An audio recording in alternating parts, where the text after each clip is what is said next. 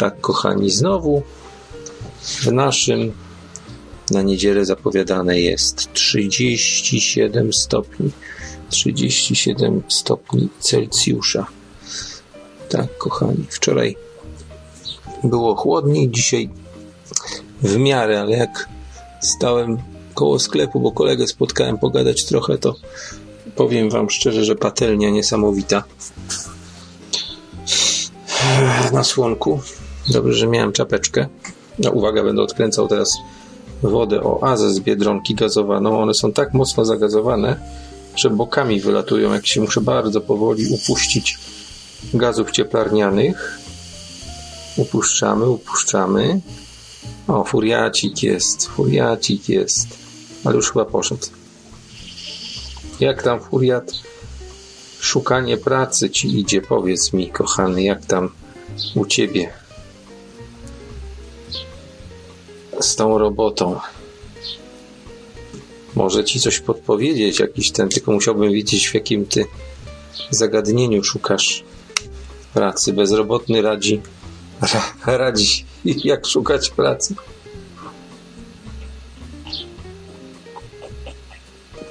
Ale ja jestem człowiekiem wyjątkowo skutecznie szukającym pracy.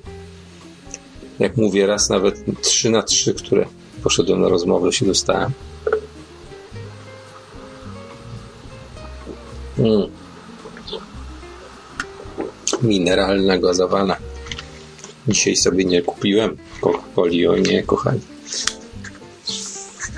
To wszystko dzięki Furiatowi, bo gdyby nie Furiat, to ja przez ostatnie 3-4 miesiące piłbym codziennie butelkę coli. Ja tak piję dwie butelki na tydzień, powiedzmy. Także o pięć mniej dzięki Furiatowi. Zmniejszyłeś moją, e, że tak powiem, moje łaknienie coli. Właściwie może tyle łaknienie nie, co.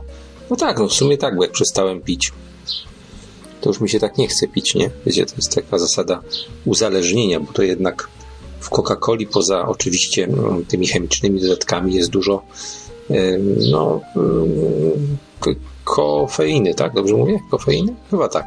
Nie wiem, poprawcie mnie, jeśli mówię coś coś nie tak. Dobra, zerknę tutaj na czata, yy, na czata dyskoteki. Kogo tutaj mamy? NW. Czyli New World Best Order.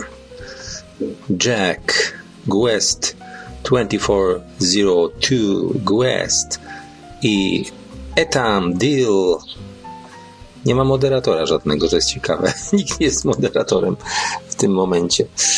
E, jak to jest, że czasami jak ktoś pierwszy wejdzie, to jest moderatorem, a czasami nie jest. Muszę to rozgryźć. W ogóle, wiecie co, pogubiłem hasła do tych wszystkich pyskotek, do tego muszę to poszukać gdzieś tam, pewnie mam w notatniku ponotowane gdzieś, to muszę znaleźć, przejrzeć karteczki sobie, gdzie ja to wszystko posiałem część zdezaktualizowanych kont polikwidować, na przykład na bambuserze. Szkoda, kurde, taki fajny serwis. Dwa zajebiste serwisy były, słuchajcie. I zrobili je tylko płatne, jednocześnie kasując wszystkie filmiki, które się miało. To był livestream, original livestream.com i bambuser.com. Przeszli tylko na płatne. Znaczy, można tam testował przez pewien czas ale to mnie nie interesuje. Szczególnie, nawet bardziej mi szkoda livestreama, bo livestream był byłem, byłem już w nim obeznany w tym całym panelu sterowania, jak tam to wszystko fajnie poustawiać, poukładać, żeby to działało, szumiało i podskakiwało. No ale niestety. Niestety kurczybyki, kurcze poszli, poszli za kasą i i tyle, i tyle widział. Gdzie ja mam komórkę? Aha, dobra, bo ją sobie raz na jakiś czas przeczyszczam to znaczy z tych z, pal, z palców ją sobie przeczyściłem i jest fajnie. Czy ktoś mnie w ogóle słucha? Niby, niby są ludzie, ale podejrzewam, że wyciszeni Już jest 18.15 i dzisiaj chyba jest piątek, słuchajcie. Dobrze mówię? Tak. 28 czerwca, piątek, słuchajcie. Jak szybko ten czerwiec zleciał. Widzicie? Maj zleciał, strajki zleciały, minęły, zleciał czerwiec, już od tygodnia wakacje. No prawie od tygodnia, od połowy zeszłego tygodnia wakacji. No i teraz wrzesień przyjdzie i znowu strajki będą. Trump przyjedzie. Ha! Będziecie witać Trumpa? Przyznać się, kto, kto, kto pójdzie na Trumpa. Może bilety będą sprzedawać, a to by był kurde obciach, słuchajcie. Takie, zrobić sobie takie, tak, taki, taki, tak, takie tego, takiego konika udawać tam, gdzie będzie Trump przemawiał w Warszawie, bo on pewnie do Warszawy pojedzie, nie? To stanąć, że niby są bilety i z kolegami się umówić ze trzech, we trzech i sprzedawać bilety po 10 zł na Trumpa. Oczywiście tak na niby, nie? Czy, że, że na niby w sensie, że trzeba zapłacić, nie? Pewnie dużo ludzi by się nabrało, bo można było niezłą kaskę z, z tego na ulicy strzepnąć. To kiedyś bandy, bandy było, że PEK sprzedawała bilety na lotnisko. A mówi do, do niej ten jej mąż, przecież tam już są bilety na lotnisko, ale u mnie były taniej. Zrobiła sobie taki numer. To jest, trzeba kombinować. Wiecie co? W kwestii moich, moich zarob, zarobkowych, chciałbym powiedzieć, zawodowych, postanowiłem, że nie będę się wykupiał z tym urzędem. Po prostu podejdę do sprawy jak poważny, prawie 50-letni człowiek. Zaniosę im to CV, złożę, zobaczę co tam. Te... Tylko oczywiście w e, oczekiwaniach finansowych napiszę, iż w związku z, tak, takie zdanie, napiszę w związku z e, z członkostwem w Unii Europejskiej proszę o niedyskryminację, niedyskryminację płacową 1500 e, euro. Już chciałem za 200 napisać, ale pomyślałem sobie, nie, nie będę się wykupiał. 1500 napiszę euro. Netto, netto zaznaczę, netto. O, Inka się pojawiła. No to proszę. Rzadko się zdarza, że kobieta się pierwsza do mnie odezwie. Zazwyczaj to ja pierwszy do kobiety. Co to oznacza? Że nie jestem atrakcyjny dla kobiet? Nie, wcale tak nie oznacza. Tylko oznacza to, że kobiety są nieśmiałe. Cwany jestem, ale ci widziałem piękną Ukrainkę w tym w sklepie Biedronka. Notabene pracownicę tej Biedronki, tylko już po, po godzinach przebrała się w swoje ciuszki takie, no, w których chodzi. I powiem szczerze, że no, całkiem prekrasna rzęsina. Jak ja się pierwsza nie odezwę, to nikt się do mnie nie odzywa. No to, yy, ale na ulicy? Czy, czy tak w ogóle ogólnie na czacie? Bo na czacie to ten, no czy tutaj, no to tutaj to, to dobrze, bo, bo na ulicy to gorzej, nie? Ale dziewczyny są takie ostatnio jakieś takie nieśmiałe, strasznie takie mało, takie zahukane jakieś. Niby te takie te feministyczne ruchy są bardzo popularne, ale ja osobiście, ja osobiście na miejscu kobiet byłbym bardziej śmiały niż, niż są w tej chwili. No ale może tęsknią za XIX wiekiem, kiedy białogłowy chodziły w parasoleczkach z przyzwoitką przy boku. No ja bym osobiście był za takimi czasami. Na ulicy się, no, ludzie się sami odzywają, nie ma problemu, to dobrze. To dobrze. Ale ludzie czy mężczyźni? Chociaż zazwyczaj mówiąc ludzie mamy na myśli mężczyzn bo jak wiadomo, kobieta to jest tylko samica człowieka, nikogo oczywiście nie obrażając, bo takie są fakty. A mężczyzna jest samcem człowieka. Krótko mówiąc, mężczyzna to jest byk, a kobieta to jest y, jałóweczka. O, tak. No bo, no bo za, zauważyliście pewnie, że wśród zwierząt są samce i samice, no więc wśród ludzi też są samce i samice. Nie? Są te dwie płcie, Chociaż wczoraj napisałem na jakimś forum czy na czymś, gdzie była kłótnia o ilość płci, że zasadniczo jeszcze hemafrodytę można uznać jako trzecią płeć, bo jest to osobnik, który posiada wszystkie e, genitalia męskie i żeńskie, także. Znaczy na różnym stopniu rozwinięte.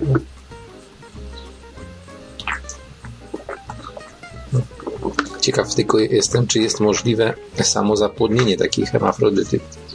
Czy jest jakieś genetyczne zabezpieczenie, żeby do tego nie doszło. Bo w sumie gdybyśmy mieli wszystko jak ślimaki, to byśmy nie mieli problemu z płcią w ogóle. W ogóle nie byłoby problemu, tak? Sami byśmy sobie dawali radę jakoś. A tak, ponieważ są dwie płci, to są różne potem udziwnienia bezpotrzebne. No, jakby była jedna płeć, to nie byłoby nie byłoby transwestytów, nie byłoby lesbijstwa, ani homoseksualizmu w ogóle. Nie trzeba byłoby badać nad lekiem i tak dalej na homoseksualizm. No takie ciekawostki. No także mówię, nadal, nadal podsuwam postulat do tych, którzy mieszkają w Warszawie i którzy chodzą na te marsze, marszogeje. Cześć, tutaj na naszym radiu jeszcze tutaj piszą do mnie. Pretorianin pisze, Cześć Etamie, konsuela już na drugim urlopie. Nie, ona cały czas była na urlopie, tylko po prostu przyjechała na zmienić miejsce pobytu i wybrać rzeczy. I tyle. A młodziutka została z tatą, bo chce mieć trochę spokoju. Więc ma. Bo ja sobie tutaj siedzę, jak słyszycie, w swoim kąciku zamknięty i tutaj nic, że tak powiem, co, co? Furiat szuka pracy, przecież on podobno wynajmuje mieszkanie. Ja nie wiem za ile Furiat wynajmuje. To, że wynajmuje, to ja wiem, bo kiedyś o tym mówił, nawet głośno, ale czy za półtora tysiąca? No nie wiem, no to nie jest dużo, tak, ale no nie oszukujmy się, mieszkając gdzieś, gdzie się ma własnościowe, no to da się wyżyć, nie trzeba. My, wczoraj pokazywałem wam tam dwa czy trzy materiały, wklejałem na czata z e, tak zwanymi przemyśleniami e, docenta czy doktora, jak on się nazywał, przybyła na temat rzeczy. No właściwie można powiedzieć, że idealnie pasuje to do mojej osobowości. To, co on mówi, że nie pragnąć rzeczy, tak? Ja mam stary telefon, też wygląda jak nowy, bo go szanuję. Zresztą w ogóle wszystkie rzeczy są u mnie uszanowane. Stare rzeczy. Nawet te, które dostałem na jakieś tam szóste urodziny aparat fotograficzny wygląda jak kupiony ze sklepu. Żadnej ryski. No oczywiście tam odrobinę się z pierścienia farba zmyła tam, no bo wiadomo jak się kręciło, to pal, paluchami się, się tego. Natomiast no szanuję rzeczy. Słyszałeś, ja tam wczoraj Leniuszka, znaczy ja go słuchałem na YouTubie. YouTubie o tym, o tych różnicach y, zarobkowych i tak dalej. O to ci chodzi? Bo jeśli o to chodzi, to tak, słuchałem. Trochę za cicho, za cicho nagrane to jest, nie wiem, tak, tak troszeczkę musiałem bawić się tutaj w podgłaśnianie, natomiast yy, tak, słuchałem, słuchałem. Bardzo dobre, merytoryczne gadanie na tematy różnic yy, i o, jak bardzo jesteśmy dyskryminowani. Ja muszę te słowa sobie uporządkować. Dyskryminacja socjalna i przemoc płacowa w Polsce. Przemoc płacowa plus przemoc scenowa w sklepach też szanujesz rzeczy i bardzo dobrze. E, nie, nie, na, na tym, na YouTubie jest. Jak wpiszesz profesor Leniuk, tam chyba nawet są dwa kanały, bez montażu, bez cenzury i, i drugi ten starszy, nie? Także jak wpiszesz, ty poznasz po ikonce, nie? Bo tam są dwie ikonki wyskakują. Jedna jaśniejsza, druga ciemniejsza. No, także spoko. Będzie taka żaróweczka. No. No, a tak, ja tak y, mam oczywiście zasubskrybowane i tak dalej, ale czasami po prostu nie, nie jestem na bieżąco z tymi różnymi nagraniami z tego względu, że mam tak strasznie dużo tych kanałów, że, że, że, że one giną niektóre w, w tym natłoku tych rzeczy, które zasubskrybowałem, bo tam mi się jakiś film podobał czy coś. I generalnie to po prostu musiałbym każdy dzień poświęcać na przesłuchiwanie wszystkich kanałów, nie? I siłą rzeczy mi dużo ucieka. No, a jak słucham czegoś, to potem mi na pierwszej pozycji się przesuwa na tej liście. No i potem jest większe prawdopodobieństwo, że kliknę coś, co jest na początku listy, playlisty, tej takiej zasubskrybowanych rzeczy, niż tego. No i potem leniuch jest gdzieś na środku, no to musiałbym przewijać to. Także raz na jakiś czas sobie przypomnę, to sobie wtedy odsłucham, nie? Jakieś tam starsze rzeczy. No ale on tak za często chyba teraz nie, nie nagrywa, także. Także ten, w przeciwieństwie do mnie, ja za często mówię i po prostu przestaję już mieć co mówić. Powoli zaczyna mi się kończyć, że tak powiem, gadane. No, mm, tym bardziej jakaś taka pogoda jest, która też mówi ciągle śpiąca chodzi. Zmiany pogody są w Szczecinie, było co dopiero gorąco, teraz się zrobiło troszeczkę chłodniej, a w niedzielę zapowiadają 37 stopni znowu. I znowu będzie bal, kurde, z tym. Muszę ojcu ten, znaczy chciałem kupić taki klimatyzatorek mały, taki stoliczkowy, nie? Bo tam mam taką dużą klimatyzację, ale to jest raz, że kupa prądu, a dwa to ten, a ten, ten chodzi na USB, nie? Także można do ładowarki USB podłączyć i działa tak, że się wsypuje do takiego klimatyzatora, się wsypuje, wlewa się wodę z lodówki plus jeszcze kostki lodu, żeby przez kilka godzin ten zimny ten był e, w środku, nie płyn. I on nam nawilża takie pionowe listki filtra. I przez to nawilżające coś, nawilżone listki na zimną wodą płynie powietrze. I teoretycznie nam 2-3 stopnie obniża, nie?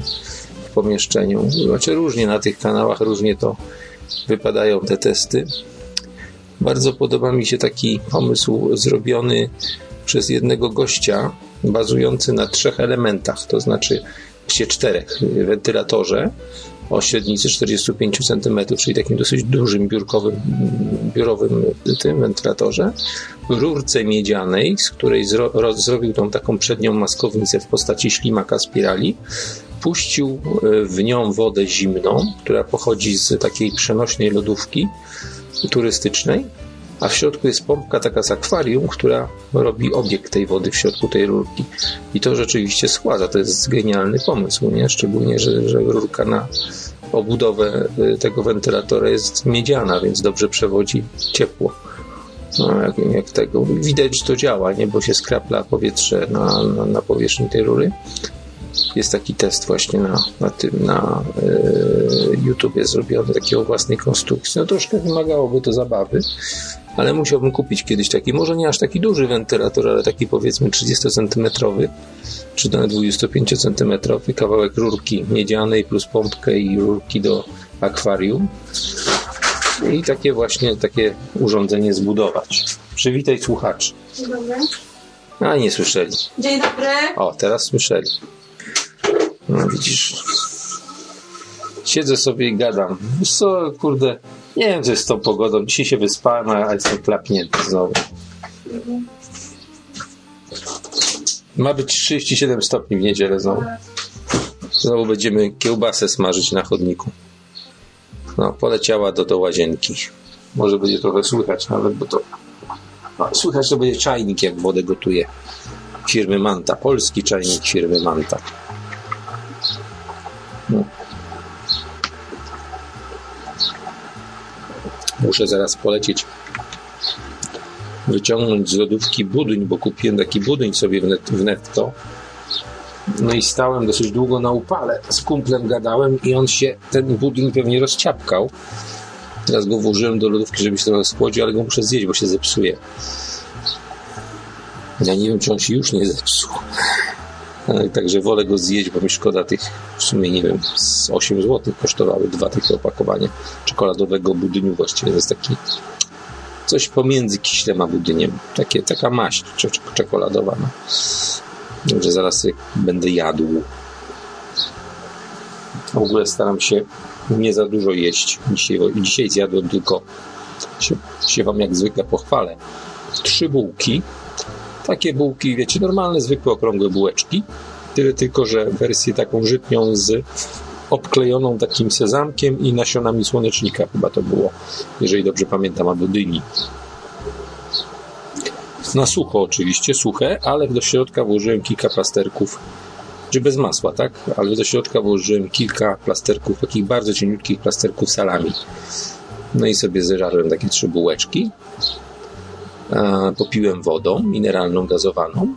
Potem e, paczuszkę wafelków kukurydzianych, takie wiecie, takie jak styropian, takie leciutkie kukurydziane wafelki i znowu popiłem wodą i to jest wszystko, co dzisiaj jadłem. Starczy, starczy. No teraz jak przyszedłem, to kupiłem sobie, po drodze miałem biedrę, to wlazłem do niej, kupiłem sobie trzy zimne kawki. Latte, e, espresso i cappuccino, takie mrożone, cafedoro. No i je wypiłem. Teraz mam, taki, teraz mam taki gorzki posmak kawy po nim w gębie, dlatego piję. No, to jest też słodzone, nie ma co ukrywać. No ale, ale, ale powiem więcej, że się skusiłem też na ten właśnie budyń, taki dwa opakowania. No wiem, wiem, powinienem tego nie pić, ale, ale wypiłem. Budyń i kupiłem jeszcze czekoladę. No wiem, no już weźcie mnie, wypominajcie tych węglowodanów, ale jem bardzo mało. No co to jest trzy bułki na takiego chłopa?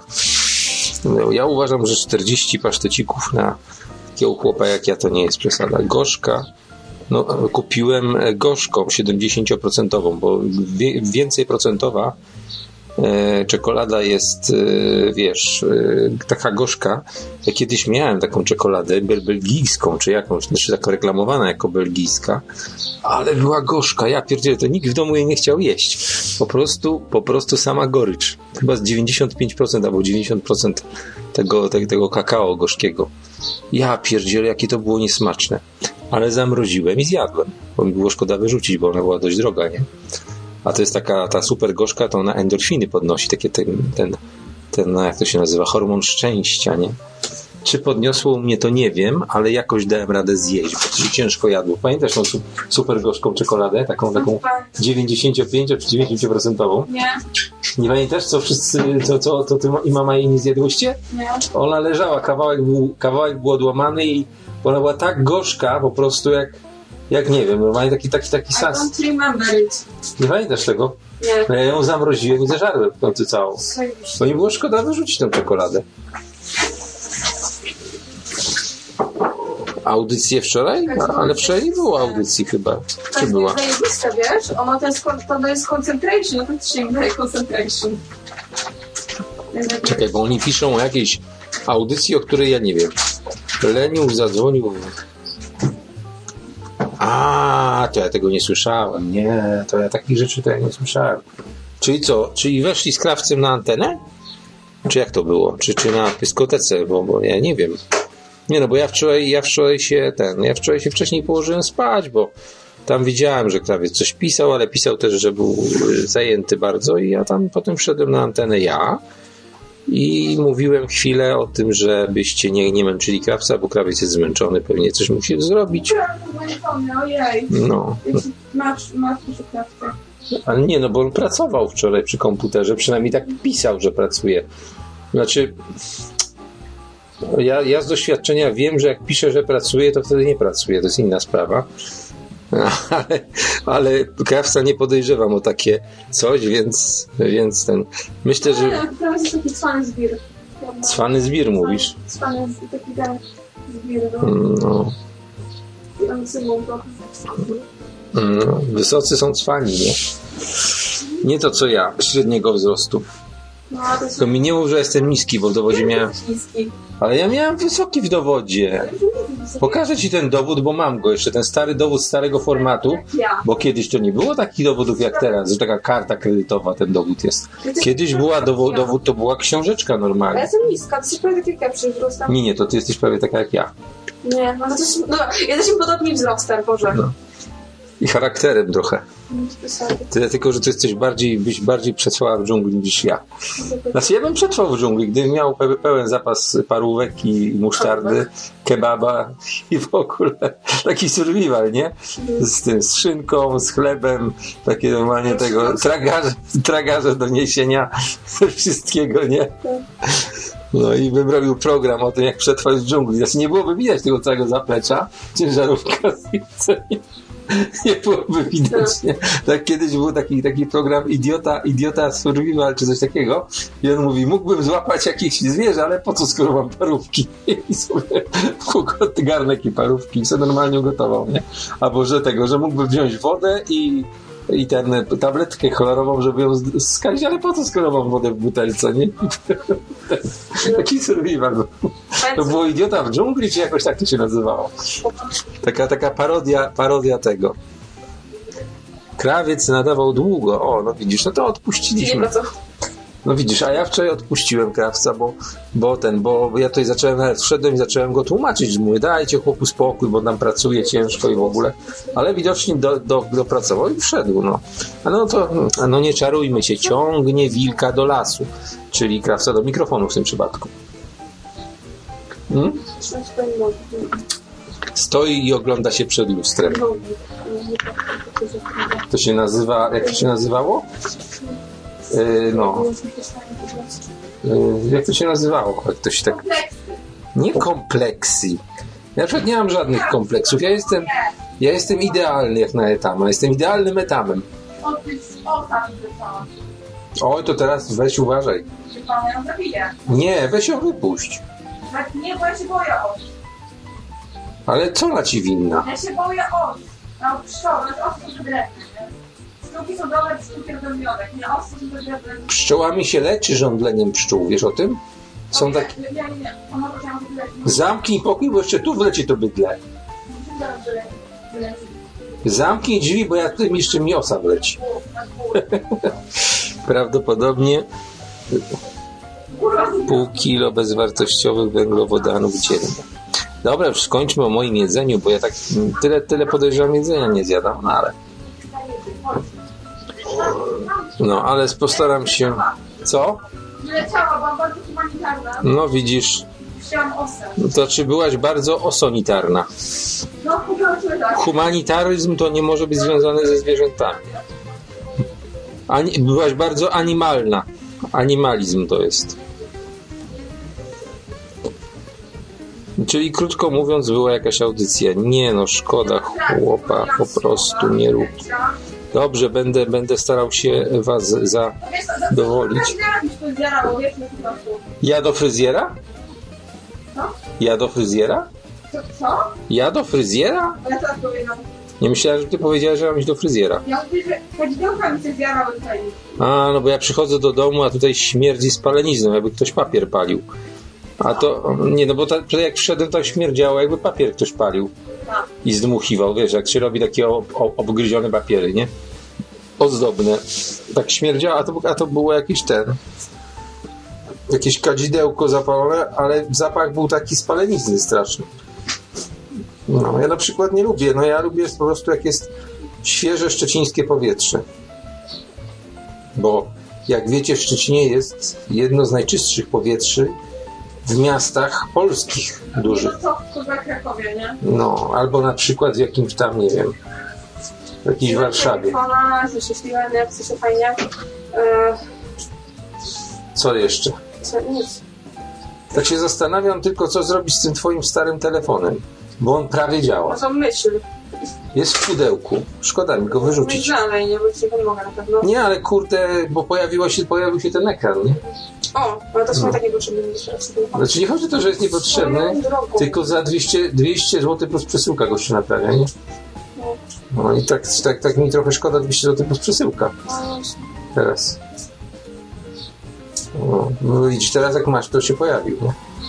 Znaczy niedawno to jest, bo ja sobie tą aukcję i tego gościa zaznaczyłem. Skaner do tego, y, ci ten do wymiany, nie? Dobra, to nie mogę stać, ja mam zajęcie. Chodź porozmawiać Ja mam, nie, ja mam zajęcie, nie mogę tutaj stać. Trochę się oderwij od tego zajęcia. Nie Ludzie, mogę, bo ja ale- ale ludzie na ciebie czekają. Nie Ale możesz ich zabić. Trochę, nie? W sensie, ja mam zajęcie, zaraz się dopiero to zabrałam, to to zajęcie i jakby... Dzisiaj nigdzie przecież nie idziesz, nie? No nie idę, no... No. A z Davidem ci jeszcze raz nie mówiłaś? Nie, może nie na radiu tego, No. o tym na radiu. No nie, czy ja się z nim widzę rzadko. Umówiłaś się z bardzo, mogę coś powiem, mogę o tym Ale po powiedzieć? co masz to powiedzieć? Proszę No nie, bo, bo on fajny zawód wykonuje. No, po prostu ja Nie, nie, uwielbiam. nie gadaj No dobra, nie będę gadał takich. Taki, taki rzecz, dobra. Będzie, że wygaduję, wygaduję wszystko. No przecież on nie jest słuchaczem nocnego radia. No wiem, że nie, ale tak głupio to nawet brzmi o to chodzi bardziej. Ale to było fajne. Nie, takie rzeczy, po co? Dobra, nie muszę mówić. Ja mam dystans do wszystkiego. Mogę powiedzieć, a mogę nie powiedzieć. Najlepszy zawód ja, ja mam. Ja, ja po prostu siedzę i staram się wycisnąć na kanapie odcisk swoich pośladków.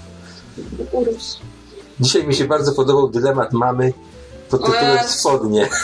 Żebyście to widzieli. Śledź 20 minut, jakie mam ubrać spodnie? No kurwa.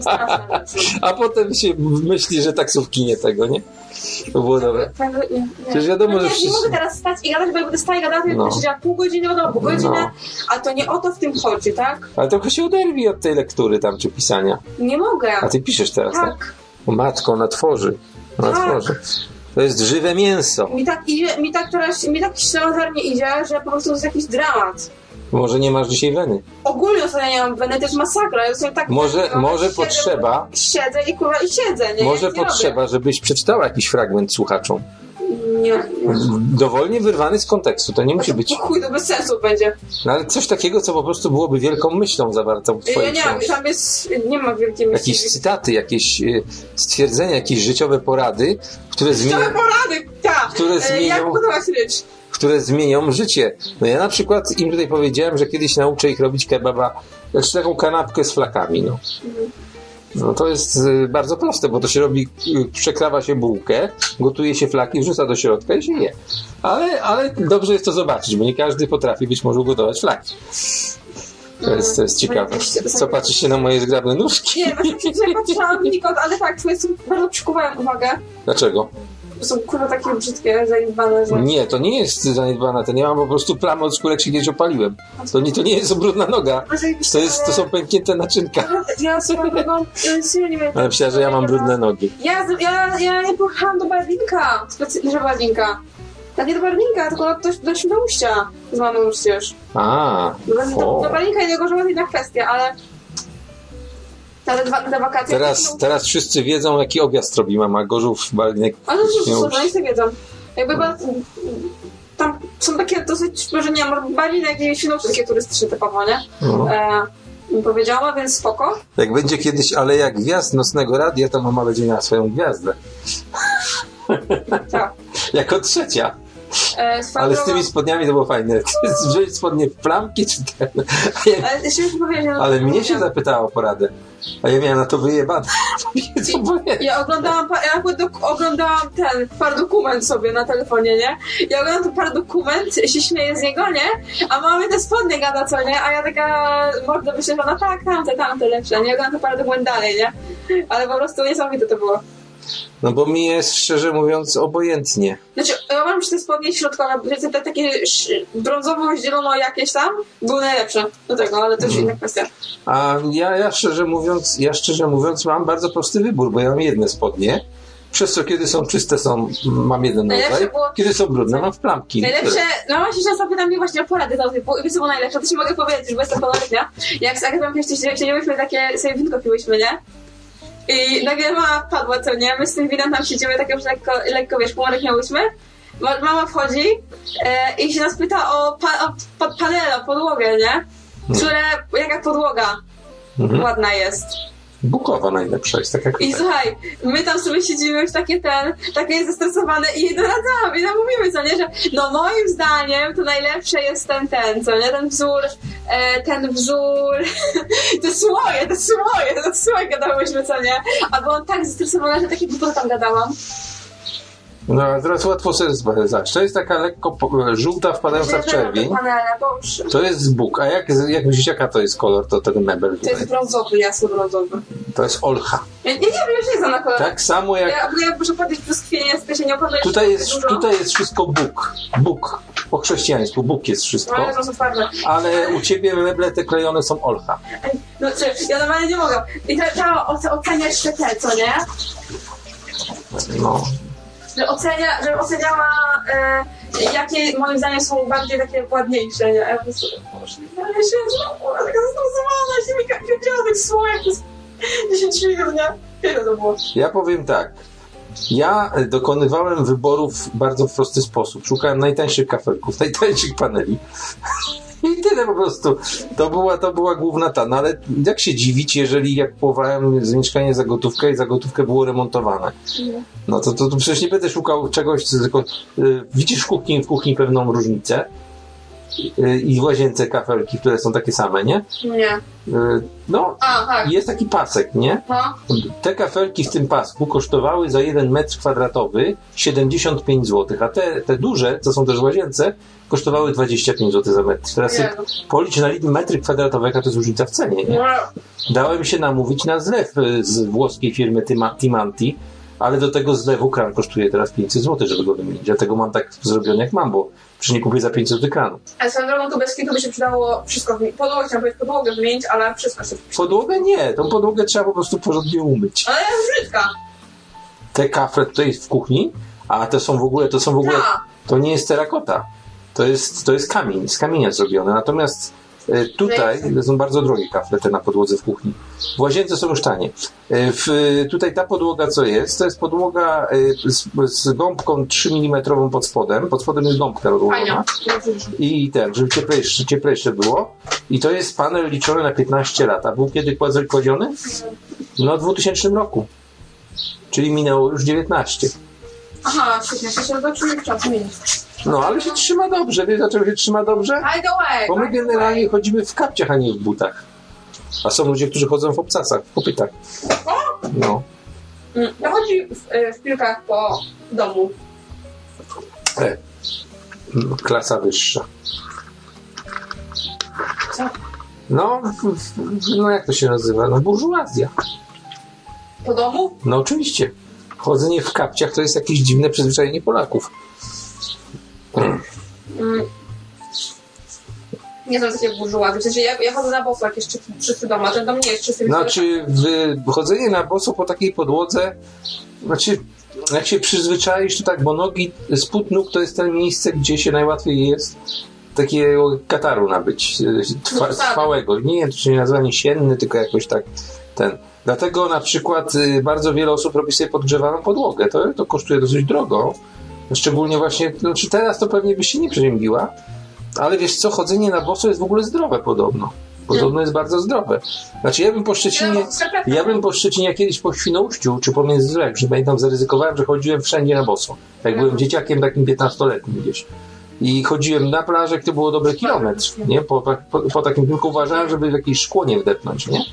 I powiem ci, że mi faj, fajnie było chodzić na boso. Przez ulicę, przez tego chodziłem boso przez świat, tak jak ten Ja e, na boso z pamiętnik na dziwokliczu miałam dosyć, nie? No. Ale powiem ci, że mm, taka przyjemność schodzenia na boso, jak już teraz dorosłym, to mi już się skończyła. Może gdybym miał taki, taki dy- dywanik ala misiaczek, taki wiesz, z tymi kołtunkami, taki fajny, to może wtedy moje stópki chciałyby delikatnie muskać palcami te, wiesz, te Ja widziałam kiedyś e, na powinach typa, widziałam go trzy razy w jeden wieczór, który wyglądał z twarzy jak taki Jezus z obrazu. I chodził na boso, nie? Aha. ale miał tak on, ujebane te nogi, tak ujebane, to jest pan był chyba. I łaził na boso, tramwaj jechał na boso, potem go widziałam, szedł, y, szedł na boso, y, tam tą trasą, wiesz, tam, tam, tam jak się idzie. Y, Po prostu, no cały czas na boso zapierniczał, spotkałam go trzy razy, ciągle łaził po prostu na boso. Znaczy, wydaje mi się, że w Szczecinie, gdybym łaził na boso, to by się wszyscy na mnie dziwnie patrzyli. No, na niego się patrzyli. No. Poza tym mm, tutaj jednak jest zbyt duże ryzyko wdepnięcia w jakąś drobinkę szkła, bo to jednak jest co chwilę gdzieś jakaś butelka rozbita. Nie chodzi mi nawet o duże szkło, tylko taki jakoś odprysk, nie? I potem ci wlezie w stopę i co zrobisz, nie? Także lepiej, nie ryzykować, lepiej jakieś... Znaczy, ja też nie jestem zwolennikiem chodzenia w klapkach. Dla mnie klapki i chodzenie po ulicy to jest jakaś, jakaś pomyłka. Ja kiedyś próbowałem, to się dziwnie czułem po prostu idąc, bo mi coś klapało pod nogami jak cały czas. E, Ja mam takie buty przewiewne z dziurami takie z boku, nie? I chodzę teraz, chodzę na bosaka, ale w tych butach, nie? Oczywiście. Ja na Bali, na Bali przez trzy tygodnie zapieprza, zapieprzałam non-stop w klapkach. Basenowych swoją drogą. Non-stop w tych klapkach basenowych, ponieważ no, tam się butów nie nosi, tam się nie da chodzić w butach. Nie, nie czytaj nic teraz, bo ona jest w kuchni. Znaczy, ten pokój to jest właściwie kuchnia, bo to jest takie ze No. zburzoną ścianą, gdzie mamy piękny barek. E, Córa obiada się teraz e, czyli dzień coś jem. No, kupiłem w opakowaniu, wiesz co? Najpierw mam czereśnie, e, później mam zupkę chińską, teraz jem brzoskwinie. Wiesz co, te mikrobrzoskwinie to ja kupiłem specjalnie w paczce, bo w paczce miałem wrażenie, że są ładniejsze niż e, te, co leżały na tym. trochę, ale nie da się żyć. Bo tamte były takie podgniłe. Oceniam brzoskwinie jem i wracam do pokoju, serio, bo ja nie mogę tak Wiesz co, ja kiedyś muszę zjeść brzoskwinie, bo ja No wiem. szczerze mówiąc, ale teraz nie mam apetytu. Teraz nie mam apetytu. Zobacz, co ja kupiłem tam na dole w lodówce. Ale nie chodzi mi o to, co jest na górze tej czekoladzie, tylko chodzi mi na czym to stoi. Takie budynie dwa kupiłem nie, i muszę je zjeść, bo spotkałem kolegę i stałem przez godzinę i w pełnym słońcu i gadałem, zapomniałem o tych budyniach. Jak ja ich szybko nie zjem, to one się zepsują, bo one były już roz- roztopione. Karola głupia nie jest i na, myślałem, że, chciałem, że napisał głos, że głupia jest. Już chciałem No. dowiedzieć, że głupia nie jest. E, czy jest tu jakiś admin, się profesor Leniuk pyta.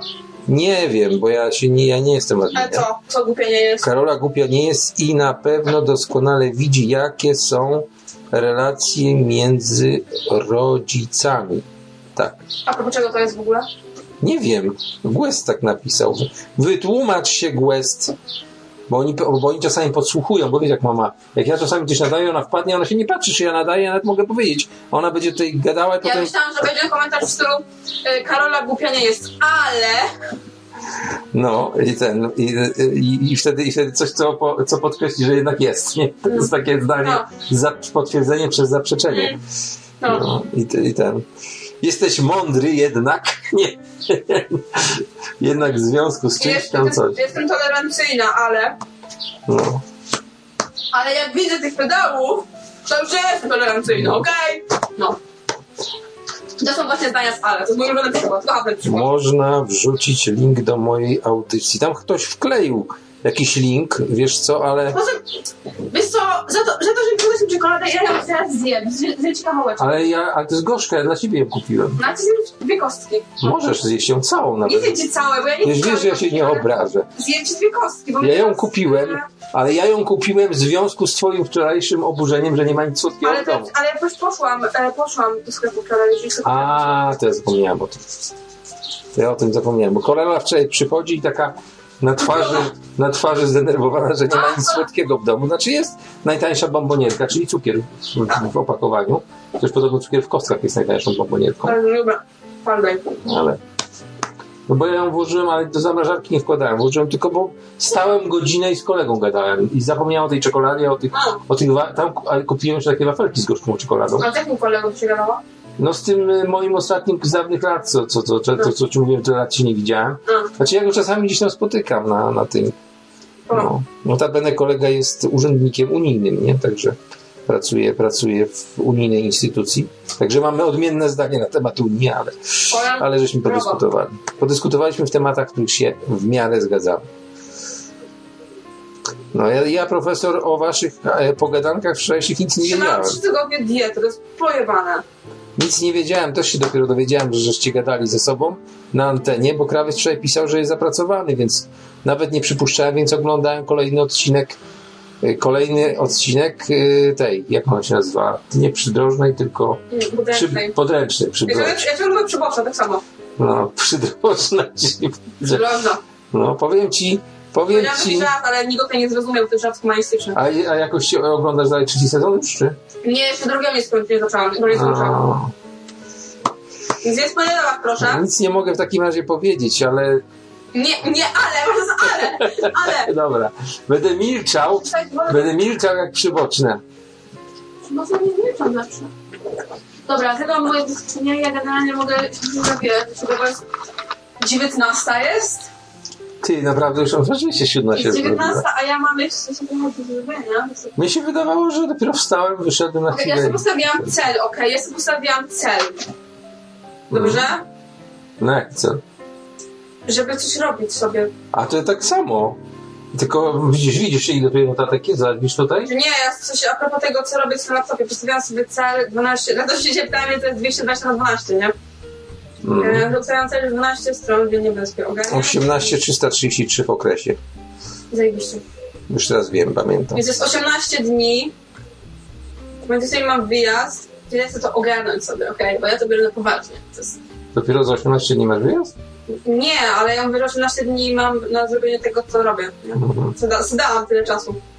No to dobrze, to, to takie planowanie. Ramy czasowe, no bo kurde, jak ja będę tak vloga, jak się nagle teraz się vloga, to co ja to nigdy nie skończę. Mm. No ja sobie też przesłucham zaraz wasze pogadanki, bo ja wczoraj nie Ja przypuszczałem, to że... pojebanie brzmi, nie? Ale naprawdę ja chcę to skończyć, w sensie po prostu sobie to nie wypatrzyła, ja bym to skończyła nigdy. Jakby, czemu nie? W sensie, no, trzeba to właśnie. Potem e, to przechodzisz na razie drugą fazę, czyli korektę, a teraz będzie trzecia faza, recenzja. Musisz komuś... Trzecia faza to będzie jeszcze raz ogarnięcie do wszystkiego. Ale recenzent musi być jakiś. No jakiś na pewno, ale... Możesz opublikować pierwszy rozdział w PDF i ja to rzucę na nas radę. Nie no, pierwszy raz to jest brzydki, brzydki. Mi się nie podoba, ale swoją drogą nie chcę. Ja nie Możesz pójść na całość i dać całość. Ja, I Ale ja jak się przeczytać nigdy. komuś się spodoba, będą wpłacać ci za Ale ja się na to przeczytać nigdy, bo ja nie chcę. Ale ja nie chcę tego czytać, ja w ogóle kiepsko czytam. No właśnie. Znaczy nie chodzi o to, że ja nie chcę czytać, bo to twoje, tylko po prostu nie chcę mi się czytać. No ja właśnie, no to się cieszę bardzo, ale tak nie jest. Po prostu nie, nie i nie i tyle, żeby ktoś wiedział, że ta twarz, to jest ta osoba, nie, to co robię. No, no nie. Ja myślę, że moglibyśmy nawet zrobić słuchowisko z efektami dźwiękowymi. Słuchowisko. No, słuchowisko z Tak. efektami dźwiękowymi. Nie, serio, w sensie po prostu jakby z rysunkami mi nie idzie, tak? Z rysunkami mi nie idzie i po prostu iść nie chcę. A będziesz ilustrowała tą książkę? Tak, oczywiście. No, bo byś mogła. Oczywiście, tak, tak, już ilustruję ci wszystko, nie? Dokładnie, komiks chyba rysuję. Mm. No. Nie, serio. Są takie, to jest takie pierdolenie, pierdolenie, gadanie takie bez sensu z jednej strony, a z drugiej strony nawet wewnętrznie jakoś tam. Mam taki sentyment do tego pisania. no dobrze, coś kreatywnego robisz. Jak zobaczymy, może się uda to jakoś wydać. No właśnie, Ja chcę to wydać. Ja to chcę wydać, mnie- plan, że ja to chcę wydać, bo kiedyś myślę sobie, nie, no nie, ale teraz chcę to wydać i jestem na to nastawiona, że ja chcę to wydać kiedyś. no, ja, W jakiś ja, sposób. ja ten, ja, ja, ja na wydawnictwach się za bardzo nie znam. Jak Znaczy, na wydawnictwach. To znaczy cho- chodzi o wydawnictwa książkowe, ale może wy będziecie mieć jakichś znajomych, co się wydawnictwami książkowymi zajmowali i poradzicie coś tutaj, od czego zacząć, bo pewnie trzeba jakiś fragment gdzieś do wydawnictwa wysłać do recenzji. Jak się, tym bardziej jak się jest takim nieznanym jeszcze e, bardzo, jak Karola, no powiedzmy szczerze. dobre słowo, jeszcze. Jeszcze. Powiedzmy szczerze, no, no jeszcze na razie no, trzeba powiedzieć tak, no, czy znasz Karolinę, jak zapytam się na ulicy, to powiedzą, że nie. No, chyba, że- nie znam. No wiem, no dlatego się chwalę, że jestem celebrytą, którego nikt nie zna, nie?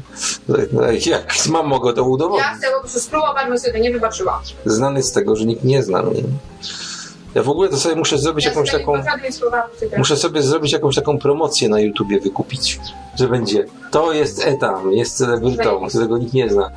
Ciekawe, ile by kosztowała taka kampania. I bym się stał znany z tego, że mnie nikt nie zna.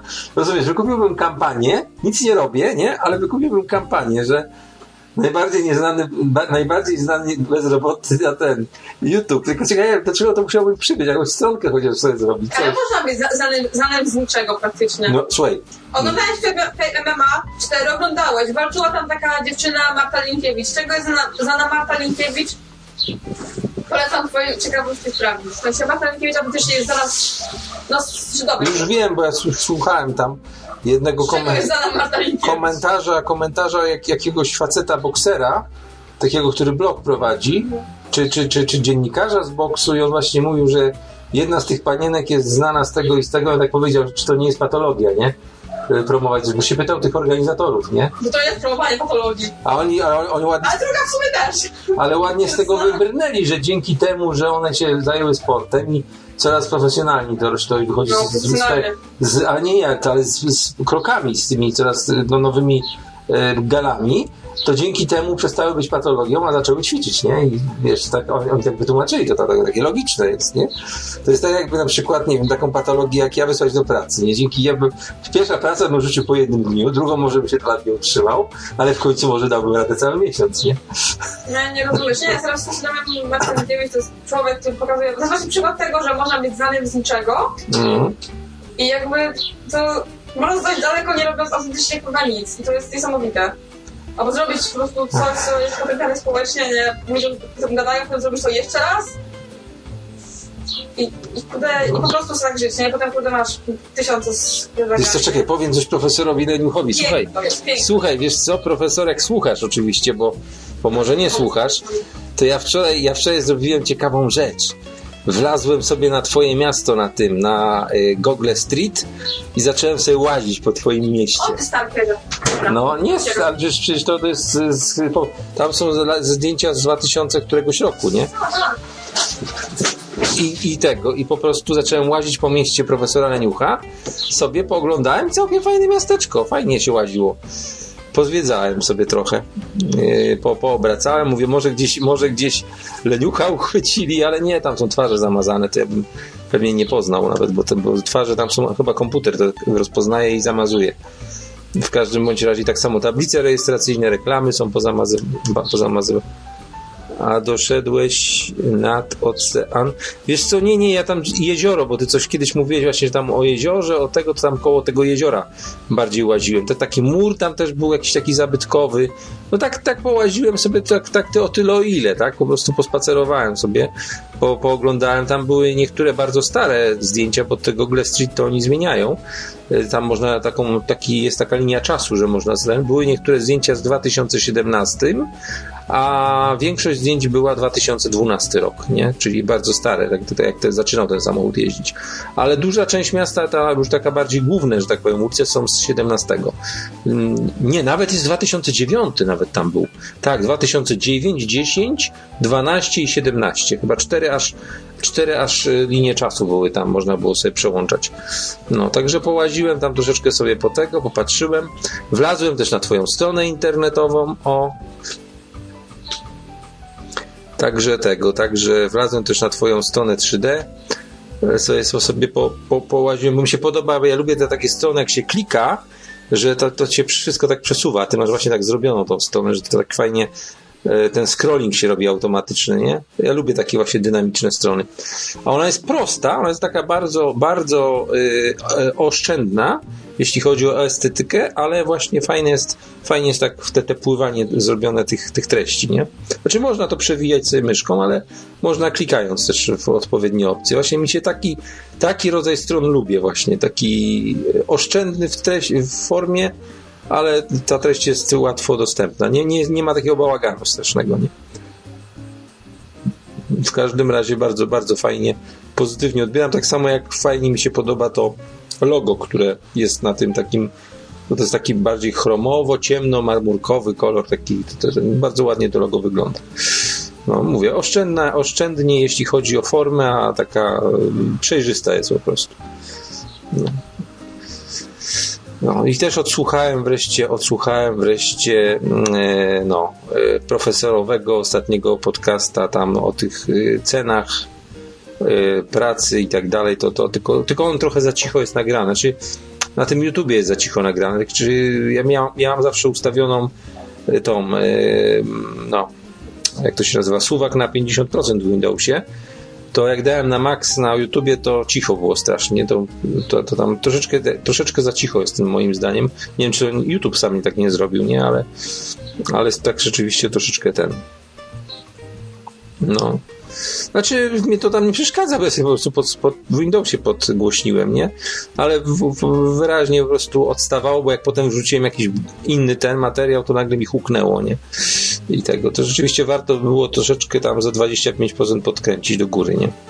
Bo na takich neutralnych ustawieniach, jak ktoś ma, a jednak dużo ludzi w ogóle nie rusza tych suwaków y, Windowsowych, czyli takie 50% tam zazwyczaj jest, czasami 67%, to, to, to, to za cicho. To, dopiero gdzieś na 75% było to takie słuchalne e, przy normalnym siedzeniu, bo ja tam na słuchawkach nie słuchałem, tylko na głośniczkach. To, to dopiero było, było tak tego. No ale to tak mówię, tak przy okazji, tylko bo, bo wiadomo, że sobie można potencjometrem podkręcić, nie? No. W każdym bądź razie e, miejscowość bardzo, bardzo fajna, taka kameralna dosyć, no i to takie budownictwo właśnie typowo angielskie, jak to bym nazwał, ale parę takich e, też budowli, jak u nas budują, znaczy nie powiem komunistycznych, ale takich właśnie tych zabudowań takich trzypiętrowych, wielorodzinnych, też tam takie w stylu, co teraz budują deweloperzy w Szczecinie na przykład. Właśnie ten styl budownictwa, takiego jak jest u nas, też takie jest, też takie budownictwo jest, nie? Znaczy u nas to, nie wiem jak tam, ale tutaj u nas to jest uznawane za apartamenty już w tej chwili wysokiej klasy, gdzie za małe mieszkanko trzeba ćwierć miliona dać, nie?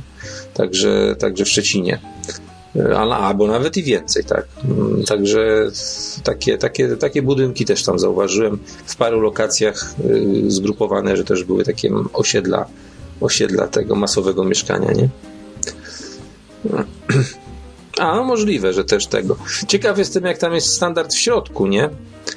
E, no to widzisz, y, to będzie prawdopodobnie taniej niż w Polsce, bo tutaj, jak mówię, no ja mam tutaj 40 metrów chyba, czy nie wiem ile tam Maga kupiła. Do ćwierć miliona, nie? Ponad ćwierć miliona zapłaciła za ten. Znaczy z tego co wiem, tak, tam dokładnie szczegółów nie znam, ale około, około ćwierć miliona za podejrzewam mniej jak 50 metrów, nie? Tutaj w ogóle jest bardzo drogie mieszkalnictwo. Ostatnio słuchałem e, vloga człowieka, który o Dubaju opowiada, tam żyje, gdzieś na przedmieściach Dubaju wynajmuje, teraz już nawet w lepszej dzielnicy wynajmuje mieszkanie, czyli na wynajętym jest, nie? No ale opowiada o cenach nieruchomości, to na przykład, oczywiście nie w porównaniu ze Szczecinem, ale z Warszawą, to już Warszawa jest droższa od Dubaju, nie? W tej chwili. Także czy takie ceny tam 20 tysięcy za metr, to tam takiego nie ma, nie? Tam w dobrych już lokacjach takich centralnych tam są właśnie poniżej, są tańsze niż w Warszawce, tak, te mieszkania dubajs, dubajskie nazwijmy, na dubajskich blokowiskach, a tam w standardzie, to znaczy w tej klatce jak gdyby lub pod klatką jest basen, jest jakiś kort tenisowy, jest y, y, bawialnia dla dzieci, sala konferencyjna, do ogólnego dostępu dla lokatorów siłownia i tak dalej. O, profesor Woleniu się włączył, a teraz ja mam problem, bo ja mam na głośnikach. Poczekaj, wiesz co, a powiedz co zobaczymy, czy nie będziesz zwrotny miał. Bo ja się nie mam jak wpiąć, kurde, w ten komputer. Za cholerę. Ciebie... No zobaczymy, czy nie będziesz miał echa. Zobaczymy zaraz. Mhm. Ściszę w takim razie. A, to czekaj, to ściszę i może to echo, żeby ciebie słyszeli. To zaraz to ściszę, tylko kurde, u mnie tak Windows wolno chodzi, mam tyle aplikacji odpalonych, że żeby to wszystko się spinało. Czekaj, cię ustawię tak, żebym ja cię trochę słyszał i włączę tak zwaną funkcję redukcji echa. O, już jest, no dobra. No, teraz powinno być dobrze, powinni cię inni słyszeć. No, a... tak się zastanawiam, mówisz o tych cenach, to powiem ci, że mm, My z Madziuszką dwa lata mieszkaliśmy w apartamencie w centrum, w apartamentowcu w centrum Sligo i y, płaciliśmy 680 y, euro za miesiąc, przy czym, przy czym to było y, dwa pokoje, dwie łazienki, kuchnia, salon i takie tam klimaty. Plus jeszcze było zarąbiście ciepło, bo było grzanie od dołu, tam od sklepu, bo to nad jakaś taka moda jest, że nad sklepami, y, tam tymi centrami handlowymi budują i akurat mieliśmy bardzo, bardzo gorąco. Tylko mi jeden, jeden minus był tego wszystkiego, bo nie można było wystawić sobie prania na balkon, bo y, żeby nie urazić czyjejś, y, czyjejś estetyki, nie można było po prostu nic suszyć i to była straszna katorga, żeby tam mieszkać, bo nie było suszarek elektrycznych tam nigdzie zainstalowanych, nawet jakbyśmy sobie kupili, to nie mieliśmy je gdzie podpiąć za bardzo, a a to się wiązało z tym, że trzeba było praktycznie cały czas siedzieć z jakimś suszarką, suszarką taką, wiesz, y, na pranie rozłożoną gdzieś tam w salonie. Niby nie przeszkadzała, ale estetycznie denerwowała. No, tam nie było w tym. Też mówiłem im, kurde, ludzie, macie trzy piętra puste, zróbcie jedno takie na pralnie na styl amerykański, gdzie są pralnie, pralki i suszarki, ale to oczywiście, wy wiecie, po irlandzku to było 4 godziny gadania o tym, że się nie da, bo, bo się nie da. I dlatego ym, no, no tak jest, no to, to jest denerwujące. To jak się przeprowadziliśmy z młodzieżką na chatę, to w pierwszym tygodniu zainstalowaliśmy sobie sznureczki już na ogródku, żeby sobie, jak to się mówi po polsku wieczyć, znaczy nie wieczyć, tylko pranie. No bo, no bo nie, nie oszukujmy się, jak się nazbiera tego prania, jest na przykład dwa dni fajne, że nie pada, można sobie fajnie wysuszyć, a nie siedzieć w tym salonie, czy tam w ogóle gdzieś w jakimś tam przejściu. No i pytasz o standard, to standard powiem Ci bardzo nowoczesny. To było wszystko, wszystko w takich fajnych kolorach zrobione, mi się to bardzo podobało. Wyprowadziliśmy się raz przez te głupkowate obostrzenia. No, yy, znaczy to napisało. No dokładnie, pralka i suszarka, suszarka musi być w budynku lub mieszkaniu, bo to jest jakaś paranoja. No, a poza tym tam pod naszą nieobecność wylała pralka i trochę podłogę uszkodziła. Ta podłoga się koniec końców, że tak powiem, wysuszyła, było wszystko spoko, ale trochę nas to denerwowało, a wzięliśmy się wcześniej za szukanie chaty, no i tak po pół roku trafiła chata bez grzyba.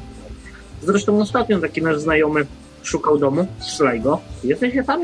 Tak, tak, tak, słucham cię. No jest, tak, się tak zamknąłeś, że... Nie, bo ściszyłem się, żebyś nie miał tego pogłosu tak za bardzo. Spoko. To rozmawialiśmy z naszym e, właśnie znajomym, który szukał sobie tutaj chaty, też na osiedlu, gdzie my mieszkamy. Ogólnie to tak szukał domu w całym Sligo, no to Sligo jest tego kawałek. E, Miasto ma kilka kilometrów tak po przekątnej, no i co? I praktycznie nie ma chaty, nie ma chat. Jest jakiś taki kryzys e, mieszkaniowy.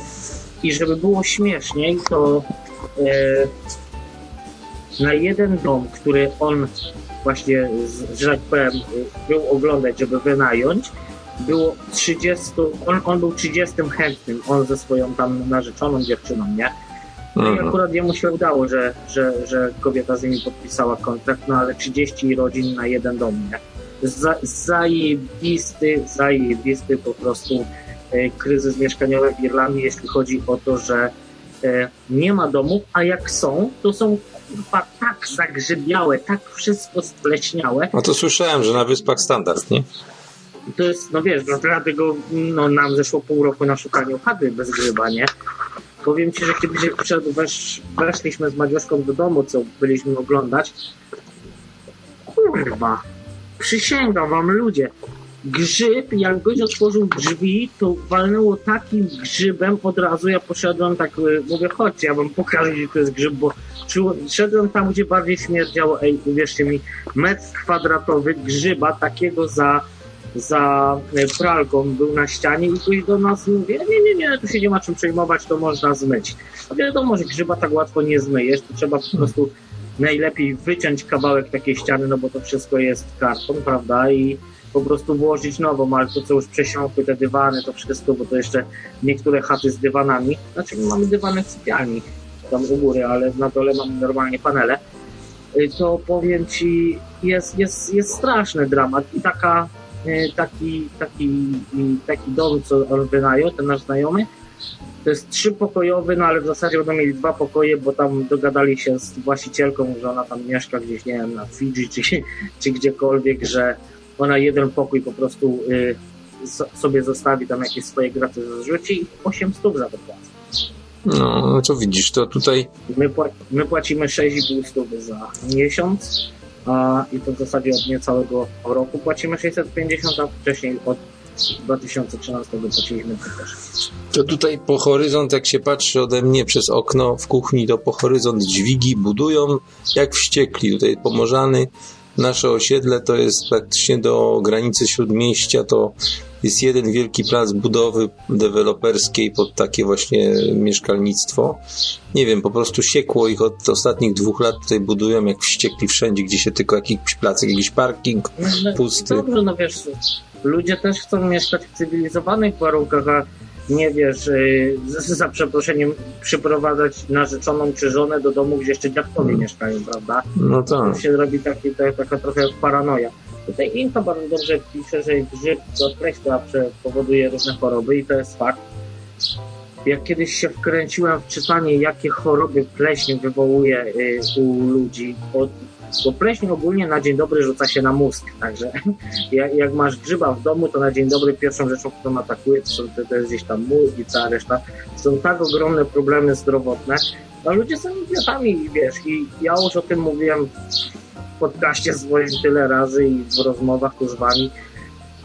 Kurde, no mają piękne pałace ludzie i zakręcają szyby te, y, no jak się mówi, okna, futryny tak, żeby nie szło tego otworzyć. Wszystko jest takie piękne, ładne, ale domy są w ogóle niewietrzone. To domy są wietrzone tyle, co przez tą wentylację, co jest w ścianach i ewentualnie w czasie otwierania, otwierania drzwi, gdy ktoś wchodzi lub wychodzi. No, no ja też, ja też mam dosyć hermetyczne mieszkanie, niestety.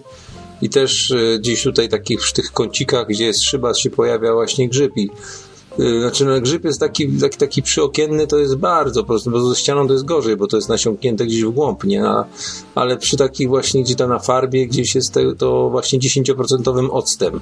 To jest super skuteczne, bo one, one wchłaniają te łebki grzybów, wchłaniają to i, i pękają zwyczajnie. Po prostu to jest 100% Nie, no, skuteczności. można sobie troszkę, zawsze można sobie troszkę to w jakiś sposób, jak się pojawia, od początku z tym walczyć, nie czekać, aż wywali takiego grzyba, że musisz później pół budynku wymienić.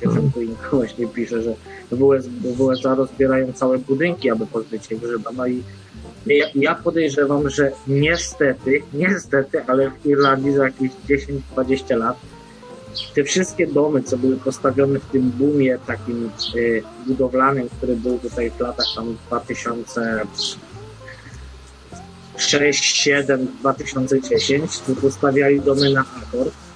Ja wam mogę wrzucić, wrzucić gdzieś na stronę, na czat linka do osiedla, które zostało postawione w miesiąc.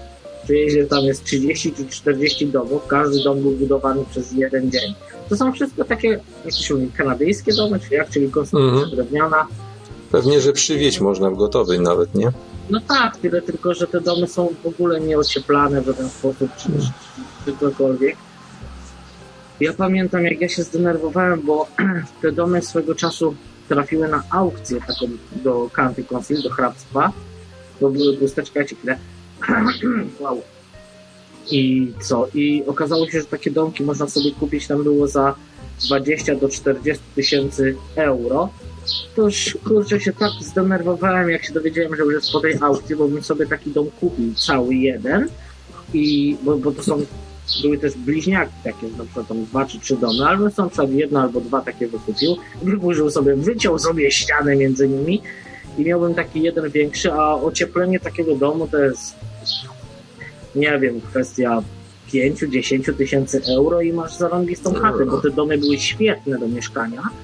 Tyle tylko, że właśnie były nieocieplone i w zimie, w momencie, kiedy się kończyło, kończyłeś grzać, w tym momencie robiła się lodówka. No widzisz, to trzeba podejmować odważne decyzje. To tak jak ja miałem okazję z mamą moją jeszcze kupić, kupić nad morzem. Nad morzem mieliśmy okazję, mieliśmy pieniądze, gotówkę, żeby kupić mieszkanie nad morzem. Dzisiaj by się nawet w, w sezonie, jakby się tam nad nim mieszkało, to by się tą kawalerkę za tam 200 zł na dobę wynajmowało bez problemu przez Ja mam Booking.com. która ma nad y, morzem gdzieś tam, e, oczywiście mówię w Polsce, nie tutaj nad jej, Mhm. tylko w Polsce nad morzem, ma, ym, jak to się nazywa, nie mieszkanie, jak się nazywa takie coś? Co, Apartament? Nie, czegoś takie, e, czekaj chwilkę, bo Pensjonat? mniej więcej. O, pensjonat, dokładnie. Ma pensjonat, to ona od pokoju zarabia dziennie 50 zł, a tych pokojów ma tam też kilka.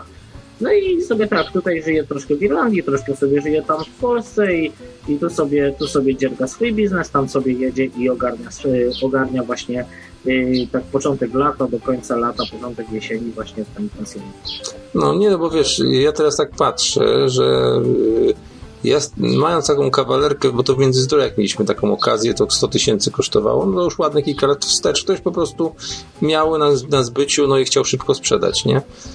I pokój z kuchnią, tam, tam łazienka i, i tyle, nie? Kawalerka to jest dobra dla singla, to, tam Tak, tak, ale ja myślałem pod kątem, ponieważ to było przy promenadzie, to, to myślałem pod kątem takim, żebyśmy to ładnie e, odświeżyli i po prostu byłyby na booking.com wystawione na przykład tam za 100 zł na dobę, nie?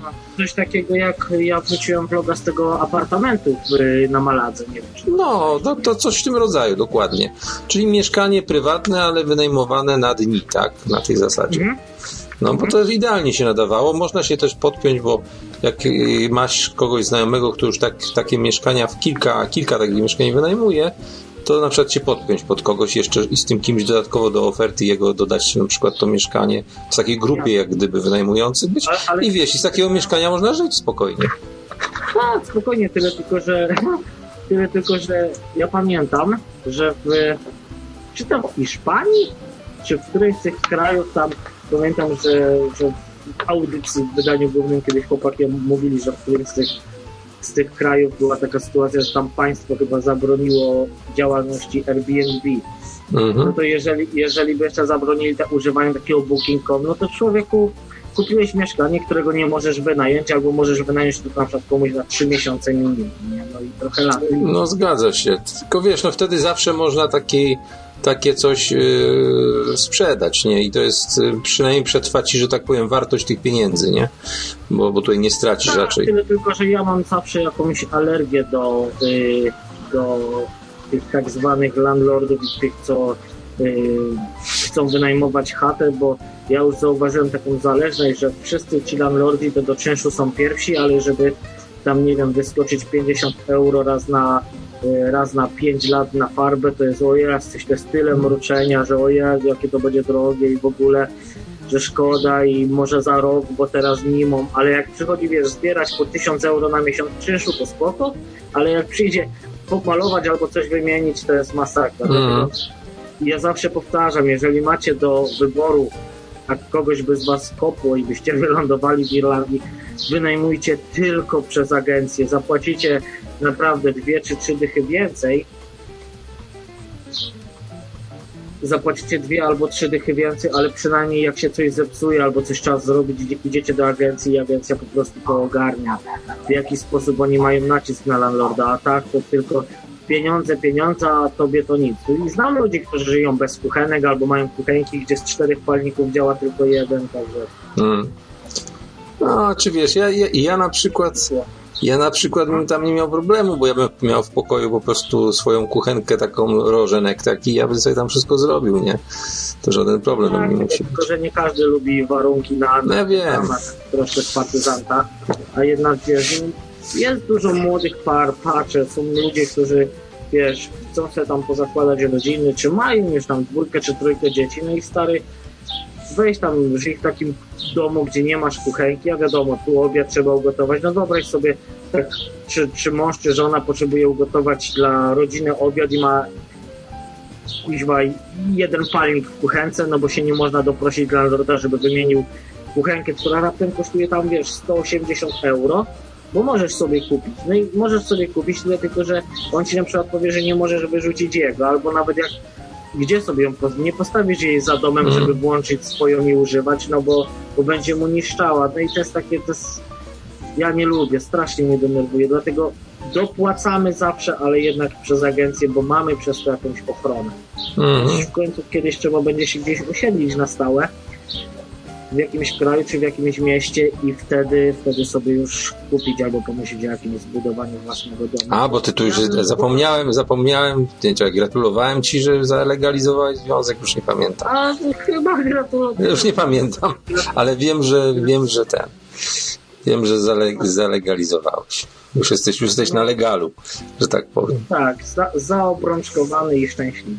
No. Ym, powiem ci, że ten, że jak sobie tak myślę, to chyba wolałbym jednak wybudować sobie dom tu od zera, bo jak patrzę na to, co znajomi moi pokupili tutaj w Irlandii i z czym oni się później tu borykają, że wiesz, nagle się okazuje, że w ścianach do połowy wysokości nie ma ocieplenia, albo jest nie takie, albo srakie, albo ja- ja- jak to kiedyś powiedział tu jeden z monterów, który na naszym osiedlu jeszcze brał udział przy budowie, to mówił, że na jeden dom, na jeden dom, nie na, bo to są bliźniaki, to na jeden dom, mówi, szła im puszka silikonu. Mieli takie, takie limity, żeby tam przy oknach, po, nie, nie silikon, jak się to, tapianka, wiesz. No wiem, wiem, takiego. Człowieku, kiedyś, Mm. kiedyś ja się wziąłem za uszczelnianie, to wam chyba opowiadałem w, którym, w którymś podcaście, jak siedziałem sobie gdzieś wieczorem i mi tak piździ od okna. Ja, ja sobie wziąłem i, i tak, wiecie, no, szukam tak, no jak to się mówi, yy, ręką, skąd mi tak wieje, okazuje się, gdzieś tutaj jakby pod parapetem, pod tą listą, normalnie taki huragan był, że masakra. Wziąłem to ładnie tam za za yy, zatkałem.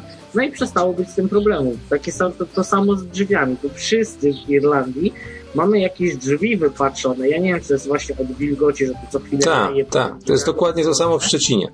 Tu jest blisko Odra wszędzie i tak samo dokładnie się wypaczają się.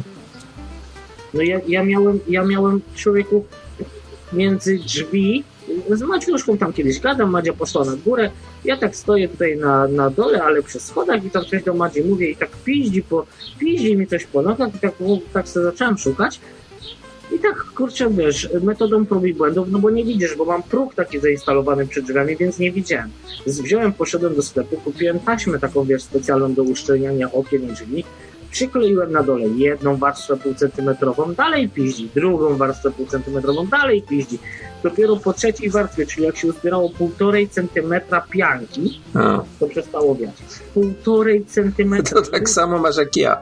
Tylko, że ja zamiast pianki, to w tych swoich oknach to są lata 60. budynki. Te okna mam od początku te same, co są w 60. latach. Tylko, że ja zamiast pianki to użyłem takiej piankowej uszczelki o grubości pół centymetra, takiej samo przylepnej. I jak są, wiesz, jak przy oknie masz takie schodki, jak gdyby, bo one są tak schodkowo zrobione, te krawędzie okna i futryna, No. to na każdym ze schodków mam z dwóch stron. I, na oknie, i na tej, i na tej futrynie mam pół centymetra tej piankowej, takiej samo przylepnej uszczelki, w związku z czym one się stykają, jak ja zamykam je, że muszę aż docisnąć te drzwi i mam hermetycznie, nie? Ale to był jedyny sposób, ponieważ u mnie z kolei to nie tylko wiatr był, ale jak z tej strony południowej zaciągnął wiatr nieraz w czasie śniegu, to miałem tak dobre pół metra do pokoju śnieg mi się wsypywał przez szpary, nie? Żartujesz. No poważnie, no musiałem po prostu zahermetyzować. A w ogóle okna to mam, już to kiedyś się chwaliłem, te okno balkonowe, przy którym teraz siedzę, to mam od zewnętrznej strony balkonu, mam kitem zaklejone dookoła te wszystkie szpary, tak, jego się nie otwiera w ogóle, nie? No ale wiesz, no ja po prostu już tutaj miałem taką, tak, taki wiatr, że musiałem, bo firanki fruwały, nie? No. Tutaj Inka na czacie na Peskotece pisze, że warunki polowe są dla ludzi wolnych i młodych, a nie dla rodzin. I że dokładnie tak jest. To widać po cenach, jak się płaci za ogrzewanie, jak wszystko jest tak nie, no, rozszczelnione. I zaznacza tutaj, że się wypaczają często od wilgoci, zwłaszcza w zimie. I to jest fakt. Tylko wiesz, mnie zastanawia to, że my mieszkamy w domu, który ma czekaj, e, 8 lat to jest nowy dom. Ja, ja się śmieję, że ci ludzie, co te domy pokupili, to oni za 20 lat wzięli kredyty na 20-30 lat ludzie tutaj. Za 30 lat to nie one musieli włożyć po 50 tysięcy w te domy, żeby one Ale to są plastikowe te, ta, ta cała stolarka okienna, czy, czy, czy drewniana? Stolarka okienka jest plastik, ale wszystko dookoła to jest, yy, jak to się nazywa, konstrukcja drewniana i, i płyty. Czyli, czyli mo, ulega zniekształceniu. Są domy wybudowane po kosztach, to się po prostu tak buduje. Budują takie domy i powiem wam tak, jeśli jeszcze ten dom, co ja chciałem, co się dowiedziałem, że były i można było kupić, się żałuję troszkę, że, że wtedy, wtedy jakoś o tym nie wiedziałem, to tamten dom to można byłoby sobie za grosze zrobić, bo to był dom na szerokość, ale parterowy i on miał, miał kuchnię, salon, trzy łazienki i trzy sypialnie, przy czym dwie takie fest duże, jedna mogła być nawet dla, dla, dla gości osobna, jedna dla... Albo pod wynajem. No, no nie, no się nie... nie, powiem ci, że powiem ci, że mam nadzieję już nigdy w życiu nie, nie, nie zmusi mnie sytuacja taka życiowa, żebym musiał mieszkać z kimś. Nie wiesz, nie można mówić nigdy, bo ciul wie, w jakim świecie będziemy żyli za 20 lat, ale jak sobie tak pomyślę, że miałbym teraz mieszkać z kimś, kto mi się po domu szwenda, to chyba bym oszalał. Nie? No, Zwłaszcza, że ja sobie lubię, czy to... już wiem, że mam ci się nie zwalać na głowę do Irlandii, jak. Ale nie, ja ogólnie, ja ogólnie jestem za tym, żeby, żeby każdy mieszkał osobno. Ja, ja ci powiem tak, mieszkałem w, jak przyjechałem do Irlandii, to tam 2005 czy 2006 roku, do 2011 mieszkałem z kimś, albo z jakimiś kolegami, albo coś.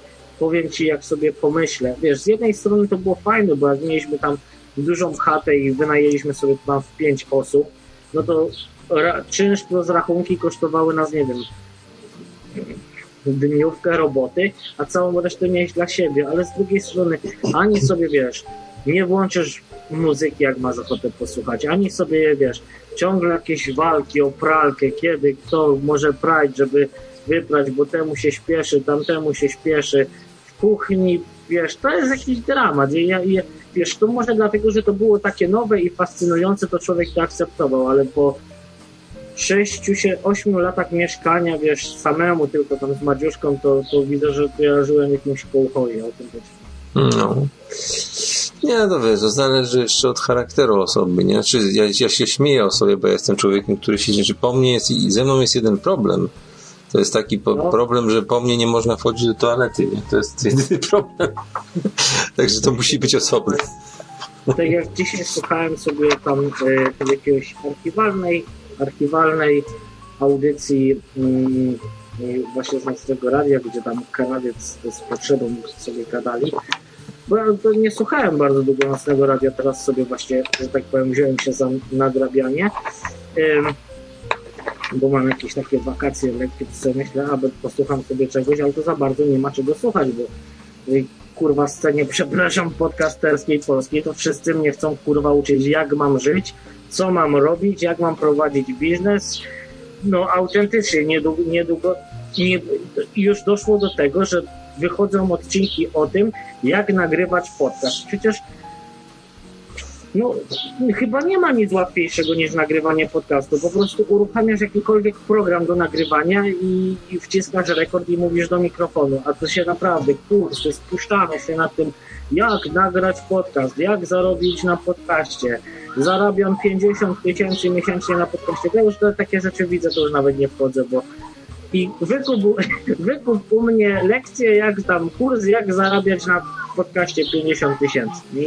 Jakbyś zarabiał 50 tysięcy złotych miesięcznie na podcaście, to byś nie prowadził kursów, bo byś miał na to czasu.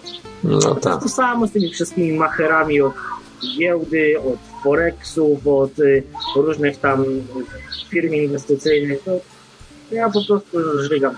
Zresztą dzisiaj mam taki dzień na narzekanie i tak nagrałem sobie właśnie audycję narzekającą na, na, na to całe upierdliwe LGBT, które mi się tutaj rozprzestrzenia w Irlandii, póki co na stolicy.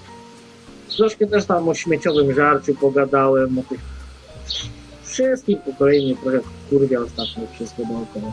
No ja to... Żeby wymyślili gdzieś ostatnio sytuację, bo to wiesz, w szkołach teraz już robią z tych dzieci debili i że dziewczynki nie będą musiały chodzić w rajstopach i spódniczkach do szkoły, ale chłopcy jak mają taką potrzebę, to mogą chodzić. Więc dochodzi do tego, że faceci będą chodzić kurwa w spódniczkach, a dziewczyny będą chodzić w spodniach do szkoły. Znaczy, dosta- ostatnio dostałem jakieś kurwa drgawy, jak słucham tego całego pierdolonego przeproszenia. Nie no, bo to już, to już nawet zaczyna wkurwiać osoby, które normalnie były tolerancyjne, nie? To, co to się dzieje. To po prostu jest ja, przegięcie. Ja nie jestem tolerancyjny, bo ja nie mam nic do homoseksualistów. Naprawdę, znam ludzi homoseksualnych, którzy dostają po dupie rykoszetem przez to, że kurwa, te wszystkie... Widziałeś te zdjęcia, co ci na Skype'ie wysłałem? Wiesz co, jeszcze Skype'a nie odpalałem, bo ja mam problem ze Skype'em teraz, kompletnie nie działa mi w ogóle. Poszliśmy, wiesz, byliśmy w tym Dublinie, to nawet tam mówiłem ci w audycji. Czuję wszystko obklejone tymi flagami. No, na, na równi z flagą państwową wisi flaga LGBT. Na równi z, wiesz, gdzieś idziesz sobie wzdłuż wystaw, wszędzie te flagi, no tak do pożygania tego, żeby to jeszcze w jednym sklepie, nie chłopie, gdzie nie pójdziesz. Pączki LGBT, wiesz, takie z białym nadzieniem, z białym nadzieniem, ale flaga namalowana taka na tym lukrze. Jakieś skrzynki pocztowe, autobusy, kurwa, no ludzie, no dupę mi niedługo to LGBT. No, w Polsce tego nie ma na szczęście, poza Warszawką, gdzie tam te, te marsze czasami są, ale ja ci mówię, to tak jak opowiadałem kilka dni temu, że ja mam takie przeczucie, jak to się skończy. To się skończy na zachodzie, nie w Polsce, bo w Polsce to mówię, to, to jest tam marginalne, ale na zachodzie w końcu się jakiś islamista wkurwi i się wysadzi w tłumie tych LGBT, będzie tysiąc ofiar i oni przestaną maszerować, nie? Tak no to nie, się skończy. Nie przestaną, wtedy dopiero, wiesz, myślisz, że oni się przejmą tym, że tak... O, oczywiście, że tak, są tchórze. Będą uciekać, Nie, zobaczysz. Stary, powiem ci, że powiem ci, to nie tak działa. Jak jeden się idiota wysadzi, może przez tydzień będą mieli jakieś obawy, ale później przecież oni dostaną chłopie taki, taki oręż do ręki. Widzicie, nas tu mordują, to jest już praktycznie eksterminacja, zero tolerancji i człowieku wtedy to im dadzą prawa do wszystkiego. I wtedy to my z Magdą nie będziemy mogli wyjść na spacer i trzymając się za rękę pójść na obiad do restauracji, bo to my będziemy urażać ich uczucia. To, to wszystko jest jakiś... Jeszcze będziesz przed tęczowymi uciekał do Polski, zobaczysz. Ja jak będę, wiesz, ja, ja, ja sobie ja mam gdzie uciec przed nimi, bo wiesz, na szczęście się śmiejemy z Madzią, że to tylko stolica jest zainfekowana. Tym, bo wiesz, nie można też mylić ludzi homoseksualnych z nimi, bo ja znam ludzi homoseksualnych, którzy się w ogóle nie, jak to się mówi, nie identyfikują z tymi ruchami i tak na dobrą sprawę oni dostają w dupę. Bo później prze, przez, przez te wszystkie ruchy i to obrzydzenie całego tematu, to ludzie na nich się krzywo patrzą i no tak jest. No, tak no bo jest. to trzeba rozróżnić. Homoseksualista to jest coś innego, a zboczeniec to jest co innego. Kurwa ideologię, która mi mówi, że że oni teraz mają takie jazdy pod tytułem jak nie robili tak, że były te szkoły tam y, od y, 6 do któregoś tam roku, to już były w Irlandii osobne, że nie, nie 6, od 12 do, do, do 6 do 12, później 12 wzwyż. To, to te 12 wzwyż, te koledże już były wszystkie, wszystkie były y, jakby, znaczy może kilka było takich mieszanych koedukacyjnych, ale bardzo dużo jest takich, że są tylko dla mężczyzn, znaczy dla facetów i tylko dla kobiet, znaczy dla dziewczyn. Człowieku, kurwa, jaka aberracja teraz powstała, że oni muszą y, zrobić coś z tym, bo nie może być takiego podziału i człowieku fanfary są wielkie, bo otworzyli w Irlandii i tu sobie kurwa usiąście, bo jak usłyszycie to naprawdę zwątpicie. Otworzyli w Irlandii szkołę, w której są wspólne toalety. No, koedukacyjne. To było już w Ali McBeal, takim serialu kiedyś, że, że Się- koedukacyjna toaleta męsko-damska. To już było dawno w serialach. A to w życie wchodzi. To są takie skrajności. Tu z jednej strony jest podział, w ogóle całe szkoły, całe, nawet facet nie może wejść na teren, gdzie jest y, szkoła dla dziewczyn, czy w drugą stronę, a później robią w ogóle już taką abstrakcję, że robią wspólne nawet kible. Takie wiesz, popadanie w skrajności. Jak nie z jednej, to z drugiej. Brakuje tutaj jakiegoś balansu. No, dlatego mówię, jak się foruje takiej jednej organizacji, może to nic nie zmieni, ale ja twierdzę, że, że, że jakiś w końcu ekstremista islamski po prostu zechce, że tak powiem, zrobić e, sobie dobry uczynek u Allaha i po prostu walnie, walnie. To, to u nas nie, ale na zachodzie jak najbardziej. To jest bardzo prawdopodobne. A może nawet fala cała będzie tego. Znaczy nie ma no, dobrego uczynku, Allaha sobie nie zrobi, zabijając y, niewinnych, bo sam Koran mówi, że Allah dał życie i tylko Allah może życie zabrać. Mm. Tylko w tych radykalnych odłamach jest tak, że oni sobie interpretują, że dla Allaha mogą. Nie, nie nic tu jest. No zobaczymy. Tylko Allah może zabrać. Zobaczymy jak to będzie. No ja, ja mam taką teorię swoją Nie, spiskową. no ja, jak to będzie, to ja wiem. Będzie coraz kurwa dziwniej na tym świecie, bo porównuję sobie ostatnimi czasy świat, w którym żyłem 20 lat temu, świat, kiedy przyjechałem do Irlandii i widzę, jak się Irlandia zmieniła przez te kilkanaście lat, to się zaczynam zastanawiać, jak będzie za kolejnych 20. Hmm. Powiem Ci, że tutaj w Polsce to tak nie za bardzo przejdzie, bo jednak to moje pokolenie jeszcze, mm, znaczy, to, to, to, to, to, to nie znajduje. To znaczy ta, ta taka agresywna polityka, to nawet tu, nawet jak córa już zauważyła to, że to już jest przegięcie, nie mimo, że ona była taka pro, no bo w szkole to jednak promują, mimo wszystko tak po cichu to wchodzi, ale, ale promują, nie? Natomiast weź pod uwagę to, że na przykład jak tobie się pojawi potomek na świecie, to, to wyobraź sobie taką sytuację, że na przykład byś miał chłopca i ci na przykład przyjdzie ze szkoły ubrany w sukienkę, nie? No co normalny ojciec zrobi? Ja poszedł po prostu wlał temu nauczycielowi zwyczajnie, nie? Nie no, ja po No. prostu mam nadzieję wychować dziecko tak, że nauczyciel przyjdzie i powie masz ubrać sukienkę, to, to moje dziecko powie mu, a pocałuj ty mnie w dupę i tyle. Najwyżej wyleci ze szkoły, no trudno, trzeba, nie można, nie można skłócić poglądów, jest trudno, trzeba będzie może walczyć w ten sposób, że ci wywalą dziecko ze szkoły, no ale co za... Znaczy ja myślę, że są, że prawnik, prawnik i ustawa, na pewno są jakieś ustawy o zgorszeniu, tak jak w Polsce. Dlatego ja się dziwię, że bronią. Na przykład, to wiesz, te ostatnio, to nie wiem, czy ty widziałeś, ale to tydzień czy dwa tygodnie wstecz, to tutaj było to takie kółko różańcowe, dzieci przy, przyjechały na tą Jasną Górę, nie? Się modlić. A ci przecież przywieźli autokarami i chcieli do tych dzieci dotrzeć, e, tych kolorowych właśnie, tam 300-400 ich było, przywiezionych e, w tych, w- w kontenerach specjalnie. No i tam e, zamiast policja ich pogonić, to oni e, odsuwali rodziców, którzy nie chcieli, żeby doszli do, do, do dzieci na Jasnej Górze, nie? I dlatego ja wpadłem na genialny pomysł, bo tam zaczęli na tych niezależnych mediach mówić, że to już jest przesada z takimi prowokacjami, oni tam oczywiście te obrazy święte pomalowali na tęczowo i w ogóle i ci nic nie robi. No, gdzieś mi tam Maciuszka mówiła, że gdzieś tam No. była jakaś afera, bo sobie hostię w kształcie kobiecej zrobił. Tak, no takie, takie tam już, takie już takie chamskie prowokacje, nie? Ale ja mam pomysł, jak to zrobić przeciwnie. Ci, ci prawicowcy tutaj, te, czy tam, czy coś, czy się zwą prawicowcami, powinni zrobić dokładnie to samo zrobić, co tamci. I żeby sąd nie mógł orzec inaczej wtedy. Zrobić tęczę i zrobić wiszącą kukłę geja na tej tęczy. I, I tak maszerować. Jak tamci y, profanują obrazy, to profanować obraz geja. I tyle. I po prostu równowaga. I wtedy zobaczymy, co, co się stanie, nie? Widzisz, no ale profanowania, d- wiesz, obrazu geja. No nie masz obrazu geja, a są ludzie, którzy są, wiesz, odcinają się od tego, tej, tej chorej ideologii i no i co, będziesz ich obrażał dla idei, no to jest, to jest tak, to jest tak jak napisała przedtem Inga, to jest dokładnie to samo jak z Murzynami kiedyś. Oni teraz jadą cały czas, zresztą o tym powiedziałem w audycji, oni cały czas teraz jadą na tym, że ktoś kiedyś był czyimś niewolnikiem. Żydzi, Żydzi przekłamują historię, że to Polacy doprowadzili do Holokaustu. Jak zaczynasz temat Niemców, to Niemcy nie istnieli, to do naziści jacyś byli.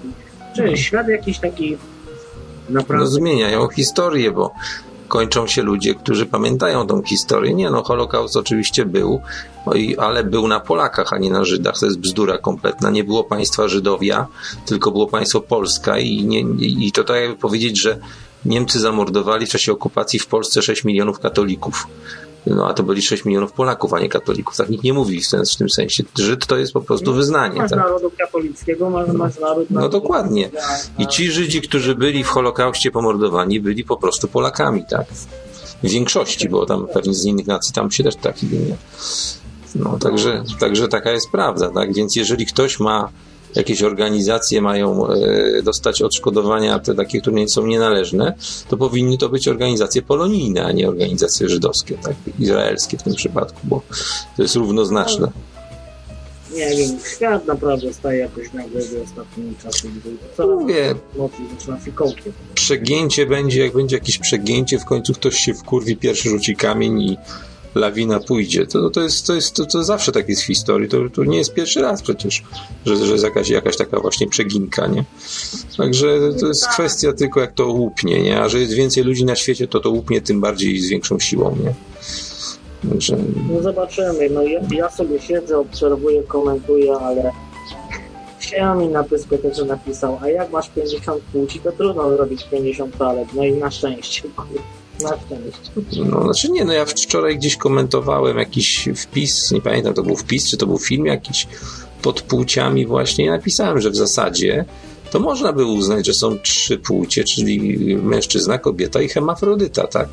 Bo to jest ten obojniak tak zwany i podobno jest tam jakiś minimalny odsetek koło dwóch promila osób, które mają wszystkie organy płciowe, nie? Znaczy, to, to, to, to można by było uznać za trzecią płeć, nie? Ale więcej nie ma, no po prostu więcej nie ma, nie? No. Wiesz co, ja, ja myślę, że można byłoby zrobić takie zrobić dwie toalety po prostu dla kobiet i dla, i dla mężczyzn i każdego takiego, takiego, wiesz, kto się ma za jakiegoś odmiennej płci, postawić i poczekać, aż mu się tak naprawdę albo jej zachce lać. To wtedy wybierze, gdzie pójdzie. Znaczy ja mam, ja mam rozwiązanie bardziej radykalne, tak jak PiS dał 500+, plus, ja zaproponowałem 20 stopień zasilania zamian, czyli wyłączać światło zamiast 500+, plus, nie? Tak jak to było za stanu wojennego, tak, tak, tak z toaletami, zamiast produkować kilka rodzajów toalet, po prostu zlikwidować toalety miejskie i niech się załatwiają pod murkiem przez i tyle. No. No to, to już też taki trochę radykalizm w drugą stronę. No. E, Ja póki co się zawijam, bo czekam tutaj na kuriera, ma rodzinie przywieźć jakieś tam przesyłki, Mhm. muszę iść tam parę domów dalej i poczekać, bo mówił, dzwonił do mnie za 7 szósta mojego czasu, czyli za 7 siódma twojego, że będzie za 50 minut, no już tak powoli wypada mi się zbierać. Hmm. No, mam nadzieję, że wszystko ci przyślę co trzeba, bo ja dostałem krzesło No to nie mi akurat, także krzesło z śrubkami, wszystkich było tyle, ile trzeba, tylko cztery były za krótkie. Musiałem. może do oparcia, bo ja, ja też skręcałem kiedyś i inne śrubki są do oparcia, a inne są... Wiesz co, według instrukcji to tak właśnie było, że one były przeznaczone w pewne miejsce, ale e, testowałem je na wszystkich możliwych otworach, w końcu się poddałem, bo mówię, że te gwinty w końcu wyrobię, jak będę tak testował jedną za drugą. Po prostu w nic nie wchodziło, nie chwytały w ogóle. W końcu się wybrałem do Castoramy, kupiłem cztery śrubki, jakieś takie podobne. Okazało się oczywiście, że średnica to nie wszystko, że jeszcze jest tak zwana odległość między zwojami na, na, na tym. Tak, no dźwięk. No, no i tutaj, tutaj akurat nie trafiłem, no ale używając metodę na tak zwanego hama, wziąłem te, ten klucz i po prostu na hama je wkręciłem i się trzyma, także, także chociaż tyle. No, się trzyma, tylko już tego nie rozkręcisz. No wiem, no ale mówiąc szczerze, to jest krzesło jednorazowe, bo, bo, bo, jak, bo to jest takie samo jak miała córa, a tylko inny kolor, natomiast przetestowany już wcześniej przez nią. Natomiast no tam to się po prostu rozpadło w sensie takim, że się złamało na pół i, i, i ten, i po, po, kilku latach, więc podejrzewam, że to będzie jednorazówka. No, także, także... Tak wiesz, krzesło na pół rozpadło, przecież mi się raz tak złamało. Też gdzieś tam w audycji mówiłem, jak siedziałem i no, chyba nawet się brałem do nagrywania audycji. Normalnie mi złamało się nie, nie tyle ten, ten, ten amortyzator, co tam chodzi góra-dół, tylko właśnie ta, ta przyspawana na dole jest taka obejma, która mhm. stabilizuje ten, ten. Po prostu jakoś spadł, puścił, jak poleciałem tyle, że zdążyłem się koloryferem. No tutaj właśnie u Córy był podobny, w tym, w tym miejscu, gdzie właśnie jest to podnoszenie, ten tam coś się łamało, no ale że ona jest, to jest takie, wiesz, gamingowe jakby, że tam masz całą głowę opartą, to, no to jak poleciała do tyłu, to... Jeszcze raz? Powiedz jeszcze raz. Mówię, że pękło też w tym miejscu, gdzie tam jest właśnie ten spaw, ale tak troszkę niżej, tam gdzie jest właśnie to podnoszenie, nie? I, no, powiedziałeś jak, gamingowe? No, no gamingowe w tym sensie, że jest tak reklamowane jako gamingowe. Razor 309, czy jakoś tak to się nazywa. Także ten, to całe siedzisko, w którym się fiknęła, to po prostu jest takie, że masz oparcie na, i ochronę na całą długość pleców i głowy, nie? Także fikniesz w tym, w tym jak gdyby foteliku takim zabezpieczającym, nie? Także o, o tyle. Takie jak Razer 309, jeszcze popatrz nazwa. No, e, Razer 309 chyba, tak mi się wydaje, to się nazywało. Krzesło gamingowe Razer 300. Może Razer? A, a możliwe. No, nie pamiętam już, wiesz co, musiałbym teraz się logować na te wszystkie a, aukcje. tak, Razera to widzę, ale no fajne. Takie, takie wiesz, takie, no takie właśnie. One ze skóry? Czy z... Nie, nie, nie, nie, to jest, ta wersja jest z, z takiej tkaniny z tkaniny chromo, chromowym kolorze. Jakiś taki taka. Powiem wam, nie kupujcie sobie nigdy foteli takich ze skóry, takich na prezes w banku. Kiedyś sobie je kupiłem. O matko, jak ja się na tym męczyłem. Bo może sobie nie zdajecie sprawy, jak siedzicie na nim 5 minut to spoko, ale jak przyjdzie wam posiedzieć 2 czy 3 godziny, a jest gorąco, to wszystko się ta skóra zapaca, to nic nie oddycha. Dramat jest, dramat. Stajecie i te krzesła całe mokre. Idzie, idzie. Nie, nie, nie. No, dlatego są takie te, takie podkładki z materiału jako dodatki, nie tych skórzanych. No, tych. tak. Ja mam kupić krzesło skórzane, do którego bym miał podkładkę z materiału, to jestem, ja jestem zaleniwy na to, ja wolę mieć po prostu od razu krzesło z materiału. No, to my właśnie też wybraliśmy z materiału, bo. A i druga sprawa, że też decydowała cena, bo jednak te takie skóra, skóra podobne czy skóro, skórzane to są no poniżej 500 zł to właściwie się nie kupi takiego krzesła gamingowego, znaczy tak zwanego gamingowego. 500? No tak, no w sklepach. Tak w sklepach w Szczecinie się zaczynają od półtora tysiąca w sklepie. Ja nie mówię o Allegro czy o jakimś tam serwisie internetowym, ale w sklepie, tak żeby sobie ze sklepu przymierzyć i tego, to półtora tysiąca się zaczynają. To takie ceny są niestety. Mhm. No, także... Ja także... Tutaj kurier dzwoni moment. Halo, halo? Dobra, no to daj mi dwie minutki, trzy, ja pamiętam. Dobra. No hejka. Dobra, hej. To ja, ja się zwijam, bo kurier ten, no to tymczasem. No leć, leć. No, ciekaw jestem, czy było słychać e, na radiu, bo ja tak ściszyłem dosyć mocno, bo jestem na głośnikach. Przełączyłbym się jakoś na słuchawki, tylko wiecie co, mam teraz taki problem, że mam tutaj tak okropniaście zawi zawiłe miejsce z kablami, gdzie są słuchawki podłączone do, do komputera, że żeby po prostu wyciągnąć, to musiałbym jakieś pensety teraz użyć, żeby między te kable się dostać i wyciągnąć wtyczkę od głośników i transmitować przez słuchawki, przez mikser. Także mam utrudnione to totalnie, ale działa. To jest najważniejsze, że wszystko dzięki temu działa. Ściszyłem na tyle głośniki, że mogło być słabo słychać na radio, ale, ale na pyskotece było chyba dobrze wszystko słychać. No, trochę się zdziwiłem, że wczoraj ta audycja była, bo mówię, no, krawiec tak mówił, że tam pracuje, pracuje, pracuje. Ja sobie zacząłem filmiki oglądać, no i przegapiłem. Taką, taka okazja była, widzicie, żeby tutaj sobie posłuchać. No trudno się mówi. A tutaj niektórzy mi pisali w ogóle wczoraj czy przedwczoraj, żebym ja coś po, po, popublikował z tych rzeczy, co gadałem. Tylko tutaj już właśnie się stała ta sytuacja, o której mówiłem, że narosła ilość e, zaległych e, plików do kilkudziesięciu. Ja mam kilkadziesiąt plików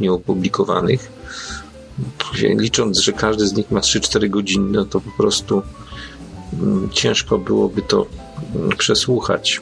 A nie chcę też tak na chybił trafił mm, robić. Nie, nie wiem, jakoś tak strasznie marudny i markotny jestem, jeśli chodzi o publikowanie czegokolwiek. Nie bawi już mnie tak to bardzo jak kiedyś. Wolę sobie na żywo pogadać. Też zdaję sobie sprawę, że może ktoś chce potem posłuchać, a nie na żywo. No trudno. Jak już tak postanowiłem, to, to może kiedyś się odstanowię. No, zobaczymy, zobaczymy jak to będzie. Martwi mnie ten upał w, znowu w Szczecinie, który zapowiadają afrykański.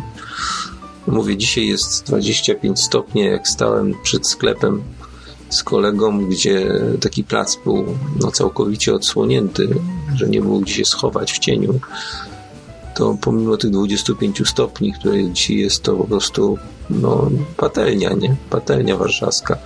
A co dopiero, kiedy będzie tych stopni 37 w cieniu, to, to dopiero będzie. Ja ostatnio robiłem test e, takich e, symulowanych klimatyzacji. Kupiłem ojcu, żeby tam trochę schłodzić pokój, kupiłem taki worek z lodem, bo on nie za bardzo ma gdzie zamrozić. Mam bardzo malutką zamrażarkę w tej chwili, takiej malusieńkiej lodówce. Kupiłem worek gotowego lodu, e, trochę butelek schłodzonych w zamrażarce, które wstawiłem do lodówki i taka metoda super prymitywnej klimatyzacji, znaczy ustawiamy wiatrak, który ma dużą moc obrotową, akurat tam taki wiatraczek 25 cm. Kierujemy go w dół na talerz, na którym nasypujemy tego lodu. Tyle, żeby oczywiście się nie przelało, nie? No i dmucha sobie w ten lód, w ten talerz i ten lód się powoli od tego ciepłego, dmuchanego powietrza rozpuszcza.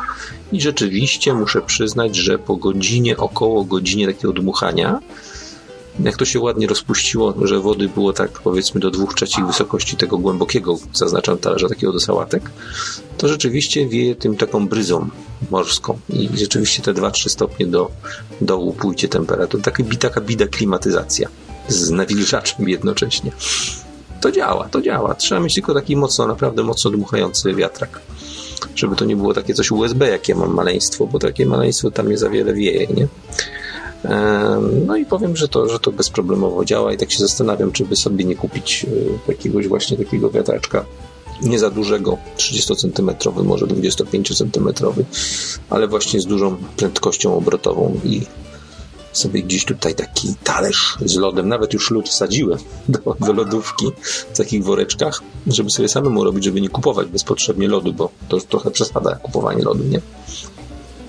Tym bardziej, że nie jest to łatwo dostępne. Kiedyś w Biedronkach można było w lodziarkach dostać taki lód w woreczkach, w kosteczkach już zrobiony, a w tej chwili jest z tym problem. Nie, nie każdym sklepie mają, więc sam, samemu sobie tutaj ułożyłem cztery worki foliowe, śniadaniowe, takie z wpuszczoną wodą, dobrze zawiązane i zamroziłem. Mam takie cztery wielkie kostki lodu. Teraz tylko trzeba wiatraka, jakiegoś głębokiego talerza albo miski na sałatkę i postawić taki na, na nóżce taki wiatraczek prosto wiejący na y, ten e, na jak to się nazywa na, na ten lód, nie? żeby sobie rozpuścić i, i rzeczywiście 2-3 stopnie schodzi w pomieszczeniu. Jak bardzo mocno na ten lód wieje rzeczywiście to, to, to zresztą mówię, jest dużo przykładów takich prostych do wykonania własno, własnoręcznie klimatyzatorów, no nie mówiąc o tym, że Allegro aż jest pełne takich y, nawiewaczy y, lodowych y, gotowych, że tak powiem, z pojemnikiem specjalnie zamontowanym do kupna, ale testy tego oglądałem na YouTubie są niejednoznaczne. Dla jednych to jest jest jakiś efekt, dla innych nie ma efektu, więc czy warto te 100 zł wydawać, nie mam pojęcia. Podejrzewam, że w samym miejscu, gdzie to stoi, to dookoła powietrze jest schładzane jakoś tam o te parę stopni, natomiast natomiast mówię, no równie dobrze można zwykły wiatrak postawić, mi się wydaje i mieć to pod kontrolą na talerzyku lód i sobie ewentualnie go tam potem wymieniać. Też jest jakaś metoda na taki upał. No, no bo niestety, ale u nas w Polsce klimatyzacja nie jest raczej standardem. No, pomijam jakieś markety albo apteki, które po prostu szaleją z tą klimatyzacją. Naprawdę tutaj można się przeziębić wchodząc latem do niektórych aptek, gdzie po prostu wali ta klimatyzacja prosto na, na głowy ludziom, którzy stoją w kolejce. Nie?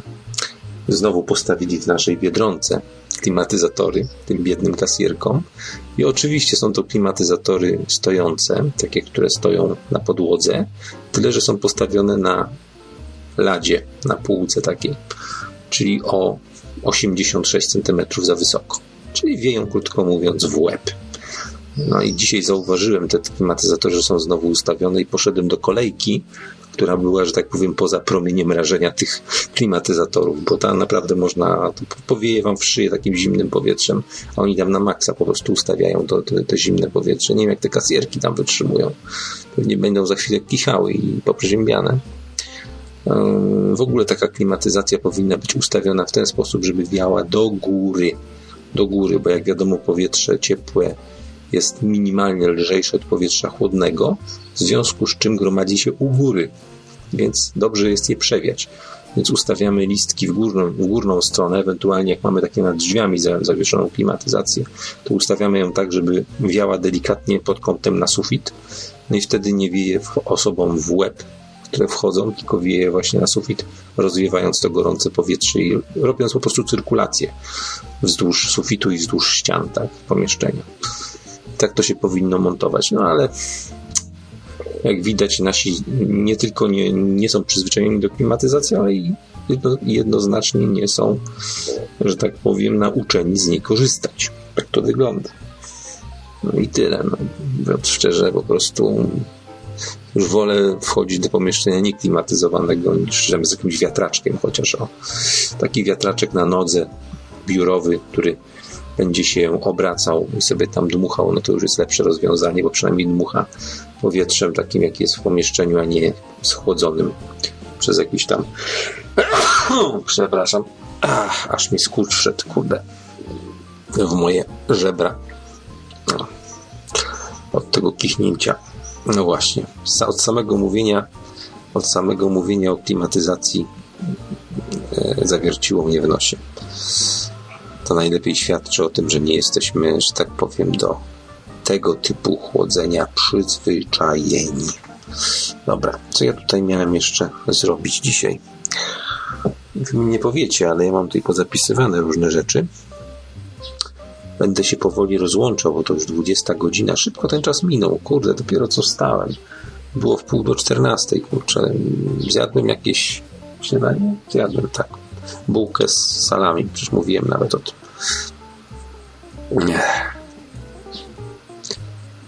Tak, no trzeba ustawić odpowiednią temperaturę, ale mam wrażenie, że w Polsce te apte apteki szczególnie, które przodują w tych klimatyzacjach wiejących prosto na kolejkę, albo to jest specjalnie, żeby tych ludzi przeziębić, żeby również leki sprzedawać latem, albo po prostu nie umieją z tego korzystać, ale one wiją tak zimnym powietrzem, że po prostu ktoś tu wchodzi z takiego upału, jaki ostatnio były, a to była po prostu ściana, że się kierę można było zawiesić tutaj w Szczecinie. No zwyczajnie po prostu nie umieją, nie umieją ustawić tego. To jest pewnie ustawione na minus jeden stopień albo coś takiego. Nie, nie wiem jak to, to, to, to wygląda. Czy ja mam, ja jestem posiadaczem u taty stoi ta klimatyzacja taka właśnie podłogowa, mm, z której się nie korzysta wprawdzie ale jest, y, jestem posiadaczem takiej klimatyzacji. No i mówiąc szczerze, to jak kiedyś włączałem ją, jak kupiłem rodzicom, to ja włączałem tam na 20 stopni, tak? 20-22 stopnie, żeby było w pomieszczeniu. I rurę taką mm, harmonijkową, wykonaną z grubej folii aluminiowej. Wyprowadzało się za balkon, za drzwi balkonowe lub za okno. I tam wywiewało to gorące powietrze, a w skraplaczu pod filtrem się zgromadziła woda, ta wilgoć, która jest w powietrzu i trzeba było to wylać. No wiadomo, że taki filtr po okresie letnim powinien być wymieniony lub wyprany. Nie? W zależności od tego, jaki to jest filtr, czy można go prać, bo są jeszcze takie filtry, których się nie pierze, po prostu się je wymienia. Także, także, tego, także to ma to, to też ma tą funkcję nie tylko chłodzącą, ale również zmniejszającą wilgotność powietrza, co jest właśnie też bardziej nawet uciążliwe od samej temperatury, jak również filtrującą tak, to powietrze.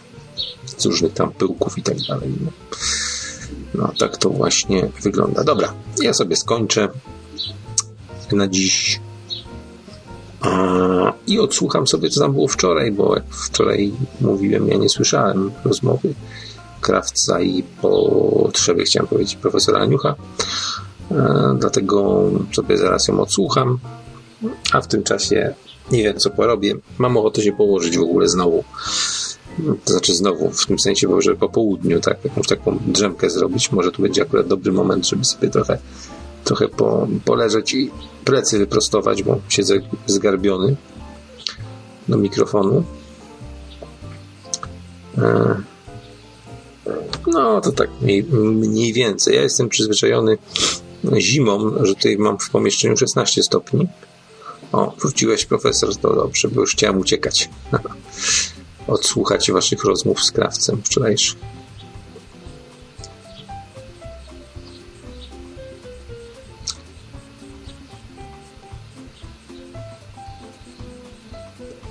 No u nas Inka nie można grzać niestety za bardzo zimą z tego względu, że y, jest to groźne dla portfela.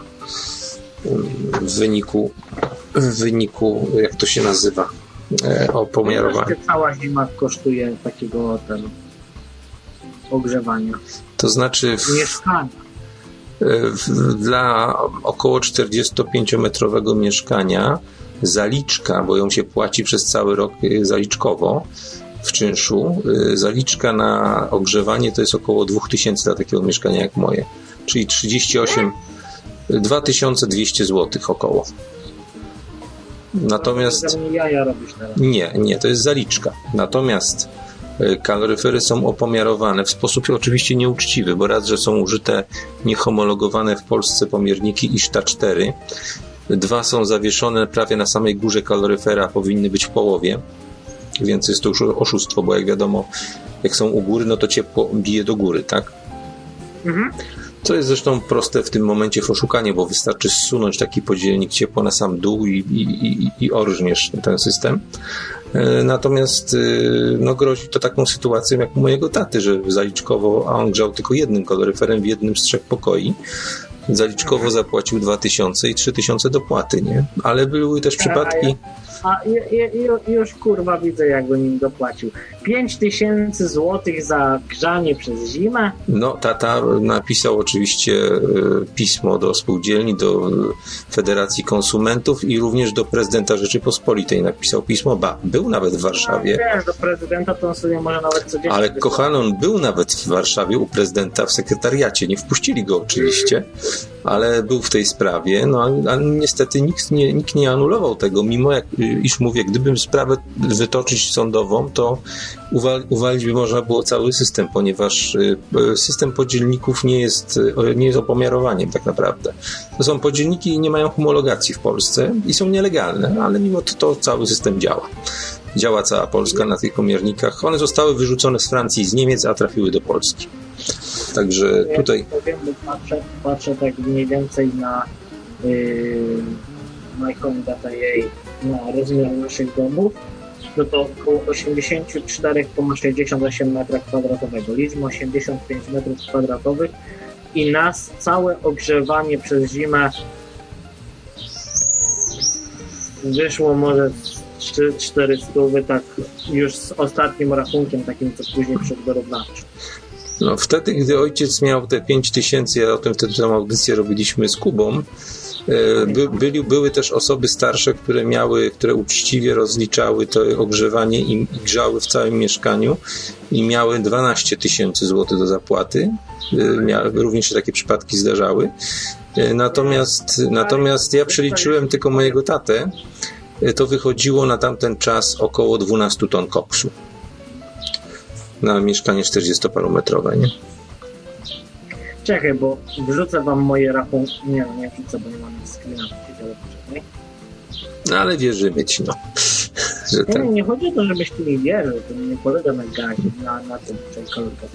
Nie polega na tym, żebyś ty mi wierzył lub nie wierzył, tylko ja chcę zobaczyć, ile, ile zużyliśmy gazu żeby mieć ciepło w tyłek w zimie. System, system podzielników ciepła, podzielników zaznaczam, ciepła, nie liczników, a podzielników ciepła w Polsce jest najbardziej gigantycznym przekrętem, no może poza śmieciami jeszcze, które też są przekrętem, y, na, na skalę całej, na, na ska, skalę całej Polski, gdzie po prostu całe opomiarowanie w Polsce jest nielegalne według prawa, nie ma legalizacji, a mimo to działa od już ładnych kilkunastu lat.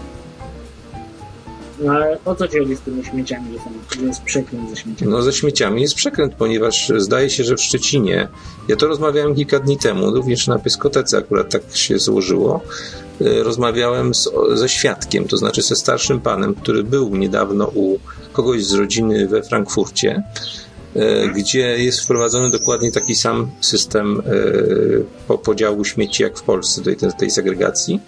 I tam firma, która odbiera śmieci z bloku, zapisuje, ile kilogramów było każdego ze surowców posegregowanych i obniża o tyle czynsze wszystkim lokatorom solidarnie. Natomiast my za segregowanie płacimy. Trochę mniej, ale płacimy. Taka jest różnica. Mimo, że ta sama firma rozlicza Szczecin, co to miasto, gdzie on był, nie? Także tutaj ma Niemiec surowiec, bo to jest niemiecka firma, ma Niemiec surowiec yy, za darmo, plus jeszcze opłatę za to, że odbiera, a w Niemczech ma za darmo, yy, ale musi zapłacić, tak? Czyli nie ma za darmo, tylko płaci za to tym, tym ludziom. Mhm. Rozumiesz? 281 euro 91 centów. Mm. plus tak 281 plus 691 to jakaś opłata mniejsza manipulacyjna jest 270, 280 plus, plus 100 380 euro kosztowała cała i Mm. No ja w, w zeszłym roku nie pamiętam dokładnie ile miałem zwrotu, ponieważ już przestałem, e, że tak powiem, liczyć się z tym systemem, ponieważ on mnie oszukuje. Ja zacząłem go też oszukiwać, więc miałem zwrot, czyli pewnie z 1500 zł była opłata za cały rok. E, Za, za grzanie tylko u córy w pokoju, bo wszędzie indziej było zimno. Tak ten system działa. Nie ma innego wyjścia. To, to, to jest jakaś patologia, muszę. No jest to patologia, tym bardziej w tym momencie, kiedy masz podzielniki Wi-Fi, kiedy już w tej chwili nikt tego nie kontroluje, czy masz ten podzielnik na kaloryferze, czy nie masz, bo wszystko jest z zewnątrz budynku ściągane, tak? No ale ja nie mam żadnych podzielników ciepła na, na kaloryferach, mam po prostu licznik przed domem, który sobie chodzi gość co jakiś tam 3000 Mm. No to tu w Polsce jest uzasadnienie, że jak zadzwonisz i powiesz, że te podzielniki są niehomologowane i to jest nielegalne, to oni ci powiedzą, że co z tego, skoro nie można założyć liczników, a opomiarowanie jest obowiązkowe, obligatoryjne dla całej Unii. Liczników, bo dlaczego? No bo są tak piony skonstruowane te z lat 60., że zainstalowanie liczniku przepływowego jest niemożliwe. Technicznie. miałem w bloku liczniki. No ale tu jest niemożliwe technicznie. Takie jest wyjaśnienie. Jak jest niemożliwe, skoro miałem? Nie wiem, ale oni tak twierdzą. I Tutaj nie masz, tu nie masz nic do powiedzenia. Ty jesteś, ty jesteś prosiak, ty jesteś leszcz, ty jesteś, wiesz, nic, nie, zero. Także, także tutaj nie ma Ale przecież obywatelnictwa. były liczniki, to co? Usunęli je? To zrobili? Jest licznik, tak. Jest licznik ogólny na cały blok. I na cały Nie, blok nie, ja, mi chodzi o licznik w mieszkaniu miałem. No ale tutaj nie ma. Nie ma, i nie ma takiej możliwości, tak twierdzi y, dział techniczny, iż nie ma możliwości opomiarowania licznikiem tych y, przepływów wody na poszczególne mieszkania. Kurwa. I nic z tym nie zrobisz. Możesz nawet, nawet prawnikowi zgłosić, nic z tym nie zrobisz. W łazience mieliśmy licznik taki, na którym było, przychodził tam co pierdylia z czasu liczmy co miesiąc czy co dwa jakiś typ z nie wiem, ze spółdzielni czy skądś i chodził po mieszkaniach i do łazienki każdemu właził tam pukał, jak się go wpuściło, szedł do łazienki, spisywał licznik i szedł dalej. Ale ty mówisz o licznikach na wodę, a nie na, nie na wodę w kaloryferze. No nie no, w na kaloryfer to y, pamiętam, że bo moja, moja mama tam, ona, ona w Polsce została, bo jej się tam w Polsce podoba i w ogóle, no to ona sprzedała mieszkanie i kupiła sobie dom większy niż miała to mieszkanie. I to jeszcze plus piętro, czyli w zasadzie ma razy dwa to samo. I mówi, że ona płaci teraz za ogrzewanie węglem jedną ósmą tego, co płaciła za ogrzewanie yy, przez zimę spółdzielni mieszkaniowej, co płaciła za właśnie za ciepłe kaloryfery, a teraz sama reguluje wszystko i ma, mówi jedną ósmą tego płaci, co płaciła w blokowisku. No to sobie wyobraź. No w każdym razie to Inka pisze, że u nas liczniki są w piwnicach itd. Już tłumaczę jeszcze raz, jak wygląda system w dużych spółdzielniach y, miejskich. Otóż y, y, artykuł, już nie pamiętam dokładnie numeru, ale z 2012 roku nakłada obowiązek na wszystkie państwa członkowskie opomiarowania systemu cieplnego w, w, w ramach tak zwanej ekologii i tym oni się podpierają. W, Polsce wprowadzono system wyrzucony z Francji i z Niemiec, czyli system opomiarowania systemem podzielników ciepła.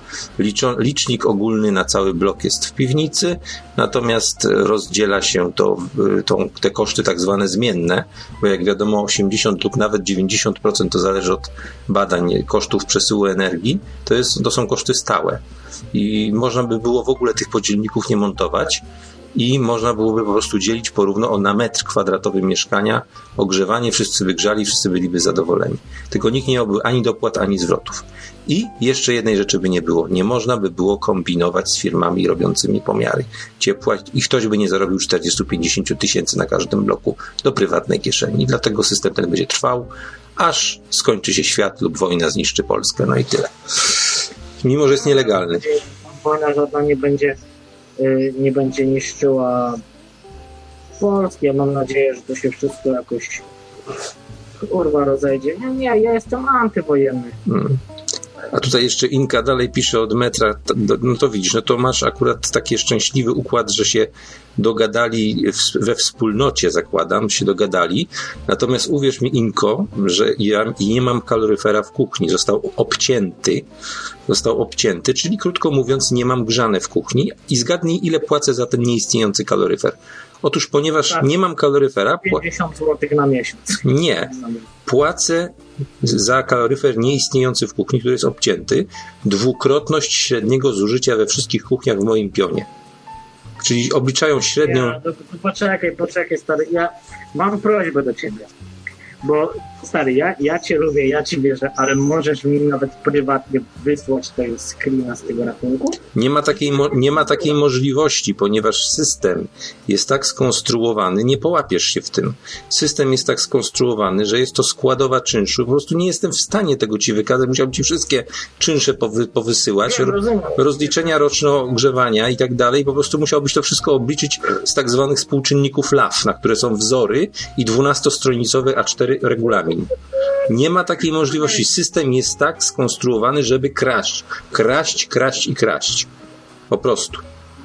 Ja, ja przysięgam z, z roku na rok, w zasadzie to z miesiąca na miesiąc, z roku na rok, staje się coraz bardziej agresywny, jak słyszę o tym, że państwo coś reguluje. No ja naprawdę kontestacji słucham odkąd istnieje. Jeszcze nie istniała, koczowisko dekadencji tam istniało, piątkowe ale naprawdę, jak słucham ostatnio, jakie, jakie pierdoły prawne, jakie to wszystko jest za przeproszeniem pojebane, mam nadzieję, że nie będziesz tego publikował później, to człowieku naprawdę, ja, ja mam ochotę wysłać tych wszystkich kurwa polityków i urzędasów.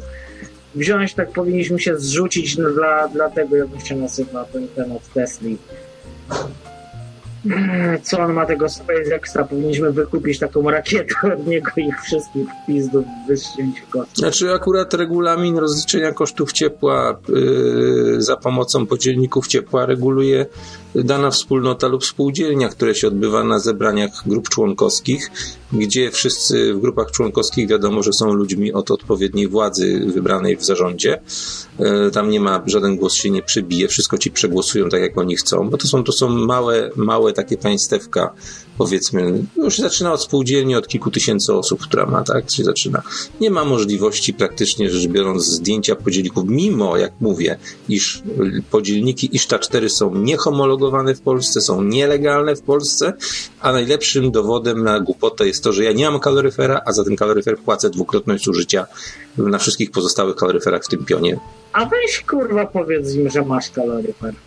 No, gdybym, gdybym go miał w kuchni, tego obciętego kaloryfera i zamontowaliby na nim podzielnik ciepła yy, i on by stał taki obcięty, to, to, bym, to bym płacił zero. No to prosta, prosta matematyka. Zainstaluj kurwa kaloryfer. Ale nie mogę go zainstalować, ponieważ jedyny, bo, ponieważ w mojej kuchni pod tym kaloryferem, ten kaloryfer wisiał na wysokości 1,50 m na ścianie w jedynym miejscu, gdzie... Czekaj, czekaj, czekaj.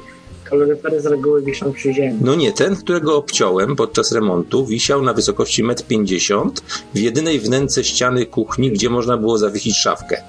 I e, zgodnie z prawem wysłałem pismo, w roku 2000 wysłałem pismo do spółdzielni z prośbą o zgodę na obcięcie w moim własnym mieszkaniu tego kaloryfera. Zgoda, z, własnego kaloryfera. tak, zgoda, zgoda y, ze spółdzielni nie przyszła w terminowych dwóch tygodniach, jakich mieli na odpowiedź.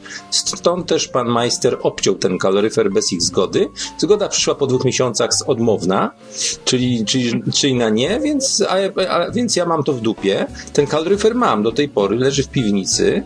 E, Leży w piwnicy, bo go wytachałem. To nie było proste, bo to był ciężki Tylko żyli. teraz musiałbyś ściągnąć półkę i powiesić kaloryfer. Znaczy nie, musiałbym zniszczyć meble, które kosztowały parę ładnych tysięcy złotych i powiesić w tym miejscu, ale moim zdaniem jest bez sensu, bo ten kaloryfer nie dość, że wisiał na półtora metra wysokości, to jeszcze pod nim zna- znajdowała się w oryginalnym układzie kuchni kuchenka gazowa, która grzała na ten kaloryfer. Więc nawet gdyby był wyłączony, to i tak by naciągało na liczniku, znaczy na podzielniku, nie? Rozumiesz? Musiałbym wam kiedyś zrobić zdjęcie mojej kuchni, wymazać aktualny układ i zrobić symulację, jak to wygląda, albo u któregoś z sąsiadów, który nie ma tej zabudowy zrobionej, po prostu y, z, pokazać, jak to wygląda. Wiesz, ja, ja sobie umiem to wyobrazić, ja się po prostu zastanawiam nad tymi absurdami, które ty mi tu opowiadasz, bo no, ja, jedno, co ci mogę zagwarantować, to to, że w Irlandii po prostu by coś takiego kurwa nie przeszło. No ale tutaj przeszło. No tutaj nawet mam y, w łazience, tak jak. Jak y, ja bym to opowiedział teraz mojemu sąsiadowi Irlandczykowi, to co ty mi teraz opowiadasz, to by stwierdził, że on kurwa nie wierzy i on by poleciał do tego tam Szczecina zobaczyć. Kurwa. Ja, ja czasem im opowiadam o takich sytuacjach, jakichś chorych, nie mówię tam, wiesz, bo to zawsze staram się robić jak najlepszy obraz Polski za granicą, ale jak czasem opowiadam o jakichś takich rzeczach y, dotyczących życia w Polsce, takiej codzienności, no to powiem ci, że no nie chcą wierzyć do momentu, jak nie polecą gdzieś na, do Polski na wakacje i się z tym wszystkim nie zderzą. Nie wiem, czy pamiętasz taką scenę. Wszyscy nie, rozumie, nie rozumieją, dlaczego oni biorą samochód w Polsce, wypożyczają, jadą i na nich wszyscy trąbią. Y, Jak pamiętasz taką scenę z Alternatyw 4, gdzie woda ciekła i, po, i gościu szedł z żabką i wszystkim odkręcał wodę, czy rozwalał krany i w końcu na podwórku odciął wodę całkowicie i była e, sytuacja rozwiązana, to tak samo została rozwiązana sytuacja u mnie z wodą, kiedy wybijało mi ze zlewu, bo się między pionami zatkała rura, która już jest da- dawno do wymiany i znowu grają te rury, znowu niedługo wybije. E, Tym razem nie będę sprzątał, po prostu mam to w dupie, po prostu zadzwonię do ubezpieczyciela, żeby mi pieniądze wypłacił za kuchnię, kuchnię wreszcie. I ten, i po prostu wiesz, yy, oni po prostu odcięli wodę na kilka dni, żeby, żeby nie było problemu, nie? Rozumiesz? Nie, W całym bloku. To jest sposób na to, że gdzieś przeciek po prostu zakręcić wodę. No w całym bloku nie było. Podstawili, podstawili cysternę, ten tak zwany, jak to się nazywa, beczkowóz i już. Ale dopiero wtedy, dopiero wtedy, kiedy przetkali u mnie, kożuch spadł kilka pięter niżej i zalał kolejne dwa mieszkania. To dopiero wtedy za, za, zareagowali odcięciem totalnym bloku od wody. I nie dlatego, że nie można było nic zrobić, bo można było sam pion odciąć, tylko że jest, No. tylko, tylko że problem w tym jest w tym, żeby odciąć pion z wody, trzeba zakręcić zawór w piwnicy dolny i trzeba pójść na samą górę, na ostatnie piętro pod dachem yy, i zakręcić drugi zawór tego pionu. Wtedy woda nie będzie leciała tylko w pionie.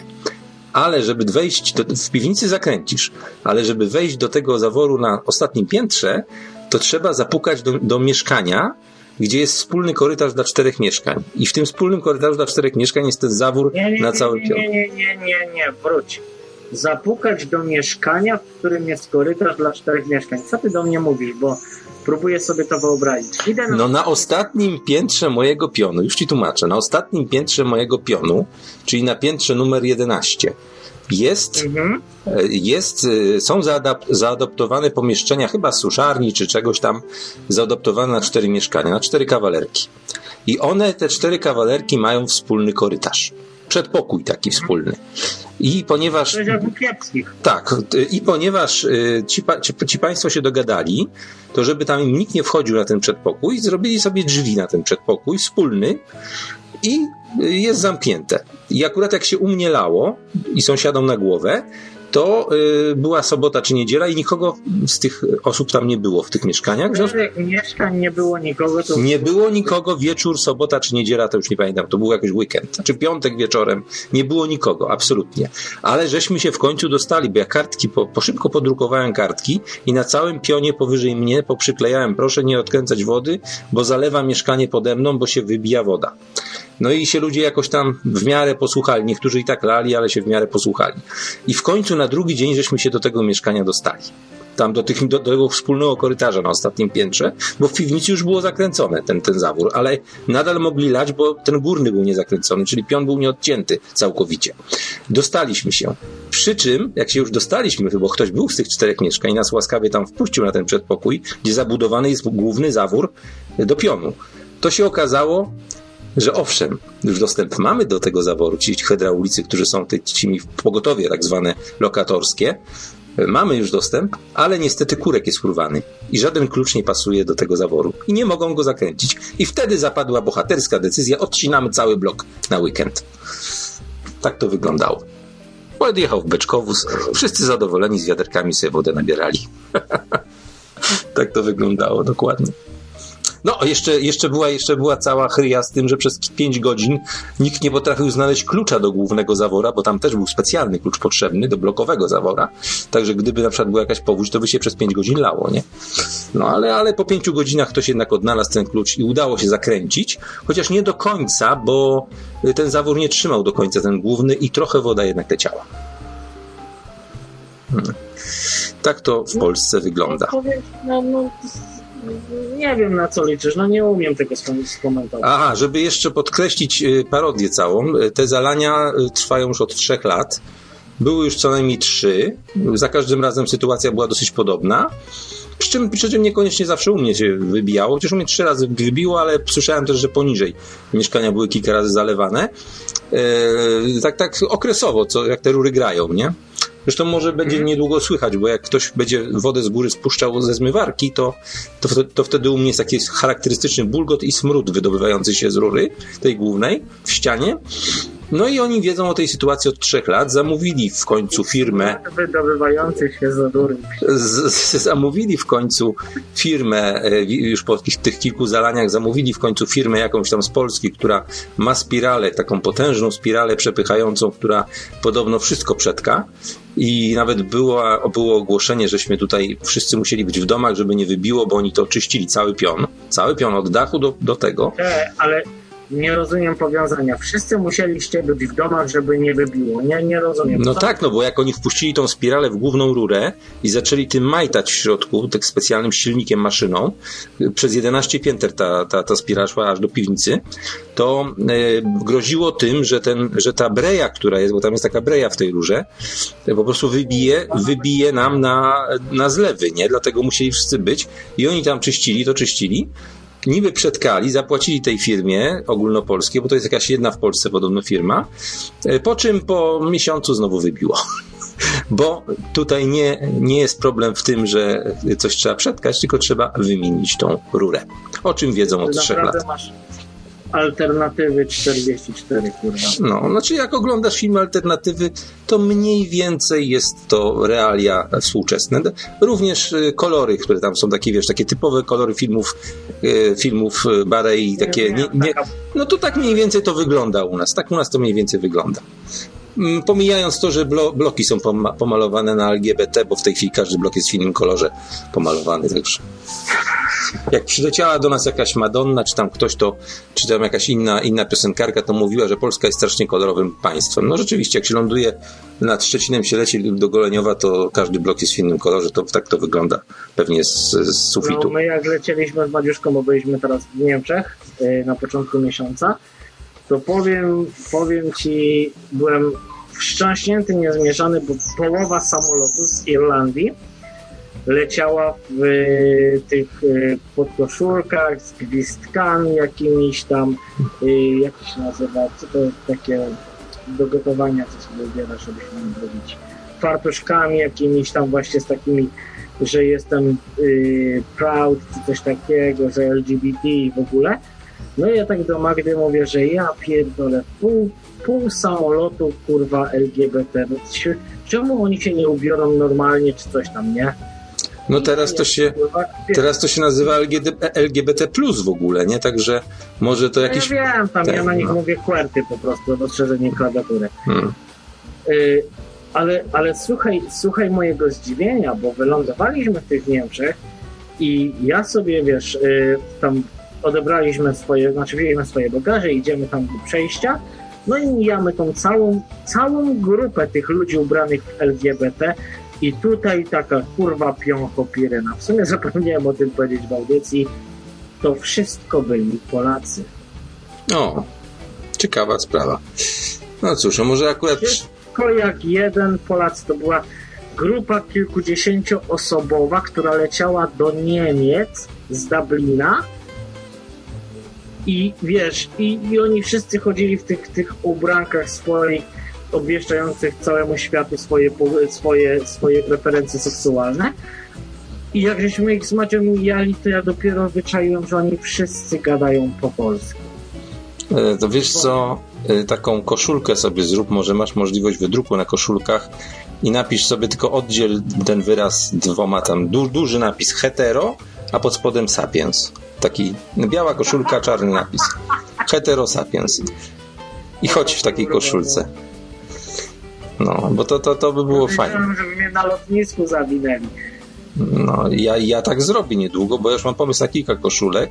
Na przykład twarz Tuska, twarz Tuska przekreślona takim X-em czerwonym, albo na przykład Ja koszul... też, ja też nie chcę, nie chcę wkurwiać wszystkich homoseksualnych, bo cała, wiesz, to ja to zrobię, to się odbije, wiesz, te tumany, co, co, co w ogóle nie myślą, to po nich to spłynie, a tak naprawdę uderzę w tych, którzy się w ogóle z tym, z tym, z tym całym ruchem nie identyfikują. I to jest problem, że tak Znaczy, oni, oni rzucają, rzucają za przeproszeniem y, w nas kamykami, to, to, to zawsze kogoś trafimy, ale później jak my chcemy oddać i rzucamy w nich, to się może nagle okazać, że nawet taki, co, co do tego należy, to, to dostanie i po nim to spłynie, a ten, co, co się z tym nie identyfikuje, to zarobi w łeb i będzie miesiąc za przeproszeniem na, na, na ojonie leżał. Nie, to ja nie wiem, jak walczyć z taką głupotą, gdzie wiem, że każdy, każdym moim odbiciem piłeczki będzie uderzenie w niewinnych, bo tych, co bo ci, co, co są za to odpowiedzialni, to oni wiedzą, że będą, będą jakieś tam odzewy sprzeczne i oni są jakoś wyćwiczeni do tego, czy jakoś tak w głowie mają, że po prostu na to nie reagują. Plujesz, to mówią, że wiesz, rozumiem to. No ja ten, ja właśnie wczoraj jakieś, czy przedwczoraj był jakiś live na temat właśnie tego LGBT, to ja się, to ja zadałem pytanie, ale nikt tego w studiu niestety nie zadał z tego czata, y, czy, czy wiadomo, to jakaś kobieta występowała, czy wiadomo pani, czy istnieje jakieś laboratorium, które pracuje nad lekiem na, dla chorych na homoseksualizm? Nie takie pytanie zadałem. Nie dostałem żadnej odpowiedzi, nie? Właśnie... Nie, no bo ty też już tak przesadzasz. Ja nie przesadzam, bo słuchaj, bo w grupie homoseksualistów jest podgrupa, jeszcze mniejsza mniejszość, jest pewny, jest jakiś podzbiór tej grupy, może to być 1% nawet, ale to jest super mała mniejszość, która chce być z tego leczona. I wiesz, i teraz y, dramatem tych ludzi jest to, że nie bada się, albo, a może to jest uleczalne. To tak jak gdybyś był leczony z oddychania, no to, to, to Nie, no nie wiadomo. Nie wiadomo, no jakaś islamska lekarka wyn- wynalazła przyczynę homoseksualizmu, że to jest jakaś ba- bakteria żyjąca u mężczyzn że w, w odbycie, że on musi mieć tam spermę, nie? Że po prostu... No, no tak, i, to, i to było na Al Jazeera, na poważnej telewizji była, była ta lekarka występowała. Nie? I, I dlatego, bo, bo ona się żywi tym, nie? I po prostu tak jak, jak kota się ma i ma się toksoplazmozę. Znaczy ona nie działa tak na, na człowieka bardzo, ale po prostu ma się tą toksoplazmozę, że musisz mieć kota, nie? I to jest tak samo, że musisz mieć partnera męskiego, nie? Taka, taka, taka, tak, taki program był w Al Jazeera. Był, był. No tak, ale wiesz, Al Jazeera to oni mają swoje różne poglądy. A co z dziewczynami homoseksualnymi? No tutaj nie, nie ona, ona wynalazła, ona wynalazła lek na tą, czy lek, czy sposób, przyczynę u mężczyzn, tak u kobiet może jest y, jakaś tam, nie wiem, jakaś tam inna ta, ja nie wiem jak to wygląda, taki, taki seks dziewczyn, to jak się pocierają tymi, tymi myszkami, się tam pocierają, czy coś. Na pewno są zarośnięte, to na pewno. Który to mądry polski polityk powiedział, że pedalstwo to źle, ale popatrzeć na dwie lesbijki to spoko. Nie wiem, nie wiem. To Nie mam pojęcia. trzeba to znaleźć. Weźcie tam na czacie, kuknijcie, który to mądry powiedział. Ale widzisz, żarty żartami, ale, ale co jeżeli to jest roznoszone drogą kropelkową? E? No, a, a tego nikt nie bada. Tego nikt nie bada, dopóki nie ma poważnych badań w tym. Przecież to było na tym.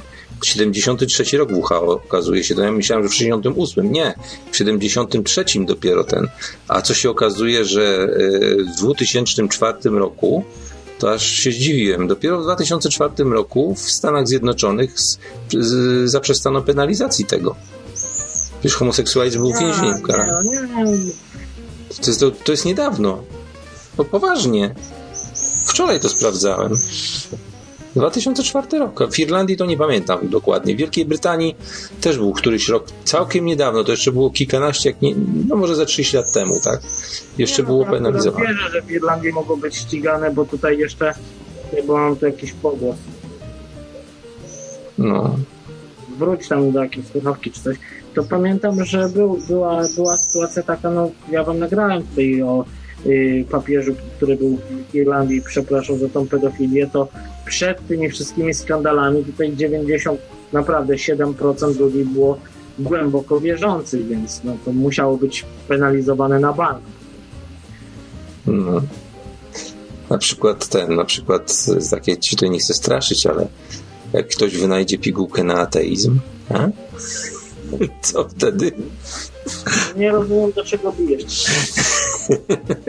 Nie no, ale wiesz, bo chodzi mi o co generalnie? Generalnie o to, że jeżeli się nie robi żadnych badań w tym kierunku, bo w tej chwili jest taka śmieszna sytuacja, że jak ktoś nie uznaje homoseksualizmu, czy nie lubi tego homoseksualizmu, nawet nie, nie to, że nie uznaje, tylko nie lubi, Nie jest to, że ja ich kurwa nie lubię, czy, czy ja ich... No tak, ale jak gdybyś nie lubił, to, to by cię nazwali homofobem, czyli byłbyś chory na ba banie się na. Czyli to jest fobia, tak? E, Choroba.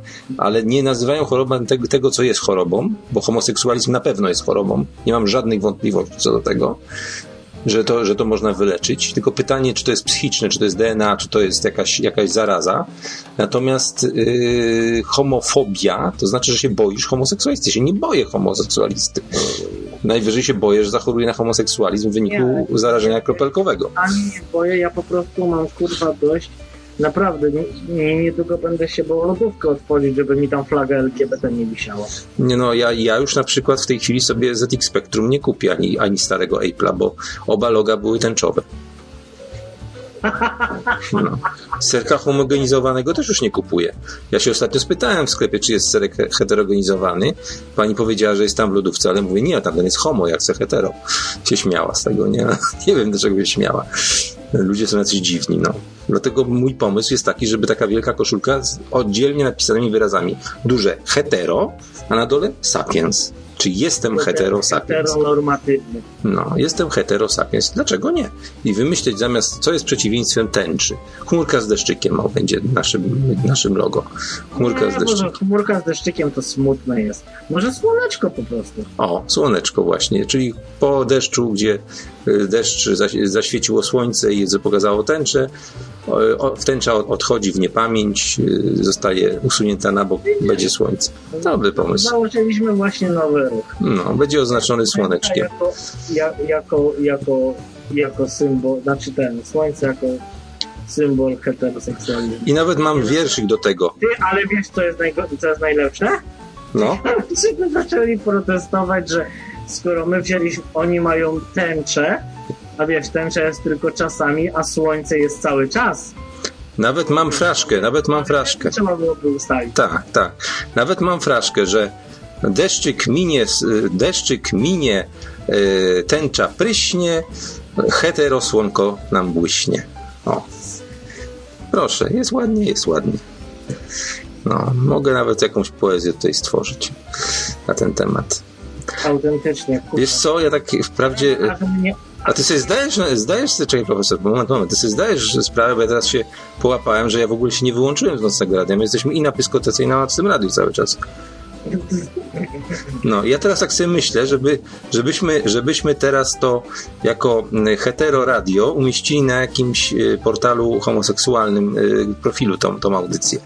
To było bardzo A fajne. Z tego, co, z tego co słyszałem, to krawiec poczęło chcą budować na radio, a nie rozbroić. Nie, nie, nie, no ale ja to jak, nie jako radio, nie, nie, jako MP3 po prostu gdzieś wkleję na grupę e, trans, e, L, jak to się, jak oni to się, ten skrót, L to jest e, lesbian, gay, trans, znaczy ja, ja to LGBT to jest od lesbian, gay, No.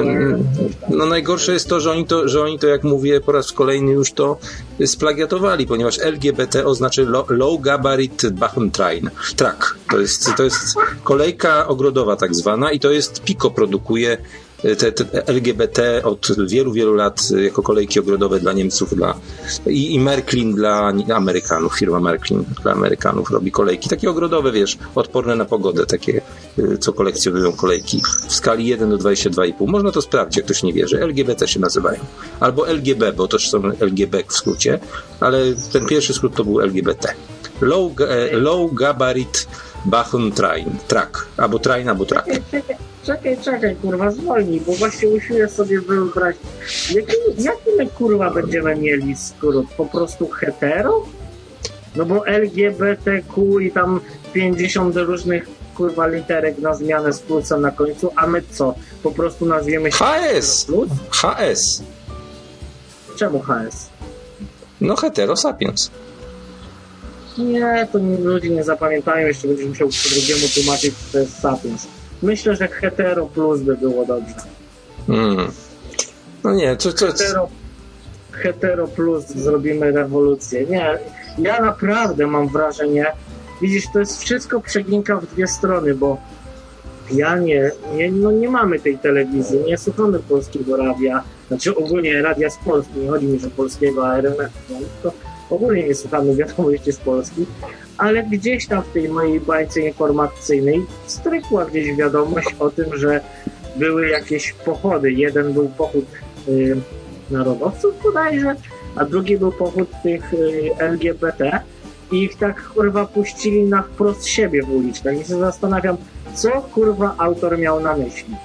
Przecież to naprawdę już jest tak blisko do tego, żeby doszło do tragedii. no mówię, że tak będzie i teraz zobaczysz, że tak będzie. To czy w normalnych, Ale wiesz, to w normalnych czasach to te tłumy by się starły za stanu wojennego. Ym, To, że to było w Polsce, to dlatego tylko nie, nie zadziałało, bo u nas są ludzie, nie są tacy agresywni w tej chwili, nie? No. no nie ma agresji, agresji to nie ma za bardzo w ludziach. no u nas, u nas w Polsce w ogóle. Cieszę, ale, ale z drugiej strony to też taka troszkę pizdeczkowa to nie jest dobra. U nas agresywna jest tylko milicja, nie? To, to, to, to zostało im z dawnych czasów. Ja nie wiem, w ogóle tak patrzyłem na to, jak te dzieci tam tam przywieźli na te kółko graniczowe pod Jasną Górę i, ci, i tych, tych w kontenerze tych wywieźli, tych ko- kolorowych, nie? I tam dali im zgodę na to, żeby tam iść. To ta policja właśnie spychała tych, którzy nie chcieli dopuścić do tych dzieci, nie? To właśnie tak się zastanawiałem, czym oni ich naćpali, tych policjantów, nie? Inna sprawa, że ja bym, znaczy ja tam nie uczestniczę w takich tam protestach, ale ja, ja na miejscu tych ojców to bym roz, rozniósł w pizdu tą policję całą, naj, najpierw, a potem tych LGBT, nie? Po prostu bym nie wytrzymał. Co ci policjant jest kurwa winny, jak on tam poszedł na służbę? No winny, bo jest głupi, że ta poszedł tam w ogóle. Ja bym, ja bym udawał, że jestem na L4. No ja wiem tyle, tylko że widzisz, no są ludzie, którzy idą do tej roboty i i jak ja nie, nie trawię psiarni, no naprawdę nie lubię, to rzadko kiedy myślą tak, wiesz, po ludzku. Oczywiście zdarzają się fajne przypadki, że bo miałem też do czynienia z takimi, że tak powiem, yy, policjantami, że no dało radę z nimi coś załatwić, ale no to był, to był naprawdę jakiś promil, a reszta, no to był jeden taki, który tam kiedyś mieli, coś tam przeskrobaliśmy, po czym podbiegł do nas, zanim przyleciała reszta jego kolegów, on wiedział po prostu, gdzie będziemy, to jeszcze było w Mościcach i po prostu powiedział do nas pierdalajcie No widzisz. i tyle. A tutaj Inka pisze, Inka pisze, muszę jej odpowiedzieć. E, Słuchaj, ale popatrz, jak na tej Jasnej Górze, popatrz sobie na ten film, Jasna Góra i ten prowokacja LGBT, popatrz sobie na ten film. Przecież gdyby ci politem, ile tej policji było? Sporo. Ile mieli tych tarcz, tych pałek? Przecież oni mogli jednym ruchem wziąć, spałować tych LGBT. czy je, jeżeli oni ich nie spałowali, nie spacyfikowali, to czy od tego będzie spokojniej? No, trzeba było spacyfikować na miejscu tych policjantów, bym to zrobił. Wydałbym rozkaz na najstarszy trep, powinien dać sygnał i tyle. Wydasz rozkaz ludziom, żeby spałowali ludzi, którzy sobie stoją, musieliby robić coś, żeby był powód. No to robili, no szli, szli, szli według artykułu 267, zdaje się ustęp czwarty, y, ze zgorszeniem i, z- i zniszczeniem wartości, czyli mieli te obrazy Matki Boskiej i tak dalej. Policja powinna wtargnąć, żeby... Mówisz, nie, nie, to, to autentycznie tych to nawet. Ja, ja bym, to, to są kolejni, których bym wysłał w stronę słońca, jak to Keltusz wie. No. Nie no, po prostu musi się znaleźć grupa normalnych policjantów i normalny trep y, główny, który wyda rozkaz przez, te, przez ten y, szwadron do, do działania, natłuc pałami i do widzenia i tyle. I, I potem tylko powie w komendzie, że artykuł taki i taki, zgorszenie, milicja zadziałała zgodnie z prawem i tyle, i, i tyle. I powiem ci, że, że jeszcze ten, ten komendant, który by to wydał, on by jeszcze miał tutaj, by po- poklask był wielki ogólnopolski. To znaczy wątpię, wiesz co, to by było tak.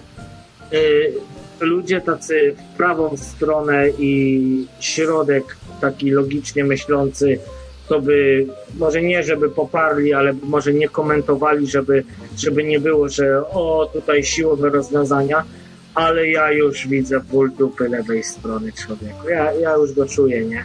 To przecież to, to, by, to, to by było kurwa pół roku gadania o tym, jak to oni wyszli i zostali zmaltretowani.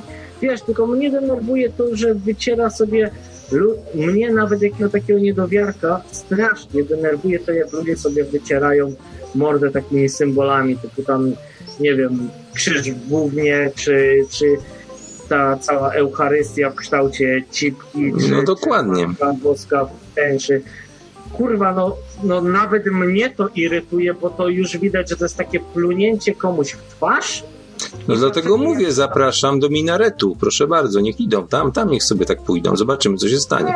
No, ja zapraszam, żeby sobie poszli tam gdzieś do muzułman, do ich, do ich nawet meczetu i tam, wiesz, i postawili jakąś tam figurkę y, ichniej, ichniej religii w jakimś gównie albo jakiś, w sumie muzułmani nie mają obrazów, ale niech ten symbol muzułmański gdzieś tam y, kurwa zrobią w tęczowych kolorkach, No. no. że oni by im łby.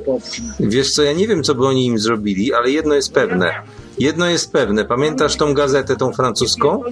Pamiętasz tą gazetę? Powiem ci, co by było dwa dni później. Dwa dni później na Facebooku co drugie zdjęcie byłoby z tęczową flagą w tle.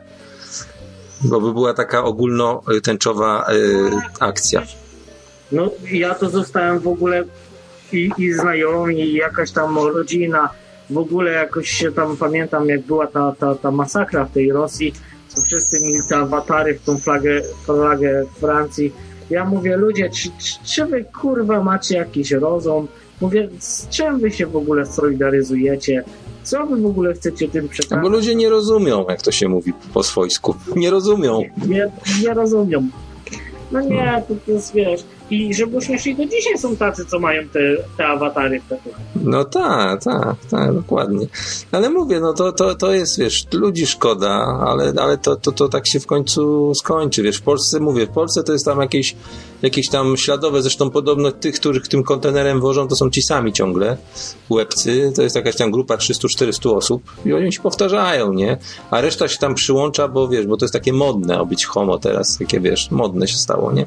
Taki bunt młodzieżowy, to można powiedzieć, ale tam, gdzie rzeczywiście oni nam na, na, No no, nas wozili tych, wiesz, tych, tych, tych, tych, z tych krajów muzułmańskich, to w końcu się znajdzie, mówię, się znajdzie ekstremista, który pierdolnie i to będzie po prostu masakra, nie? Bo, bo te, w takim tłumie, jak się jak pierdolnie, to, to, będzie, to, to będzie po prostu tysiąc, tysiąc ofiar, nie? To, to, to, to, wiesz, nikomu tego nie życzę, ale to po prostu na, do tego, do tego może, może ktoś chce, żeby tak było, bo to po prostu... Właśnie mi się... No. No, bo to, bo to może tak być, wiesz, że to jest jakiś taki plan, nie? Kto wie? A czy ty sobie zdajesz sprawę z tego, że właśnie mi się przypomniało, że jak był ten atak w tej Francji, to przecież turbo, turbo lewacki Facebook miał generator, że mogłeś sobie zmienić swoje ten, po prostu taką nakładkę flagi nakładało. Mm. Bo to nie jest tak, że ludzie sobie robili to na Facebooku mogłeś sobie tą flagę jakby nałożyć na swój awatar. No, Teraz mi się to właśnie przypomniało. no, że ktoś to musiał przygotować wcześniej, nie? No, nawet nie przygotować, tylko pojechać na, na fali, na fali tego, że to będzie, że o, o, tutaj się ludzie będą pod tym podpisywać. Ja na tym jednym ze zdjęć, co ci wysłałem na Facebooku, to jest zdjęcie jedno, które określa wszystko, bo robiłem tam zdjęcia idąc przez kurwa Dublin i, i obczaskowując tą całą flagownię LGBT, ale naj, najbardziej to mnie rozwaliło takie właśnie w sklepie. Był taki manekin przebrany za LGBT, owinięty we flagę LGBT, a nad nim było świateł, tak, takie, takie, takie, taka lampa w kształcie prosto, że prostopadłościanu z napisem trending now, że popularne teraz. I to, ja mówię, to zdjęcie daje wszystko, oddaje wszystko, że po prostu teraz popularne jest być dokończ No tak. Widzisz, ja ten, ja, ja pójdę tutaj znowu tym, co Bandy kiedyś, bo to był mądry serial wbrew pozorom. On kiedyś, on kiedyś e, na przykład wpadł na pomysł, co zrobić z feministkami, czy takimi właśnie głupkowatymi kobietami, żeby wybrać sobie na mapie jakiś jeden taki bez, bezsensowny stan, na przykład Ohio, i je wszystkie tam wysłać i zrobić takie państwo. Ja teraz proponuję zrobić państwo LGBT-landię, wybrać jakieś terytorium gdzieś tam na, na obrzeżach Afryki i zrobić im tą flagę. Niech sam se wszyscy będą, nie? Takie państwo. Znaczy Nie? wiesz, no ja bym nie skazywał ludzi, którzy się z tym nie, nie, nie identyfikują. No To dla tych, co chcą. No to tak, ale przecież tu nie chodzi o to, żeby oni mieli swoje państwo, tylko chodzi o to, żeby to w dupę to wsadzić. Ale to by było korzystne, bo w takim państwie nikt się nie będzie rozmnażał, w związku z czym i też nie będą mogli adaptować dzieci, no bo jak? Potem za 100 lat będziemy mogli odzyskać terytorium. No dokładnie, no. Ja, ja mam teorię na ten temat, że LGBT zniknie za 20 lat najdalej, e, ale to Nie zniknie, skoro, no e, tam, skoro od 50 lat walczą, no to nie znikną za 20. ja twierdzę, że za 20 już ich nie będzie.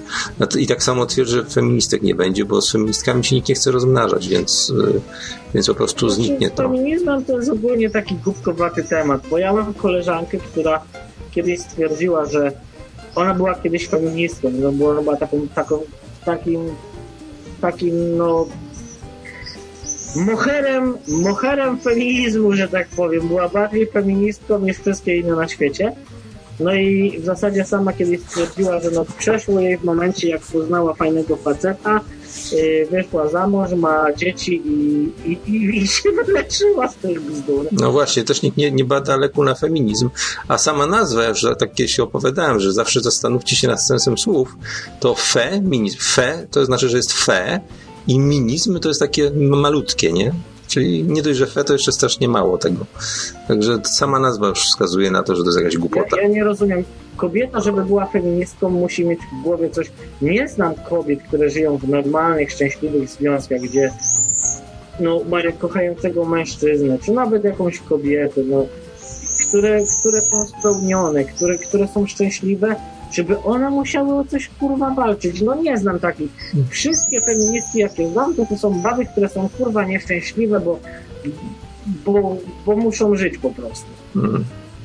I Mm. przecież nie ma czegoś takiego jak, jak nierówno, znaczy nierównouprawnienie. Jest, jest, jest. No, może w jakiejś kurwa Afryce, ale nierównouprawnienie obecnie to jest w stosunku do facetów. No właśnie o to chciałem powiedzieć, że mężczyźni są dyskryminowani i w ogóle na przykład jeszcze bardziej dyskryminowani są brzydcy mężczyźni. To kiedyś opowiadałem, tej audycji nie publikowałem, ale opowiadałem taką propozycję, żeby zrobić rozkładówkę dla brzydkich mężczyzn, taką gazetę, taki CKM dla błyski, brzydkich mężczyzn. Można było to nazwać na przykład BM, czyli brzydki mężczyzna, albo, albo wręcz Żul Polski chciałem taki miesięcznik stworzyć, gdzie po prostu byli pokazywani brzydcy mężczyźni i walka o ich prawa do, do kobiet, no, bo to oni są bardzo dyskryminowani przez płeć przeciwną.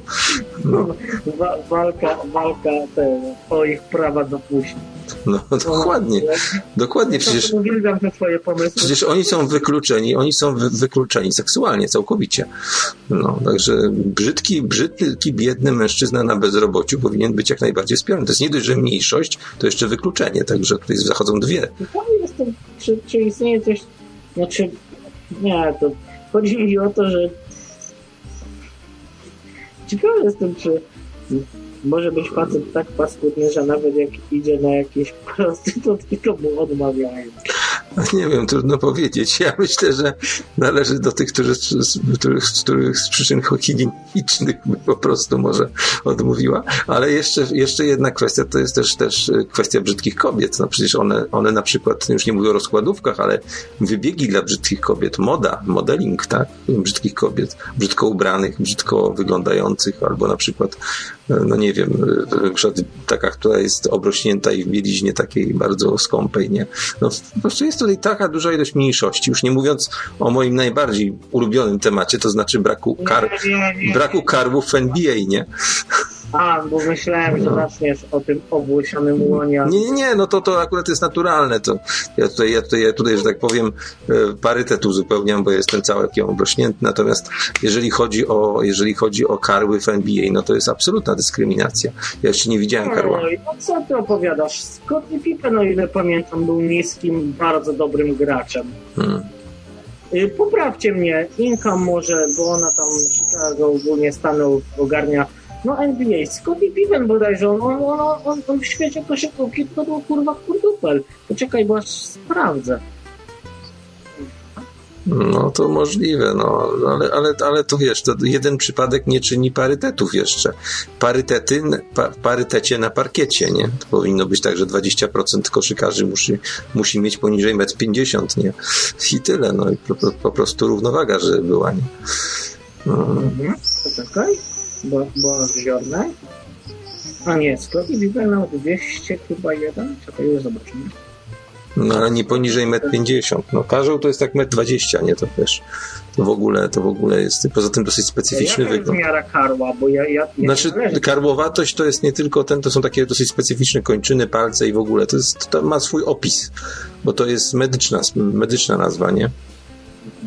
Chociaż w, podobno w poprawnej politycznie Ameryce mówi się teraz nie karły, a mali ludzie.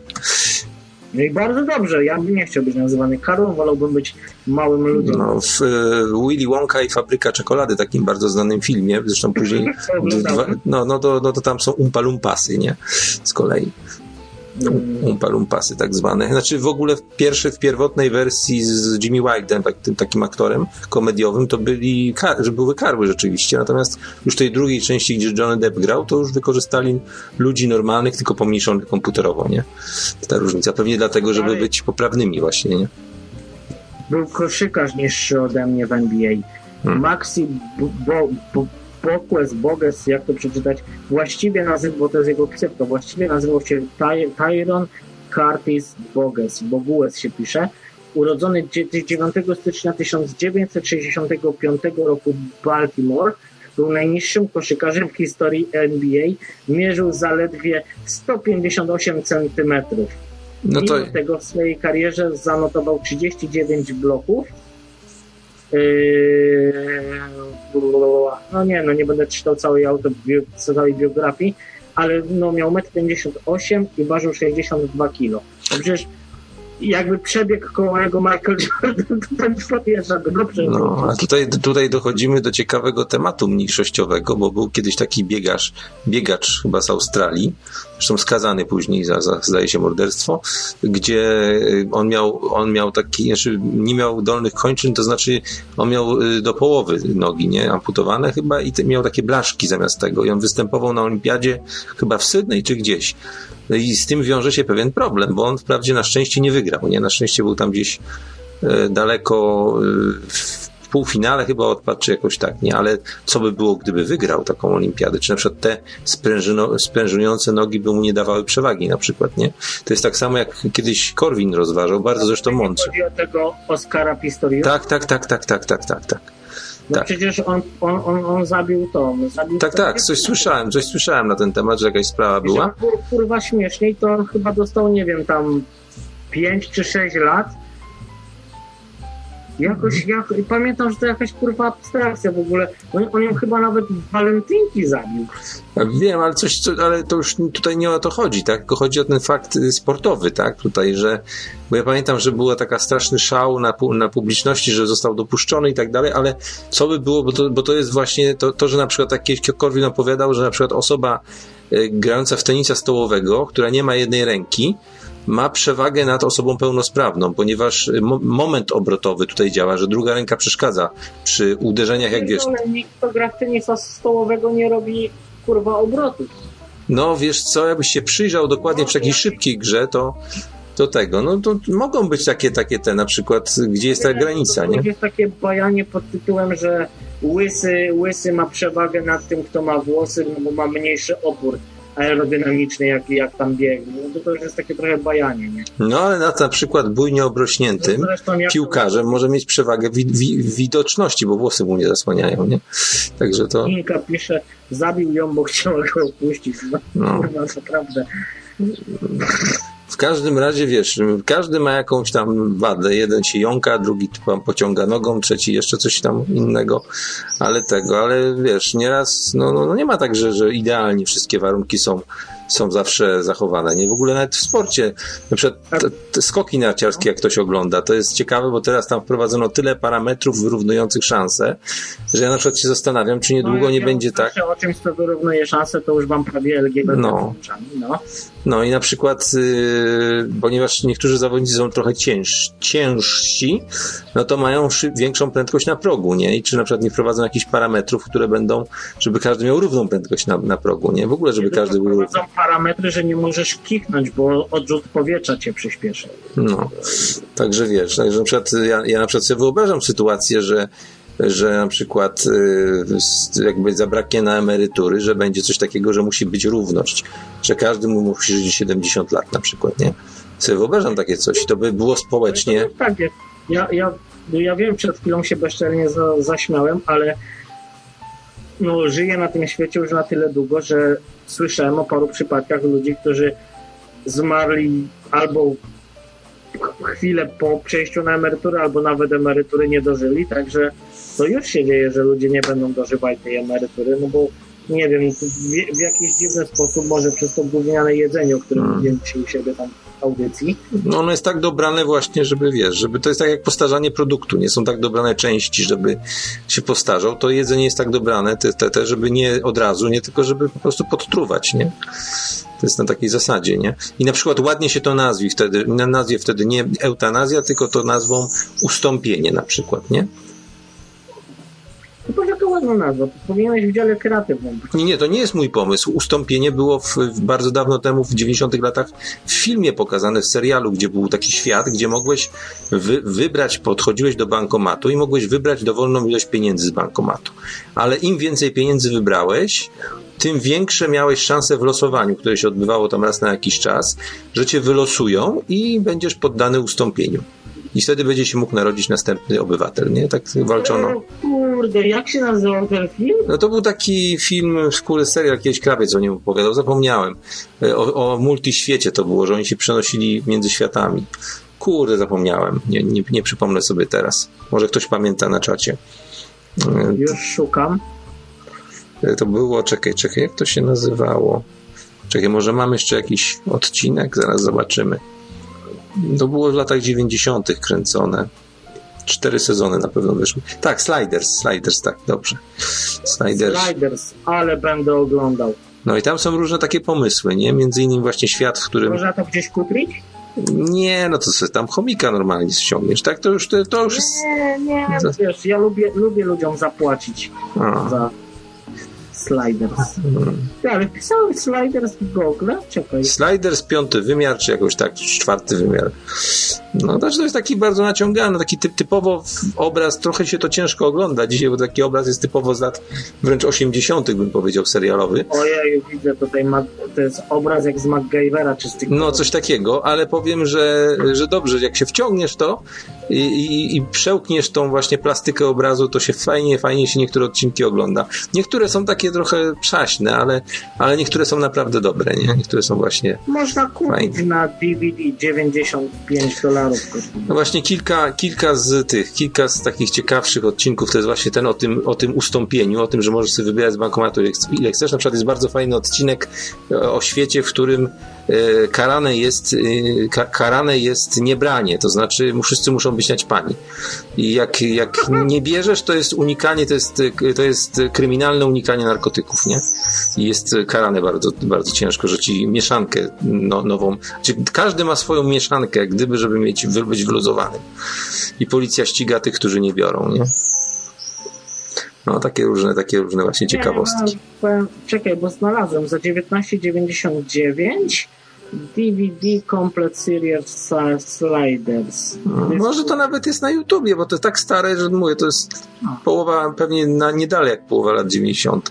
Cztery sezony były. Yy, mówiąc szczerze, tak na ostatnim, na początku ostatniego utknąłem, bo już takie były to odcinki trochę takie przesadne, nie? No, no ale jest, jest takie te, no na przykład jest świat faj, fajnie pokazany. Na Amazonie znajdzie. Świat jest fajny pokazany też w tym serialu. Orville, który tam jest takim mm, trochę parodią Star Treka, ale dosyć dobry film, gdzie jest na przykład świat, w którym lajkują, nie? Że masz przyczepione, każdy obywatel ma przyczepione do e, swojego jakby kołnierza, czy tam na, na klapie ma przyklejone takie like i dislike, nie? Coś w tym rodzaju, że w dół strzałka w górę, strzałka w dół. I jak i na przykład kto, kogoś wkurzysz, to ci kli- klika na ciebie i po prostu masz dyslajka. I na przykład są restauracje, które nie obsługują kogoś, kto ma więcej niż 500 tysięcy dyslajków, nie? Bo to przez całe życie liczą. A jak dojdziesz, a jak dojdziesz do miliona, a jak dojdziesz, jak do, dojdziesz do miliona dyslajków, to jest głosowanie w telewizji, mają telewizję interaktywną i głosują na dotykowych telewizorach, czy mają go skazać na skonwertowanie, czy nie. I wtedy mu mózg krasуją, nie? Takie, takie jakieś takie już y, wymyśl, wymyślne to dosyć jest, nie? Ja, ja bym czytał książkę, bo wiesz, książka zawsze bardziej pobudza wyobraźnię. Jak ja bym czytał książkę o tym teraz. No, O panie, aleś mi porobił. no coś takiego jest właśnie było w tym. tak piękne. W Orwilu, jakbyś chciał to obejrzeć. Nie pamiętam, który odcinek to jest, ale w każdym razie pierwszy sezon Orwila na pewno. Orville, dobra. Ja sobie, ja sobie te, te, te takie twoje pomysły. Notabene bardzo fajny film. I oczywiście jedna, jedna rzecz, tak, jak tak mówisz o tym LGBT, to powiem Ci tak, ja teraz oglądam kilka różnych seriali, takich aktualnie wychodzących. We wszystkich, ale to absolutnie we wszystkich jest homoseksualny policjant, jest homoseksualna kobieca para mająca dziecko, jest tam jakieś, jakaś rasa, która w ogóle są, są sami mężczyźni homoseksualni. Wszędzie, w Orwilu właśnie jest rasa, gdzie są tylko mężczyźni, nie wszystko jest homo. Yy, Star Trek nowy, gdzie jest para homoseksualna na statku. Ba, nie tylko homoseksualizm, ale jest para, gdzie jest android i kobieta, nie? To już w ogóle takie, wiesz, pomieszanie z poplątaniem. Nie? Tak, to znaczy android i kobieta, to znaczy wibrator i ona, czy jak? Bo Nie, nie, o, to jest świadoma taka, to jest rasa taka, która się gdzieś tam jakoś wyłoniła. Cała, cały świat jest androidów, a babka jest, zdaje się, psychologiem e, i, te, i ona się zakochuje w tym androidzie, bo on się jej wydaje idealnym mężczyzną. I nawet jej dzieci, bo ona ma dzieci z jakiegoś poprzedniego małżeństwa, strasznie się przywiązują do tego androida, no i oni, ona chce jak gdyby z nim, żeby, a on się starał, starał upodobnić z kolei do człowieka. Z, z tym, że to jego upodobnienie do człowieka jest e, nie, nie, nie kierowane miłością, a tym, że on się uczy być człowiekiem w sensie takim, że chce nauczyć swoją rasę, tak? Coś poznać e, o żywych istotach, tak zwanych organicznych, nie?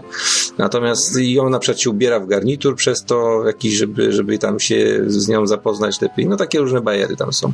To jest kilka odcinków ciągnięty ten wątek właśnie miłości tej, tej psycholożki do, do tego, do, do tego androida, nie? I, ty, I te dzieci też się w nim zakochują, że on to idealny ojciec jest, nie? strasznie. No. Ale no mówię, no absolutnie. No, po prostu widać, że to jest takie wciśnięte na siłę, nie? W Star Treku, w pierwszym sezonie tego nowego Star Treka, który jest na chyba Netflixie, to w ogóle lekarz i jakiś tam pokładowy oficer są e, parą homoseksualną. Oni są oczywiście wszyscy odbierani normalnie. No i jest e, motyw taki, że ten partner tego lekarza homoseksualny ginie. I chyba były jakieś protesty, bo w drugim sezonie go w magiczny sposób ożywiają, nie? No, no to normalnie. No przecież przecież e, Gra o Tron została uznana za film rasistowski, ponieważ... Nie, kurwa, proszę cię, daj mi spokój, bo... No, ale teraz to jest autentyk, to jest autentyk. Ten gościu, który gra w Gwiezdnych, Nowe Gwiezdne Wojny, nie wiem, czy, czy oglądasz w ogóle te, te Nowe Gwiezdne Wojny, te kinowe. Tam jest taki, taki czarny jeden, co szturmowcem No był na początku. no. No i on podobno, ten aktor, bezpośrednio on, zdaje się, że to o, o niego chodziło, oskarżył o rasizm grę o tron, że tam y, wśród kandydatów do tronu nie ma żadnego kolorowego, nie? No, także, także takie, takie, takie jaja, nie? No, no a, przecież, a przecież to jest świat fantazy, tam w ogóle może nie być kolorowych kompletnie, nie? Więc stąd była moja teoria, że prawdopodobnie pojawi się nowa postać i będzie to jakiś kolorowy, nie? Bo oni przez chwilę, dwa lata kręcili ten, ten ostatni sezon, nie? Zwykle co roku wychodzi, a i dwa lata aż było. No, powiem ci, że, że Gra o Tron to tak No, no to już... spoilerować tym, co jeszcze nie oglądali, ale ja jebie. No, Żeby no, coś tak, tak epickiego, tak nie chcę przeklinać, powiem zniszczyć, to już trza, trzeba się postarać. No ja mam taką teorię, że takie seriale właśnie takie bardzo dobre, które ciągną później na siłę przez wiele sezonów, bo już troszeczkę przeciągali też tą długość, chociaż- twórca książek mówił, żeby mi się przydało do 14 sezonów nawet, żeby to wszystko opowiedzieć jak trzeba, to tego, to powiem tak, że y, miarą przegranej serialu jest to, jak teorie w ostatnim sezonie y, fanów są lepsze niż to, co zrobili autorzy, nie? I to jest właśnie taki przykład, że teorie były lepsze niż y, to, co zrobili autorzy, nie? No po prostu zrobili, zrobili no kichę, no taką, no. To jest co tutaj dużo mówić, nie? Przerost y, finansów nad treścią, nie? No. Mhm. Nie, muszę, czekaj, czekaj, muszę koteła wpuścić, bo się dobija. Także ten, także gra o tron niestety, niestety przegrała kolejny serial, który przegrał. No, z drugiej strony, no nie był też za ambitny w tym ostatnim sezonie, to może się niektórym podobało, no nie wiem. Nie wiem. Ja w ogóle mam wrażenie, że ambitne seriale, ponieważ to głównie pod Amerykę jest robione i, i te takie większe kraje, gdzie są ci tak zwani zjadacze popcornu, to ambitne seriale mają małe szanse dzisiaj, żeby się, żeby się przebić. Nie? Zobaczymy, co zrobią w ostatnich Gwiezdnych Wojnach, bo mówiąc szczerze, to ja, ja na przykład pierwszą część Gwiezdnych Wojen, tych nowych, nazwałem Gwiezdne Wojny 7, tak, 7 razy 7, mu- podtytuł Murzyn w kosmosie, nie? No bo Murzyna zrobili koniecznie, musieli zrobić tym e, no, jak to się nazywa? No, w Terminatorze przecież Koreańczyk wystąpił, zdaje się, że był Koreańczyk jako Terminator T-1000 e, ciekłokrystaliczny, tak, czy tam, jak on tam się nazywa? Płyn, płynny metal, no, nie ciekłokrystaliczny, tylko płynny metal. Koreańczyk, także w sumie na siłę tak tego. W ogóle to polskie filmy są strasznie rasistowskie, bo sami biali są. No, jest, to jest, kurczę, tak samo polska reprezentacja. To jest biała reprezentacja. No, mieliśmy przypadek Olisa Bebe i jeszcze tam jakiegoś z Argentyny. No to niemiecka reprezentacja. A to daj spokój, ja to oglądałem skrót z Francją tego meczu. Przecież tam, kurde, tam w ogóle Niemców nie ma. no, Niemców i Francuzów w pakiecie. No, powinno to się nazywać obywatelska reprezentacja albo coś takiego. No, no nawet A. byłoby uczciwsze, jeśli o to chodzi, tak? Tak patrzę na tą reprezentację Niemiec, co się w ogóle piłką. Piłka to jest dla mnie najgłupszy z możliwych sportów. Przepraszam was. Śledzę. Znaczy ja lubię pooglądać po prostu, no już mnie... Ja, ja nie lubię po prostu, ja uwielbiam koszykówkę, bo, bo naprawdę tym gościom płacą kolosalny hajs, tyle tylko, że są dwa kosze, gdzie są dwa, dwa otwory, niewiele większe od piłki, którą trzeba tam trafić i musisz z rozpędu, z daleka rzucić, wiedząc, że ktoś ci może to zablokować, to stoi czasem Mm. z dwóch, trzech gości, którzy jeszcze próbują tą piłkę wyłapać podskakując, a no przysięgam, to, o tym już kiedyś gadaliśmy, no co masz w piłce nożnej? Bramkę wielką jak kurwa stodoła jednego typa, który stoi na środku i, Mm. i ty możesz praktycznie mu biec piłką do bramki. To jest taka bzdura jakaś. nie? A kiedyś znalazłem dużo, dużo trudniejsza niż piłka. Kiedyś znalazłem, tylko kurde, nie mogę tego chyba to wycielić z YouTube'a. Zajebistą przeróbkę hymnu Deutschland, Deutschland über alles po turecku śpiewane. Po prostu tak zajebiście to, i to jeszcze takimi tymi bębenkami, tą taką muzyką arabską zrobione to było. Kurde, nie mogę tego znaleźć, tego utworu. To jest tak, takie jak Turkistan tam nazwane, to jest Deutschland Turkistan yy, hymn. Hymn niemiecki przerobiony, ale to jest kurde fajnie taka reprezentacja, nie? Ten Odonkor, Uzil, e, Podolski, Klo, znaczy Kloze to jeszcze tak niemiecko brzmi, nie? Ale takie właśnie nazwiska jakieś, kurcze, tam Tulkirmas albo coś. Nie wiem, czy kojarzycie jeszcze, no bo to akurat mnie wtedy nie było, jak była chyba ta mas... Nie, nie było mnie. y, Tutaj jak była ta, nazwijmy to masakra, co tam ten kurwa czerpią wszedł do meczetu i tam wystrzelał tych ludzi, nie? Powiem, powiem wam, że normalnie aż mi się krew ścięła. Jeżeli to była prawda, to jeżeli dojdzie kiedyś do jakichś takich odpowiedzi regularnych, że jeden jebnięty będzie strzelał do grupy tam, nie wiem ile on wtedy zabił. Kojarzycie może kilkadziesiąt osób pewnie, nie? W meczecie, które się modliły, no to tylko czekać, że jakiś kurde idiota weźmie kałacha, wyjdzie do kościoła i wyszczela ludzi w czasie mszy. Hmm. No niestety, no. Prowokowanie, prowokowanie ludzi, którzy niekoniecznie będą myśleć, co robią. No dokładnie. Tym bardziej, że mówię, ja to wcale nie bym się nie zdziwił, gdyby to było w jakiś sposób zaplanowane, żeby takie, takie Ale to wiesz, incydenty były. Oprócz teorii spiskowych ja mówię o rzeczach realnych, takich, gdzie wiesz, wchodzi, wchodzi typ, strzela do tam grupy, przyjmijmy tam 30 ludzi, zabija ich, no i później się aktywuje jakiś ktoś, kto stracił tam, przyjmijmy żonę, dziecko albo w ogóle rodzinę całą mu wystrzelali, no to on tylko, on tylko czekał, żeby później pojechać do jakiegoś, przyjmijmy, Częstochowy i w czasie, w czasie jakiejś mszy po prostu wystrzelać ludzi, nie? Hmm. No to, to, to, to jest kurwa chore, naprawdę. Ten świat naprawdę zdziwaczał do, do, do końca. No ale z drugiej Szczerze, strony... szczerze nie, nie zapowiada się na to, żeby coś miało Z znowu. drugiej strony, gdyby e, nie byłoby tych sytuacji, gdyby nie wpuszczali tak masowo, nie? Nie mieszali tego. Ale przecież on nie był wpuszczony masowo, bo z tego co pamiętam, to on sobie podróżował, on nie mieszkał tam na stałe, on nie był Nowozelandczykiem, on żebyśmy był Kanadyjczykiem, czy kimś tam, no, Australijczykiem, on sobie podróżował, po prostu stwierdził, że sobie z- zamelinuje się na jakiś czas, żeby przemyśleć plan, który miał zrobić tam w Europie bodajże, czy gdzieś, no ale jak zobaczył, jaki jest grunt w danym miejscu, to zrobił tam, doprowadził do tego wszystkiego tam, no ale no w Europie jakby coś takiego się stało, to ja idę zakład, że już kościoły by krwią spływały. Hmm. Bo, bo, bo to by nie zostało bez odpowiedzi niestety. No, zobaczymy, no co to będzie. No ja mówię, ja, ja, ja mam co to tylko wizję co do LGBT, co tam, jak to może być zakończone.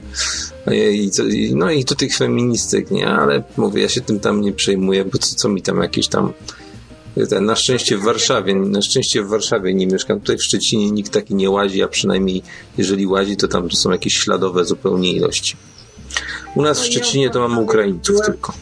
To, co słuchałeś w audycji mojej, to jak byłem w Warszawie, no to nie widziałem ani kurwa naklejeczki, ani jednej wlepki z tęczą. Autentycznie, ani jednej.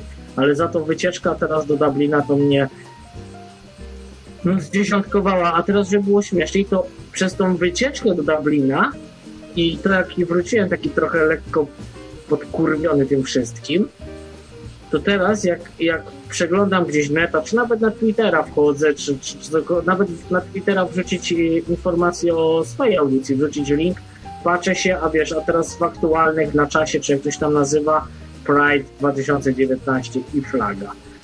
I naprawdę daje się tak łatwo triggerować i dopiero teraz zauważam, jak tego jest pełno po wizycie w takim Dublinie i się zastanawiam, co sobie kurwa myślą mieszkańcy Dublina, którzy tam żyją i muszą to wszystko tolerować, mimo że są przeciwnego, przeciwnej. y, Znaczy, obawiam się, że Irlandczycy mogą nie tolerować. I się, i, i się zacznie tam, bo to są jednak bardziej tacy, oni są bardziej jeszcze tacy krzepcy od Polaków. Irlandczycy są bardziej krewcy, jak ich zacznie coś wkurwiać, to po prostu pójdą i zrobią porządek. Ja zresztą już nieraz, jak tu mieszkam, dali, dali znać tej swojej krewki naturze i podejrzewam, że tak to się skończy, że jak ktoś kiedyś podskoczy albo nie, no naprawdę nie życzy tego, jak tu ktoś zgwałci dziecko, o kurwa, to powiem ci, on, on nie wyjedzie, nie wyjedzie kurwa z tego kraju, jak go dorwą, to go po prostu kurwa rozszarpie. No. Ja sobie nie wyobrażam, żeby w Irlandii, mimo to, że mamy y, homoseksualnego premiera, no bo jest i, i nikomu nie wadzi, bo, bo po prostu robi swoją robotę i jakoś się z tym nie obnosi, ale podejrzewam, że jakby doszło do takiego czegoś, że wymyśliliby, że będą sobie tam, nie wiem, uczyć, uczyć dzieci o LGBT w szkole i zaczęliby to wciskać ludziom takim tradycjonalistom, to, to naprawdę nie trzeba wiele. To szkoły by płonęły. No ja kiedyś na zebraniu w szkole, Strasznie, strasznie to lubię u Irlandczyków, że oni się nie pierdolą w tańcu. ja kiedyś właśnie w szkole opowiadałem na zebraniu, bo tak właśnie były pierwsze przebitki ładnych kilka lat temu, to jeszcze podstawówka była. Pierwsze przebitki, coś tam o tym e, homoseksualizmie, tam jakieś tam plotki chodziły o tym szkolnictwie. Ja na zebraniu tak wstałem i mówię, tak, co, czy coś jeszcze na koniec wychowawczy nie mówi? A ja mówię, ja mam taką jedną sprawę i tak wstałem, mówię i błagam panią, proszę, nie mówcie tylko na tych y, lekcjach o tych pedałach. Nie? I tak po- poszedł taki szmer, taki szmer potem. A wiesz co mi odpowiedziała nauczycielka? Tak dziwnie spojrzała w podłogę i powiedziała, no jak nam każą, to będę musiała, nie? I, i tylko... A ja powiedziałem, nie. I wiesz, co, co bardziej tacy, wiesz... Czy mógłbyś, czy mógłbyś wziąć w Polsce dziecko ze szkoły, gdyby w programie nauczania wprowadzili przymusową naukę o LGBT? Znaczy to nawet nie chodzi o LGBT, wiesz co, ja uważam jedną rzecz, że uświadamianie własnego dziecka to jest bardzo mocna, że tak, to jest taka, taki przywilej rodzica. Mi się w Tak, ogóle nie podoba. Mi się w ogóle nie podoba to, że odbierają to poprzez szkolnictwo. Między, że, ja, ja umiem wytłumaczyć, Prze, przepraszam, że ci przerwę, bo zapomnę. Umiem to wytłumaczyć, dlaczego chyba za to wzięły się szkoły.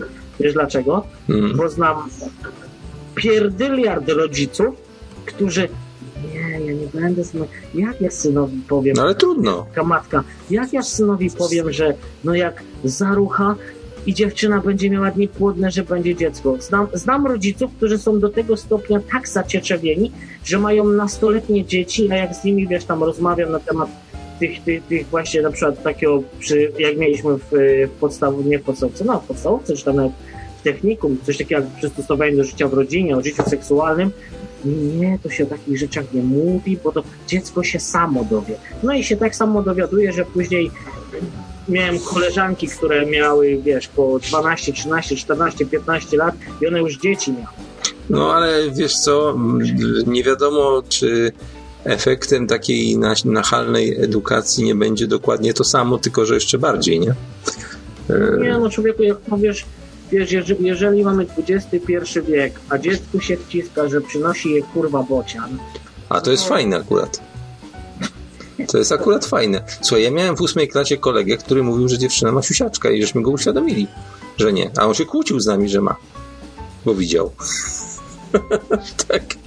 Poważnie mówię zupełnie. W ósmej klasie podstawówki. ta dziewczyna brała udział w Eurowizji. tak, tak było, nie? I on nie chciał uwierzyć, nie? No. A jak, jak w alternatywach to było fajnie pokazane, jak się dzieciak taki kilkunastoletni zapytał ojca, tato, to balcerka, co to jest ta alternatywa? On powiedział alternatywa, nie prezerwatywa. Idź gówniarzu jeden, bo ci ten, wszystko ci dziewuchy powiedzą kiedyś, nie? I taka jest prawda, po co to? No. Nie wiem, aku, akurat y, Jacek się pyta, a jak faktycznie widział? Nie, nie, wybiłeś mi argumenty. To powinno być tabu, to powinno być całkowite tabu. Ty, no, ty sam jesteś tabu i wiesz, takie, takie januszowe podejście do seksu, że a tam syn nie chce zadupczy, córka nie chce zadupczy, a jak, a później jest o, to ty masz 17 lat, kariera byłaby przed tobą, bach, skrobanka. Mm. No to super rozwiązanie. No, no ja, ja mam, Ja mam proste chłopskie pro, te rozwiązania problemów, po prostu. Nie 500 plus wyłączać światło. Y, Żadnego grzechu, grzechu tego y, antykoncepcji. Koniec. Zakazać prezerwatyw. Nie ma. Y, Już, już jest rozwiązany problem demograficzny. No. Jaki problem? To nie, nie zakażesz prezerwatyw, bo to wiesz, zaraz. Poza tym podejrzewam, że teraz te w cudzysłowie nowoczesne dziewczyny, to one wszystkie jadą na piksach, więc czy ty będziesz miał prezerwatywę, czy nie, to To to wszystko byłoby zakazane. No, No nie byłoby, nie byłoby, to by było ścigane jak narkotyki, jak narkomaństwo, nie? By było i tyle. No, wiesz, zawsze można byłoby zrobić wyłom w prawie pod tytułem ale te tabletki można stosować hormonalnie na leczenie trądziku. Szachman. No, to pewnie by były jakieś wyłomy, ale by było lepiej, nie? No. Nie mówiąc o tym, że żeby dostać ślub e, cywilny, dziewczyna byłaby sprawdzona, czy jest dziewicą Nie, dobra, już, już, już, już, już. przez urzędnika państwowego. Tyś jest, tyś jest kurwa gorszy niż ci, niż ci muzułmanie tak na tej pustyni. No mówię, mnie zatrudnić w jakimś takim ministerstwie do spraw kontroli, to ja bym takie powymyślał, żebyście się nie wyplątali. Byłby, byłby urzędniczy przyjaciel, Słuchaj, byłby, miałbyś tak. Byłoby tak, domniema się, iż profesor Leniuk wychował się w Polsce, otrzymał edukację, przyznajemy mu urzędniczego przyjaciela. W ramach przepisów unijnych i polskich przyjechałby polski, Udajemy. przyjechałby, przyjechałby polski urzędnik, który by pilnował, żebyś zapłacił podatki do Polski za swoją edukację i on byś, byś wszystkie przychody, które byś dostawał, by szły na konto jego, on by ci wydzielał, co masz na życie, a resztę by redystrybuował. No poczekaj, poczekaj, I poczekaj. to by się nazywało urzędniczy przyjaciel. Ale to już macie teraz przecież. No, Już macie to wprowadzone. Biorą wam pieniądze, które zarabiacie, wydają na kogoś innego, przydziały wam robią. no ale jeszcze nie ma przy każdej rodzinie czy przy każdej firmie urzędniczego przyjaciela, jak to ładnie brzmi.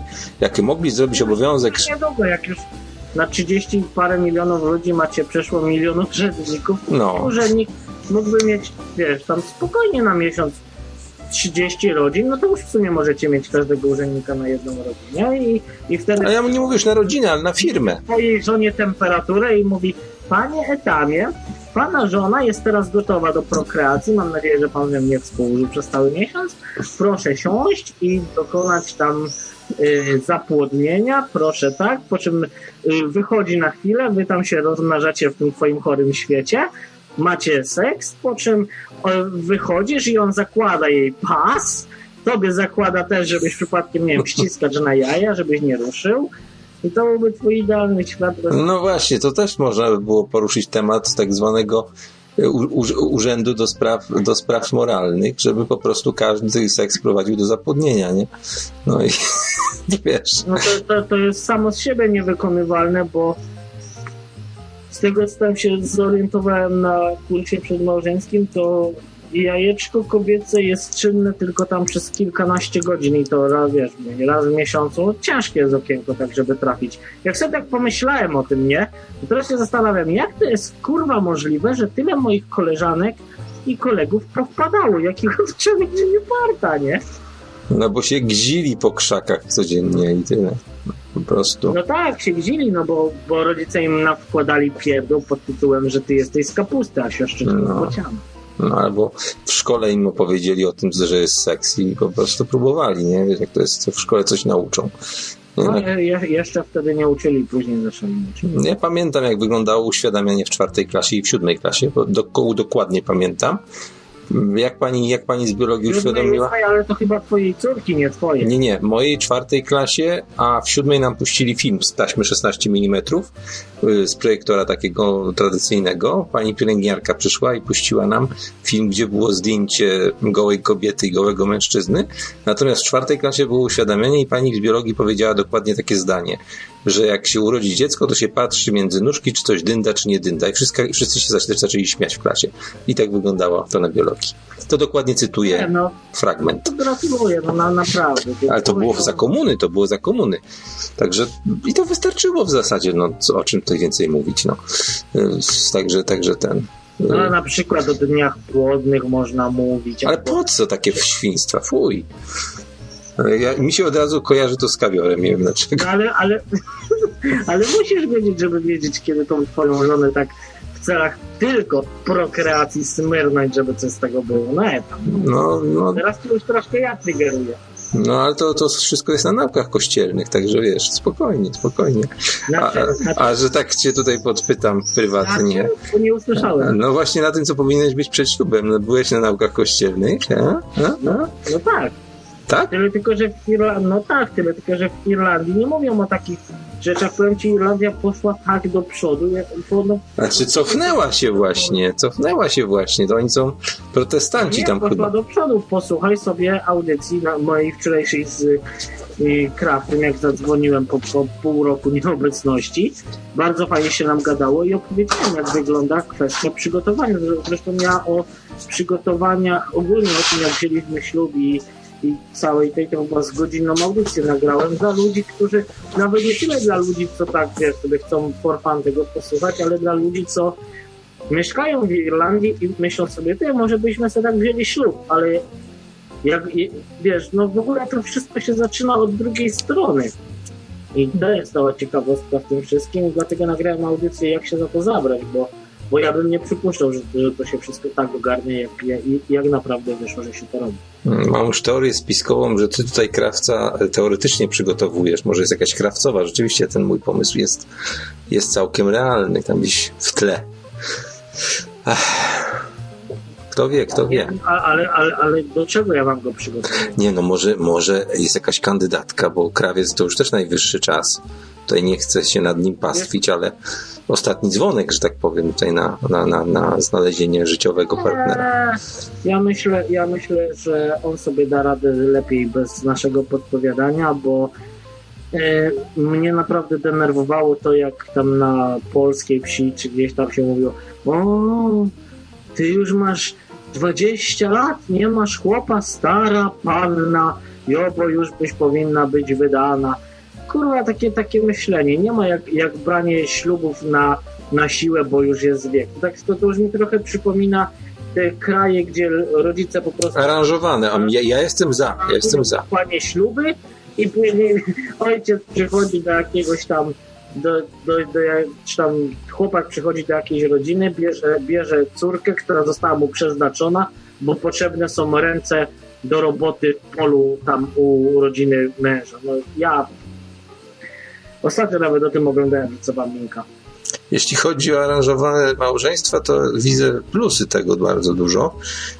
A ja, się Znaczy, nie podoba mi się tylko ta forma, kiedy mężczyzna widzi narzeczoną na ślubie dopiero, także to wtedy to, to jest taka, taka trochę przykre, bo może mu się nie podobać, nie? To było głupio trochę.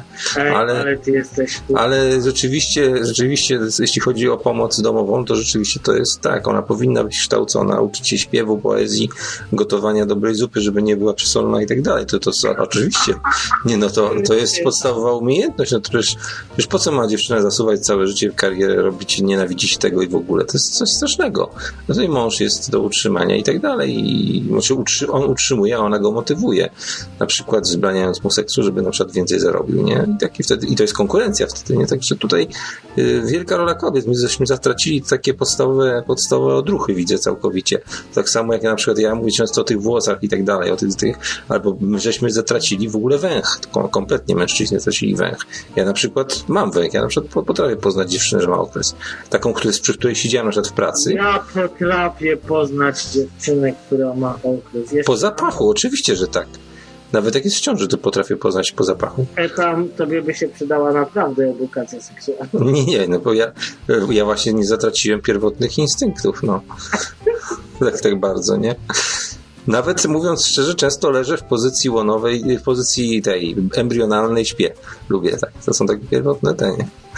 No, taki zwinięty. Trudno jest sobie to wyobrazić, bo oboje jesteśmy dość, dość puszyści i trudno jest raczej takim grubaskom się w embrionek zwiększyć. A ja umiem tak, umiem tak. Tak, taki ściśnięty sobie nieraz śpię. Fajnie to jest. Czuję, czy paluszka do buzi nie biorę, nie, bo to, to bez przesady, nie, ale Niegorabia i dyskoteki tam jacy są Nepalczycy i tam jest trochę aranżowanych właśnie małżeństwach. I to jest tragedia, to masakra. no, ale Pomyśl- tam Pomyśl, że ty jako dziewczynka, rodzisz się jako dziewczynka i ty jesteś takim kurwa śmieciem trochę w domu, bo jak oni to mówię, jak to jest fajnie wytłumaczone w tym filmie, tak do tego stopnia obrazowo, że w zasadzie ty jesteś kosztem rodziny, który się im nie zwróci. No tak, bo tam jeszcze musi. w zasadzie jesteś po to, żebyś urosła jak najszybciej i z domu, bo jesteś kosztem, bo pójdziesz pracować w polu kogoś innego. Przecież to jest traktowanie kobiet jak kurwa klaczy. No ale jeszcze Nie, trzeba, tam tak. trzeba jeszcze dołożyć, bo tam jeszcze jak się wydaje, to ten No posag, tak, że to musi w nie być. do tego, żeby ktoś No ten tak. problem zabrał. No ja kiedyś byłem w takiej stajni ym, na przedmieściach Szczecina, stadninie nazwijmy to nie stajni, że tam ta dziewczyna, która tam uczyła jazdy konnej, to już taka była panna po trzydziestce i ja tak coś tam o tych małżeństwach zacząłem z nią, tak zacząłem z nią gadać, jak ja to lubię pogadać sobie pod nosem z przypadkowymi osobami i że ona nie ma chłopaka, bo tutaj chłopa nie ma i tak dalej i ten ojciec tak chodził wokół i tak widziałem, że taki trochę smutny byłem, o widzę, że mówię tutaj ojciec by chciał już pewnie być dziadkiem i tak dalej i tak widziałem zrozumienie w oczach tego ojca i mówię, no musi się pani pośpieszyć, mówię, bo, bo jeszcze ze dwa lata i będzie musiał pół stadniny koni jeszcze oddać w posagu, żeby ktoś chciał wziąć. Ale ty jesteś kurwa. No ja tak potrafię, ale nie, no to było wszystko z uśmiechem, żartem było, nie? No wiesz, ale nie każda kobieta weźmie to za żart i naprawdę. Ale nie, nie, ja najpierw, ja najpierw ją podbudowałem, że, że widziałem kiedyś, że widziałem właśnie jak tu szedłem, to na wiosce widziałem po drodze dziewczynę, która była prawie tak ładna jak pani, nie? Mówię, że gdybym był trochę młodszy, to bym sam wystartował. Także najpierw była podbudowa moralna, także nie, nie, nie, to nie jest tak, że ja Tak, od razu ten, nie, jesteś usprawiedliwiony, bo ją tak kopnąłeś, ale lekko. No, bo wiesz, że najlepiej to, najlepszy tekst, Trzymałeś za rękę. Najlepszy tekst do dziewczyny, jakby coś tam chcesz zagadać, to jest ojejku, jaka ładna dziewczyna. Widziałem przed chwilą prawie tak ładną jak pani na ulicy, nie? To ona znaczy, że ona jest jeszcze ładniejsza, nie? I to jest ten. No, także to jest bardzo proste. Ja, ja w ogóle się dziwię sam sobie, że kiedyś taki nie byłem, byłem nieśmiały.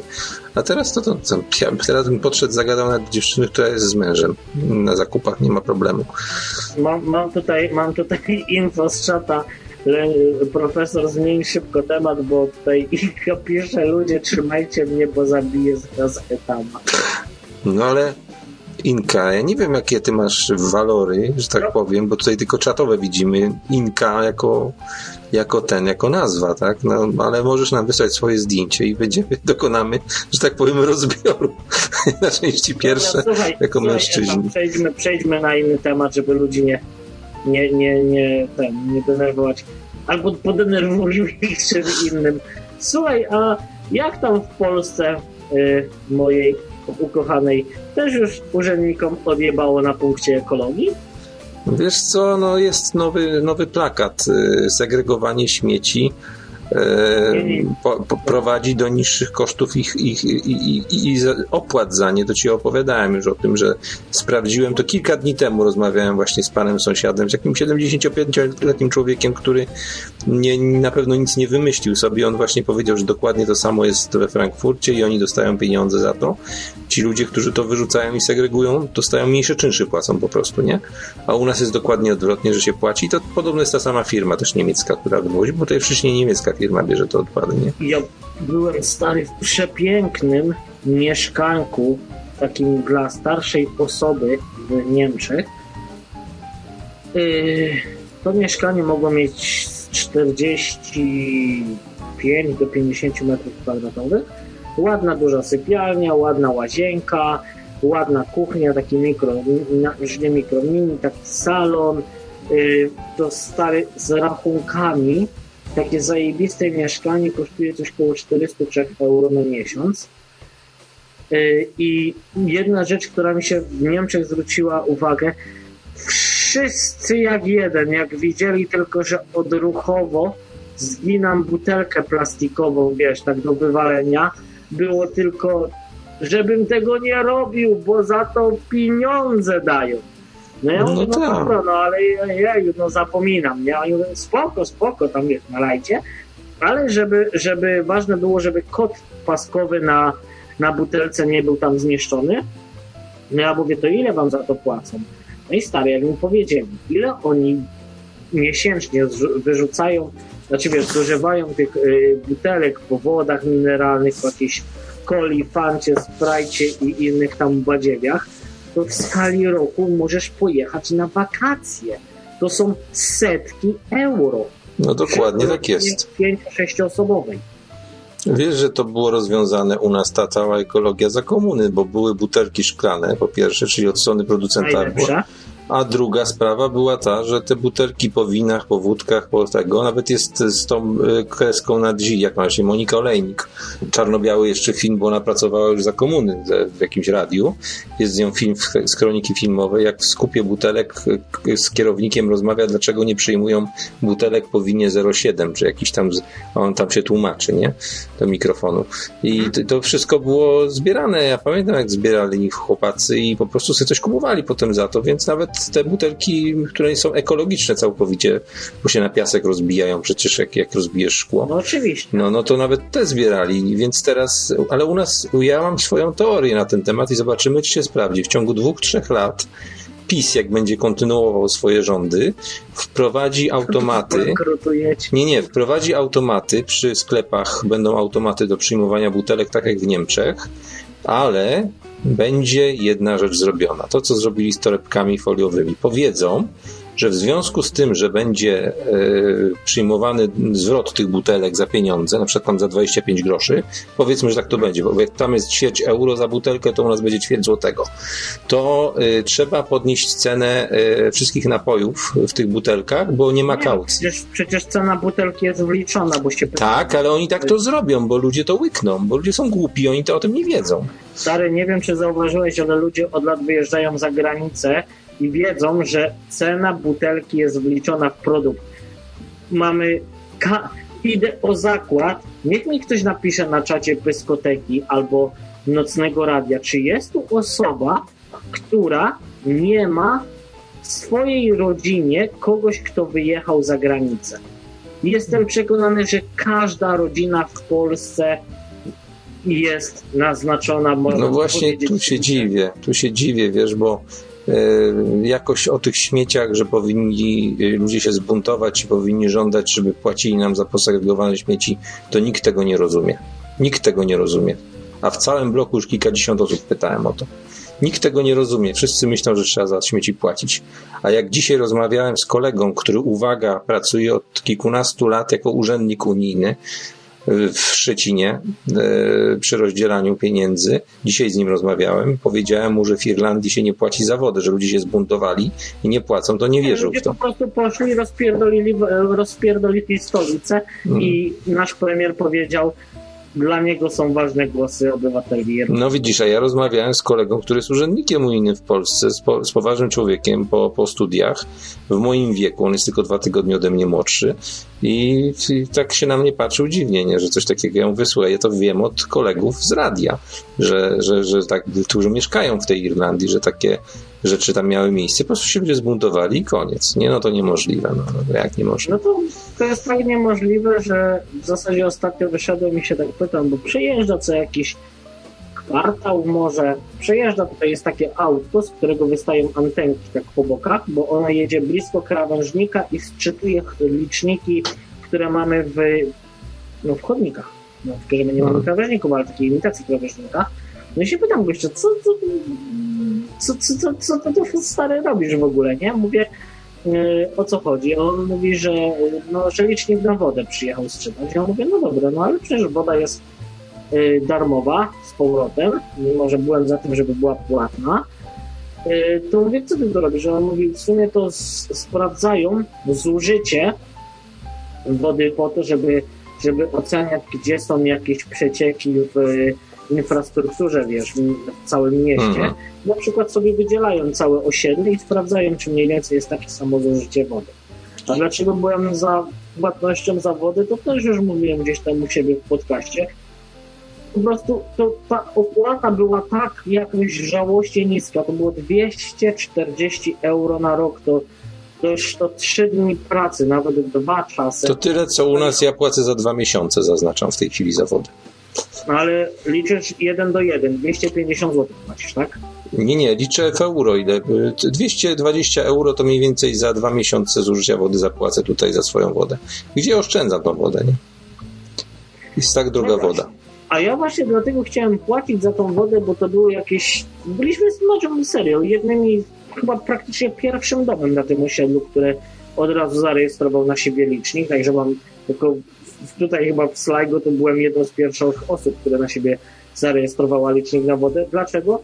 Dlatego, że to była tak niska opłata, że to aż głupkowato było, y, było, było robić o to jakieś, wiesz, pieniactwo, a z drugiej strony, no ja umiem zrozumieć fakt, że no infrastruktura, te oczyszczalnie, no nie są na, y, kurwa, wiesz, na, na powietrze i one sobie po prostu nie biorą energii znikąd. No, A sprawdź, to jest właścicielem jeszcze taką rzecz. To jest właścicielem tych wodociągów.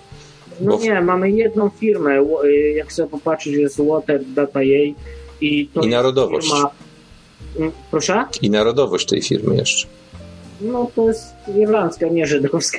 No w Polsce jest właśnie izraelska. Ogólnie, ogólnie, ogólnie Irlandczycy strasznie zauważyłem, zacząłem śledzić ten temat, to zauważyłem, że Irlandczycy bardzo, ale to bardzo są antyżydowscy. To jest, kurwa, jak się mówi jakimś, y, jak się mówi na tych, y, no, że się nie lubi. Sionistów? Nie, poczekaj, bo wybiłem się ze słowem. Że są antysemitami, Mhm.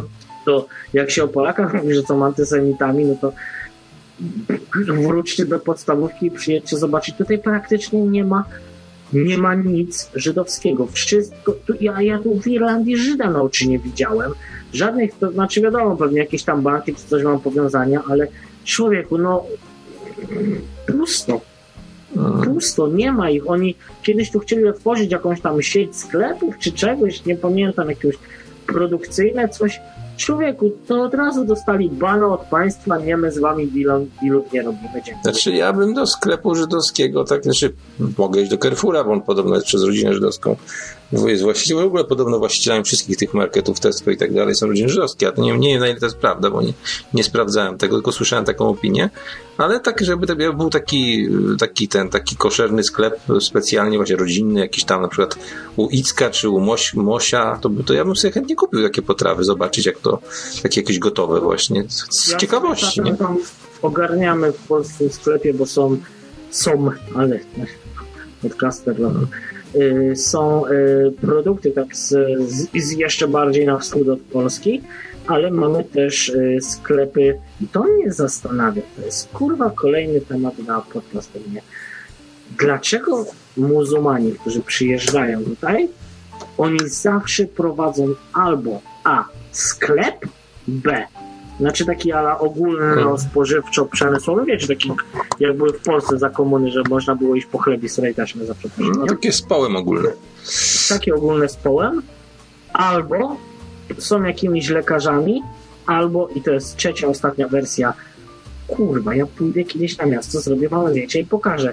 Wszystkie punkty jakieś typu GSM, czy coś tam, ściąganie simloków, naprawa czegoś tam, wszystko jak jeden prowadzą oni, tylko ja się zastanawiam, kurwa, ja żyję w miasteczku, które ma kilkanaście tysięcy ludzi, a tych punktów mamy bany tyle, że no chociażby ludzie wszyscy chcieli i zaczęli rzucać tymi telefonami o ziemię, to ich nie zepsują tyle, żeby oni się wszyscy dali radę utrzymać z tego, a dodam, że oni w większości mają wszyscy punkty w centrum miasta, a tam ceny często to są już pojebane.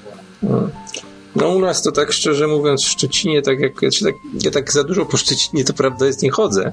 Bardzo rzadko gdzieś tak się dalej wybieram, ale tak jak już się wybiorę i tam sobie tak poprzyglądam, no, no to takie powiedzmy, że tam Turek, tak, czy, czy, czy, czy ktoś takiej o ciemniejszej karnacji, bo nawet nie wiem jakie to są narodowości dokładnie, to głównie są takie jakieś y, sklepik z kebabem albo coś takiego, nie?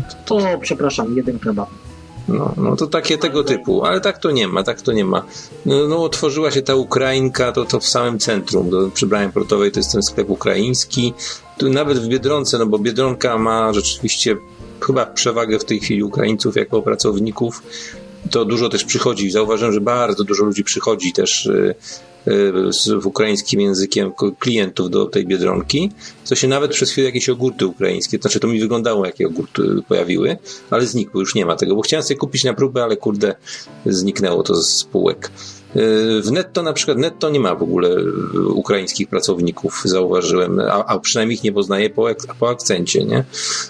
Tak samo w marketach tych takich typu Carrefour to, to, to nie, nie widzę, żeby tutaj Ukraińcy byli, nie? Także u nas generalnie to Biedronka. Generalnie Biedronka. Nie wiem jak w Lidlu, bo do Lidlów nie chodzę, bo ten czołg, tak, że to wiesz.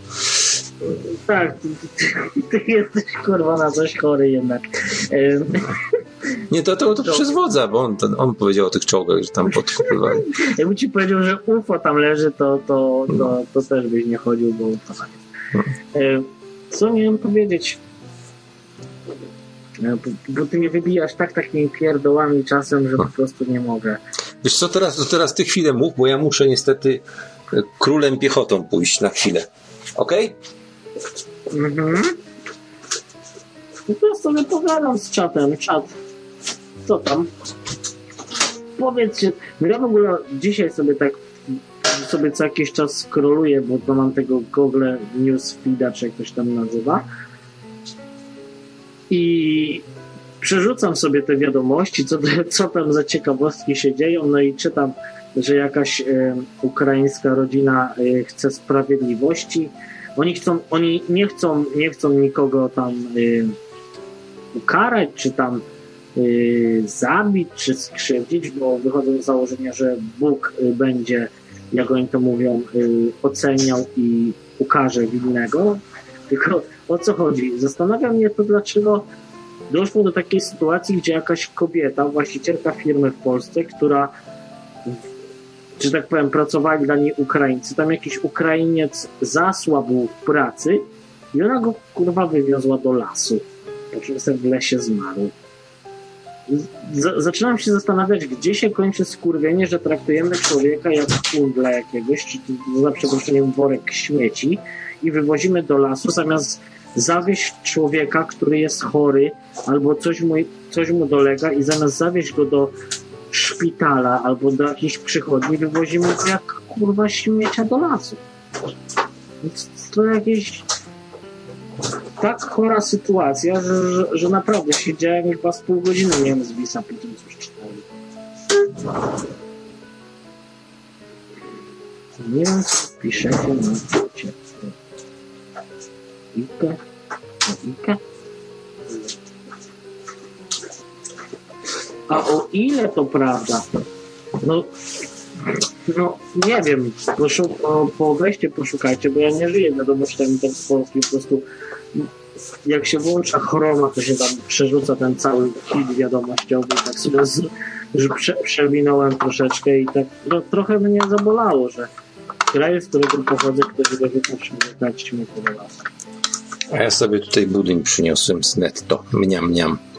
Przecież budyń się robi samemu, mleko... Wiem, ale kupiłem, no co zrobię teraz? Nie wywalę. Ja dobry, bo zimniutki taki. Mm. Czekoladowy. Mam na kolację przynajmniej. No my dzisiaj takie truskaweczki z tym ryżem jadły weszły pierwszy raz, jadłem takie chyba od czasów przedszkola. No ja w ogóle truskawek to nie jadam, bo nie lubię, szczerze mówiąc. A wiesz dlaczego nie lubię? Strasznie mi tak chrzęszczą w zębach te, te takie pesteczki, co tam są. Ale wpadłem ostatnio na pomysł. Pesteczki w truskawkach? No one mają takie kropeczki, pesteczki takie na, na, na ten. Ale wpadłem na... Tego nawet nie mogę, nie poczuję w zębów. Wpadłem na genialny pomysł ostatnio, ponieważ mam taki mikser, taki, taki, taki, co się można miksować w szklance, nie? Że zacznę jeść truskawki, będę je sobie... Blender. No taki blend, o właśnie, to blender jest. Sobie takim blenderem będę miksował truskawki, jeszcze nie wiem z czym, żeby taki koktajl fajny powstał. No to ja sobie tak właśnie zrobiłem. Madzioszka sobie mm, Bo tak całych jeść to ja nie lubię. A ja sobie właśnie wrzuciłem wszystko do, do, do blendera i kupiliśmy jakiś z Madzioszką tak zajebisty blender. Yy, Tefala. On się nazywa Blendport, coś takiego. Jakie to ma kopyto? Szklany pojemnik dwulitrowy kupę mocy powiem wam, że no, to sieka wszystko. No, z, z, wyjątkiem liści, bo liście od pędu tych, yy, jak to się nazywa, yy, ostrzy po prostu się rozkładają na ściankach i trzeba tam co jakiś czas poprawiać, ale naprawdę ma zajebiste kopyto. Ja, ja miałem jakąś taką sieczkarnię właśnie taką super szybko obrotową, ale to było w postaci takiego jakby garnuszka, że te ostrza były takie bardzo taki wentylator, znaczy wentylator, tak jak wentylator to wyglądało dosyć szerokie to było i to siekało nawet lód na kawałki. No to, to wiadomo, to musisz mieć y, Ice Crushera, żeby ci siekało. No, i to, to właśnie wszystko tam mogłeś zrobić. Na przykład lody y, takie z zamrażarki wrzucić i do tego na przykład Liona dorzucić, miałeś z Lionem posiekanym lody. Mocne, ale w końcu się, w końcu się zepsuło. Aspreo pisze na czacie dyskoteki. Truskawki mają nasionka, ale jak ci to, to chrzęścić w zębach mogło, to nie potrafię sobie wyobrazić. Hmm, no, chrzęści. No ja, ja po prostu, jeśli chodzi o owoce takie e, tego typu jak truskawki, to ja lubię tak, mm, borówki te amerykańskie, takie okrągłe te kuleczki. E, Bardzo lubię jeść. Mm, Może być malina, może być jeżyna, poziomki. Właśnie truskawek nie, nie za bardzo. Nie, nie, nie lubię ich po prostu jeść tak, tak, tak jak tak Tylko normalnie. wiesz co, jak się weźmiesz za te wszystkie owoce, a nie masz ich od farmera, którego znasz, to sobie pos- posłuchaj dzisiejszego mojego Mm. odcinka, bo ja jestem, że tak powiem, wstrząśnięty, lekko zmieszany po tym, jak zobaczyłem, że tak naprawdę my jemy te warzywa i owoce licząc na jakieś zdrowie, a to wszystko jest hodowane na takim głównie pestycydach i Tak. taką chemią. Madziuszka gdzieś kiedyś znalazła filmik, yy, czy to na Insta było, czy gdzieś zna, znalazła filmik, jak ktoś próbował domyć. Piszcie sobie, piszcie sobie. Yy, czekajcie, zaraz wam znajdę. Wax April, coś tam, moment. Bo wiesz, jabłka są tak woskowane i tam nasączane jakąś chemią, że ktoś to 6 czy 7 razy mył w jakimś rozpucholu, czy w jakimś occie, czy czymś, po czym parzył, żeby zmyć ten syf cały. Tak, tak. Znaczy ja generalnie nie jem takich rzeczy. Ja czereśnie na przykład to jadłem ostatnio z 8 lat temu. Ehm, Ja jem tak, jeżeli już jem owoce, to jem suszone. Na przykład śliwki w czekoladzie. Mhm. Albo teraz ostatnio stałem się e, notorycznym zjadaczem owsianek, do których dosypuję jagody goi, to się nazywa. Dobrze, że nie geja, ale pisze się goi, więc się kupuje. To są takie jakieś chińskie jagody, które zresztą dobrze wpływają na ciśnienie, ogólnie regulują układ krążenia, z tego co wyczytałem. I są poza tym bardzo dobre, smaczne są z tą owsianką. Ja je sobie zalewam, one tam sobie postoją w gorącej wodzie przez paręnaście minut i są, i naprawdę pyszne z tą, z tą owsianeczką. Tak, takich owoców to właściwie z owoców takich codziennych, dostępnych z półki, to można powiedzieć, że tak w miarę regularnie zjadam banany. I No, banany są takie No. neutralne. miarę. Przecież ja nie mogę na cztery jeść bananów, bo się jakoś źle czuję po nich. Y, Piszcie sobie na Google how to remove toxic wax from apples. I zobaczycie, jak, jakie są sposoby na to, żeby jabłko, które wygląda się jak świe, świecąca y, ozdoba na choinkę, po umyciu, wyszczotkowaniu jeszcze z, z tą sodą oczyszczoną wyglądało normalnie, jak polskie jabłka fajnie.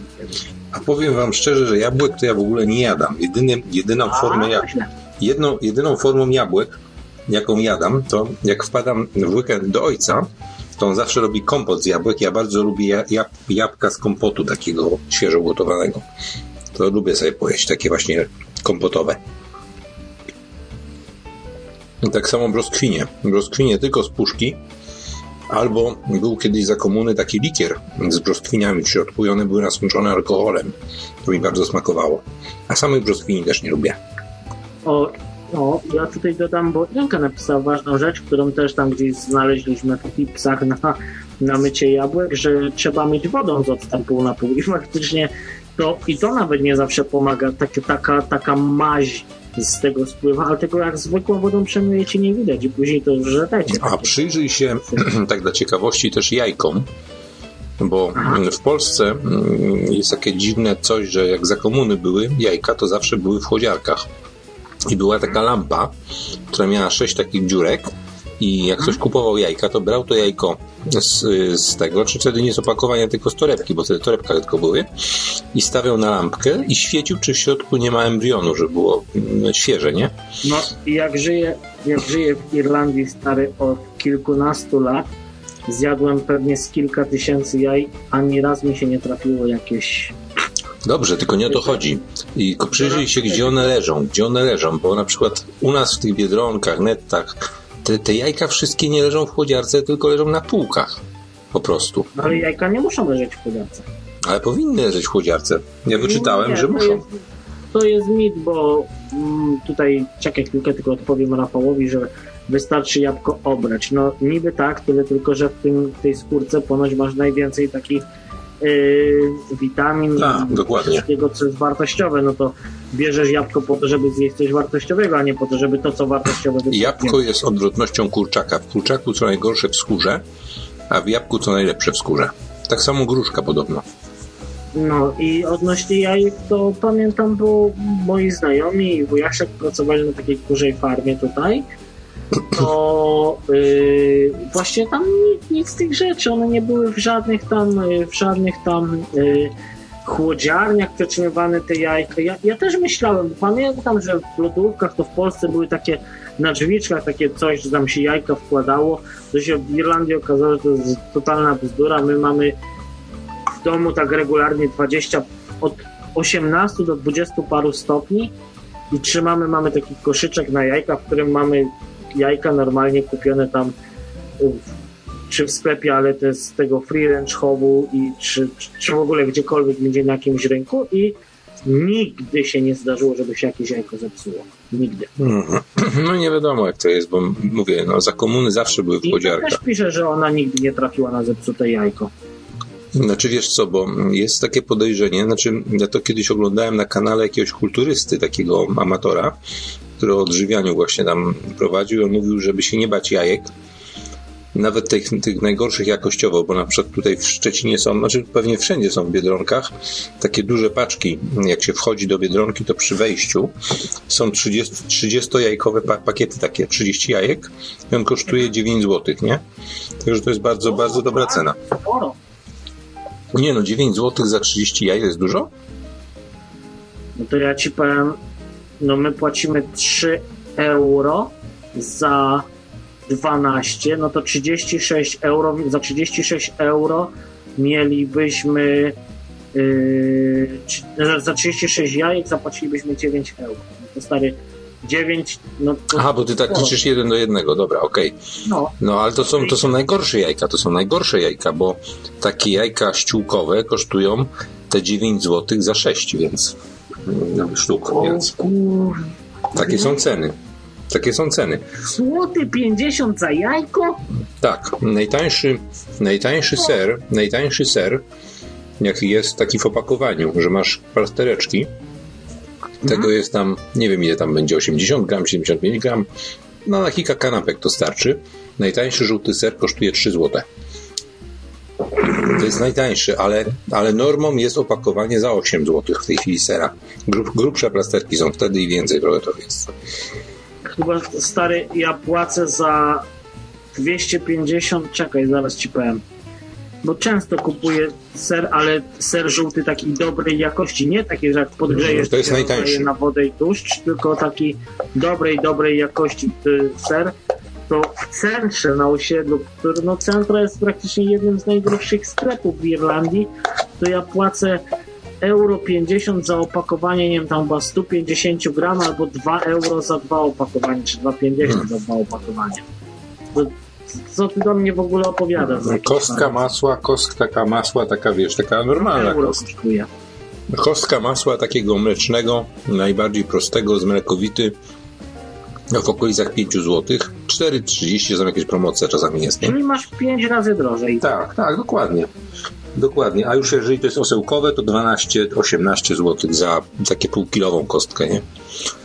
Taki, taki wiesz, no wtedy jest jakaś, taki zwitek jest, że to jest większe. Ja, Ja nawet nie wiem, czy to jest pół kilo. zaprosić, bo ja pod tą wrzutką, jak wrzuciłem, wrzuciłem y, tą audycję o cenach w Irlandii, ile kosztuje życie w Polsce, to się tam na, y, wywiązała taka spora dyskusja, gdzie y, zarówno wódz, jak jeden tam z gości, który śledzi, próbowali mi udowodnić, że kurwa nie mam bladego pojęcia ekonomii i że trzeba trzeba liczyć PKB i całą resztę i że Polska jest biedna i w ogóle. Y, Polska nie jest dlatego biedna, to jest tak- bzdura. Ale no to stary, wejdź i się kurwa zacznie udzielać, bo tak to ja, ja, ja walczę sam z wiatrakami. Nie? Słuchaj, y, Polska... Ja, rozum, ja rozumiem ich argumenty, ale nikt nie potrafi mi, mi wiesz, odbić piłeczki, co z tym fantem kurwa zrobić. Znaczy, no ja próbowałem już parę razy, wiesz, tłumaczyłem na przykład, że jeżeli Lidl ma netto przychody w Polsce na metr każdego sklepu wielkopowierzchniowego wyższe niż, y, niż w Niemczech, to należy się pracownikom płacić tyle samo, co w Niemczech. I tutaj nie ma żadnej dyskusji na ten temat. Po prostu należy to Wiesz, zrobić i koniec. rozpierdala, jak ludzie mówią, a, bo w Polsce jest zupełnie inna wydajność pracy. Czym się różni wydajność, kurwa, pracy kasjerki w Lidlu w Irlandii i w Polsce? No, ale- Różni się tym, że w Polsce ona zarobi jedną dziesiątą tego, co by No zarobiła. dokładnie, ale jest jeszcze inna sprawa. Jest artykuł 23 Konwencji Praw Człowieka, gdzie wszystkie państwa sygnatariusze, w tym Polska i Niemcy, zobowiązały się do tego, iż w ramach tych samych przedsiębiorstw nie będzie dyskryminacji płacowej. To jest artykuł 23 ustęp 2 y, Karty Praw Człowieka z 1959 roku. Można to sprawdzić od razu, nawet teraz, jak ktoś chce. Artykuł 23 pisze, tam wszystkie państwa sygnatariusze się do tego zobowiązują. Nie na terytorium swoim, nie. Na terytorium państw, które sygnowały tą umowę. Także to już, to, to, to już samo podchodzi pod, pod yy, skargę do ONZ, nie? Jeśli jest międzynarodowa korporacja, oczywiście. Oczywiście zaraz ktoś mi zarzuci, że się nie znam na tej umowie, ale to jest tak prostym tekstem napisane, że tam nie ma w ogóle o czym dyskutować. Nie? Wiem dlaczego w ogóle w Polsce zauważyłeś, jest taki trend, że my tak mówimy, no tak, ale w Polsce to jest inaczej. Jak inaczej? To są inni ludzie? To jest jakiś rasizm? Kurde. Przecież a ja dokładnie o tym samym opowiadam w audycji tej o tym, No tak, tak, ja to zauważyłem. byłam w tej Polsce i wiesz, i tak kurwa, no smutno mi się zrobiło, bo pierdolę, no wyjechałem te kilkanaście lat temu i, i myślałem, że wiesz, jakoś się to poukłada, że ci ludzie będą mieli coraz lepiej, a tak naprawdę, no to no to, to kurwa niestety rozpacz stary. No, my sami siebie tak robimy. Wszyscy, wszyscy mi kurwa mówią, że nie, no, autentycznie jak gadałem z młodymi ludźmi 20-30 lat, to nikt z nich nawet nie planował, to było w styczniu. Wszyscy planowali gdzieś w okolicy z wakacji, czy tam maja, czerwca wyjechać, bo mówią, że już się nie da żyć, ludzie tyrają na dwa Mhm. etaty. Jeden gość już prawie dwa i pół etatu ciągnął, kurwa, ja, ja nawet jego już statystyk nie wliczałem, ale Ale to jest bez sensu. Po, żyć po to, żeby tylko pracować. Że, że jest dobrobyt, a w Polsce, w McDonaldzie na dworcu centralnym, idźcie, zapytajcie się. Na dworcu centralnym, kurwa, w Warszawie, ktoś zarabia 16 zł brutto, to jest chyba z 11-12 No to- zł netto No na, dokładnie. na rękę w McDonaldzie, gdzie sok marchwiowy jednodniowy za 750 ml kosztuje 9 zł. No, no w Biedronce, y, o właśnie, soczek jednodniowy taki, wiesz, w takiej buteleczce, tam jest chyba 1 trzecia litra. To u nas y, kosztuje 4,9, 5, 5 zł, no bez grosza, tak? Kosztuje jednodniowy w Biedronce, nie? 5 złociszy kosztuje taka 1 trzecia litra buteleczka, albo bo to jest nawet, no, to nawet no mniejsze. to skoro jedna trzecia kosztuje, ile mówisz? 5. 4,99, tak, dokładnie. No, no, no to litra będzie kosztowała 15. Mhm. Za sok kurwa z marchewki. Tak, on tam jest jeszcze z dodatkiem tego, y, co się dodaje Nie, soku nie, z ja- martwi. Mi chodzi o taki czysty, jednodniowy, że wiesz, co, co najwyżej to tam jest. Czy tak, ale masz do wyboru albo czysta marchewka, albo marchewka z pietruszką, chyba to jest mieszane, nie jestem pewien. Dwa, dwa rodzaje są, nie? Mhm. No i to jest za 3,99 za butelkę. Wiem, bo czasami kupuję sobie dwie sztuki, żeby się napić, bo żeby się napić, to muszę dwie wypić. Takie buteleczki, nie? No też, no ja też tak mam, że jak jestem w Polsce, to sobie często kupuję te soki i dlatego wiem, bo no naprawdę, no, godzinę pracy robisz praktycznie na, na litrę jakiegoś soczku z marchewki. Kurwa, i wiesz, jeszcze w Warszawie, ja rozumiem, jakbyś to w jakimś Pcimiu robił, gdzie tam, wiesz, dopłacają ci, żebyś mieszkał, ale jak ty masz czynsz po 2-3 tysiące złotych, No. ja rozmawiałem z taką kobietą, no bo to już kobieta, też 30 parę lat i chłopakiem, no w sumie to facetem, bo on tam pod 30. I oni mi mówili, że ja się pytam, jak tam się im pracuje, bo tam w Tarnowie byłem i w ogóle. A dziewczyna pracuje w hotelu, jest y, barmanką, y, tam w, w, tej, w barze takim hotelowym, bar, barmanką, kelnerką, wiadomo o co chodzi. I ona mi mówi, że ona pracuje czasem przez dwa dni praktycznie pod rząd. Kurwa, ja mówię, ale, ale ja, jak przez dwa dni? Ona mówi, no bo to jest tak, że ja przychodzę na przykład na szóstą do pracy i pracuję 24 godziny. Ja mówię, no. A ona mówi, i wtedy dostaję klucz do pokoju dla personelu i idę spać i o 13 muszę być z powrotem na następną całą dobę. Ja mówię, chyba sobie ze mnie pani kurwa żartuje teraz. Ona mówi, że nie. Ja mówię, to przecież to jest praca dla singli, to, bo nie możesz mieć rodziny. Ona mówi, no tak, jeżeli chce się widzieć z moim narzeczonym, to mówi, musi on do niej przyjść w czasie, kiedy ona ma tą drzemkę między, między kurwa pracą, gdzie ona ma, wiesz, między 6 a 13 7 godzin, wiadomo, pójdziesz zanim weźmiesz prysznic, później nawet jak się ubierzesz, zanim coś zjesz i, i, i kobieta się wyszykuje, no to też z godzina, no to ona tak autentycznie ma z 5 godzin snu.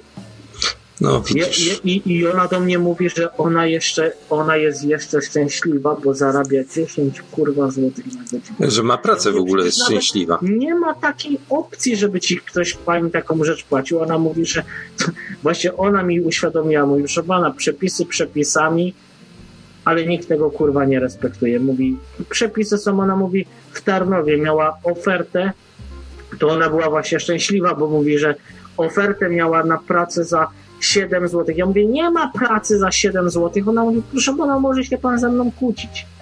7 zł płaci jakaś tam włoska knajpa za bycie kelnerką na godzinę. Ja mówię, no ale przecież nie można tyle płacić. No, mówi, no ale co pan zrobisz? No tak, no to, to tak jak w Szczecinie tego informatyka, No co znalazłem.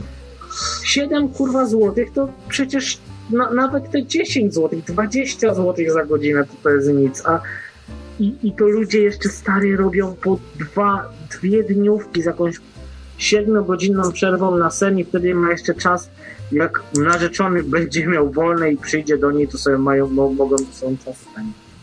No naprawdę, mnie krew zalała, jak byłem w Polsce. No widzisz, to ja ten, to ja tak samo jak z tym informatykiem. No teraz, y, jak wiesz, musiałem skrócić zwolnienie lekarskie z półrocznego na trzymiesięczne, bo by mnie, by mnie pozbawili y, zdrowotnego inaczej. No i byłem właśnie też, rozmawiałem z urzędniczką Urzędu Pracy, czyli tego jobcentera słynnego i właśnie pani pytała, znowu odpytywała z różnych tematów i między innymi zapytała mnie się o moje, moje żądania zarobkowe, więc ja powiedziałem bez kozery 2200 euro, na co ona zrobiła wielkie oczy i powiedziała, i powiedziała mi, że ja powiedziałem jeszcze netto, netto dodałem do tego netto. Ona powiedziała, ona powiedziała, że nie ma takich ofert, a ja powiedziałem na to, ale wie pani co, no ja jestem w Unii Europejskiej. Ona mówi mi, nie, ona, jesteśmy w Polsce. Ja mówię, nie, jesteśmy w Unii Europejskiej, niech pani sobie to sprawdzi.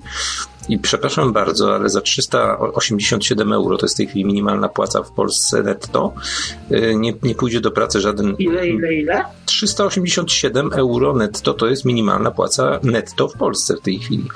I, czyli te, dwa, te słynne 2350 brutto złotych, tak? Pomnóż to sobie przez 4,7 ci wyjdzie minimalna płaca y, w Polsce. Y, Około 1000 No tam, właśnie, 500. właśnie to robię i Tam, to wychodzi Jakieś 1500 coś złotych tam. To zależy od kursu, nie? Bo, 1645. o, coś koło tego, tak? No to zależy od kursu. Jak, jak, jak liczyłem poprzednio, to było 1500 coś. Bo ten kurs tam skacze o te parę, parę groszy zawsze, nie? No w każdym razie... Mm, e, To jest nawet nie tygodniówka w Irlandii. W każdym razie ja tak powiedziałem tej pani, no i ona mnie odesłała do pokoju przy następnej wizycie. Mam się udać do jakiegoś tajemniczego pokoju. To będzie nowe doświadczenie. I, i jak zaznaczyła, niech pan przyniesie swoje CV. Ja już tutaj z córką dyskutowałem, że ja będę robił jaja, będę sobie robił jaja, ale nie, po, pomyślałem sobie dzisiaj nie. Potraktuję sprawę poważnie. Może oni mi taką pracę znajdą. Przyniosłem swoje poważne zawodowe CV. One ma 16 stron, więc będą mieli co czytać. I będzie tam również rubryka y, oczekiwania finansowe i to będzie właśnie te 2200. Y, ten, dodam do tego zdanie, że żaden Francuz, Anglik ani zasmarkany Niemiec nie poszedłby do pracy za mniej jak półtora tysiąca euro. Dziękuję, do widzenia. Znaczy nie, akurat pytałem się e, Niemców o zarobki i Niemców i Polaków żyjących w Niemczech, to oni tak średnio zarabiają między 1,5 a 1900, ale około jest to z reguły 1600-1700. Przy czym nie są to roboty pod tytułem jakiś tam Yy, żeby teraz nikogo kurwa nie obrazić, żyjemy w tak poprawnych czasach. Nie chodzi mi o roboty tam kogoś, kto jeździ na śmieciarce czy coś. To są normalne prace typu ludzi, Sprzedawca. którzy się zajmują starszymi osobami, czy ludzi, którzy pracują w jakichś firmach handlowych.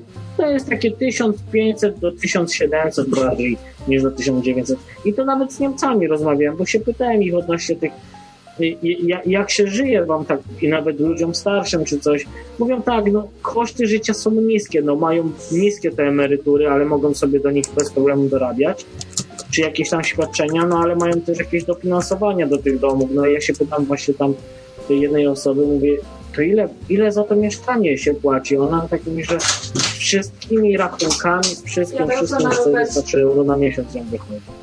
No to wychodzi tak tygodniówka plus jak sobie tam coś dorobi, no i w zasadzie trzy tygodnie ma na to, żeby sobie na jakieś wakacje. O, Karolinka tu wyskoczyła, właśnie poinformowała mnie, że na rower jedzie jutro.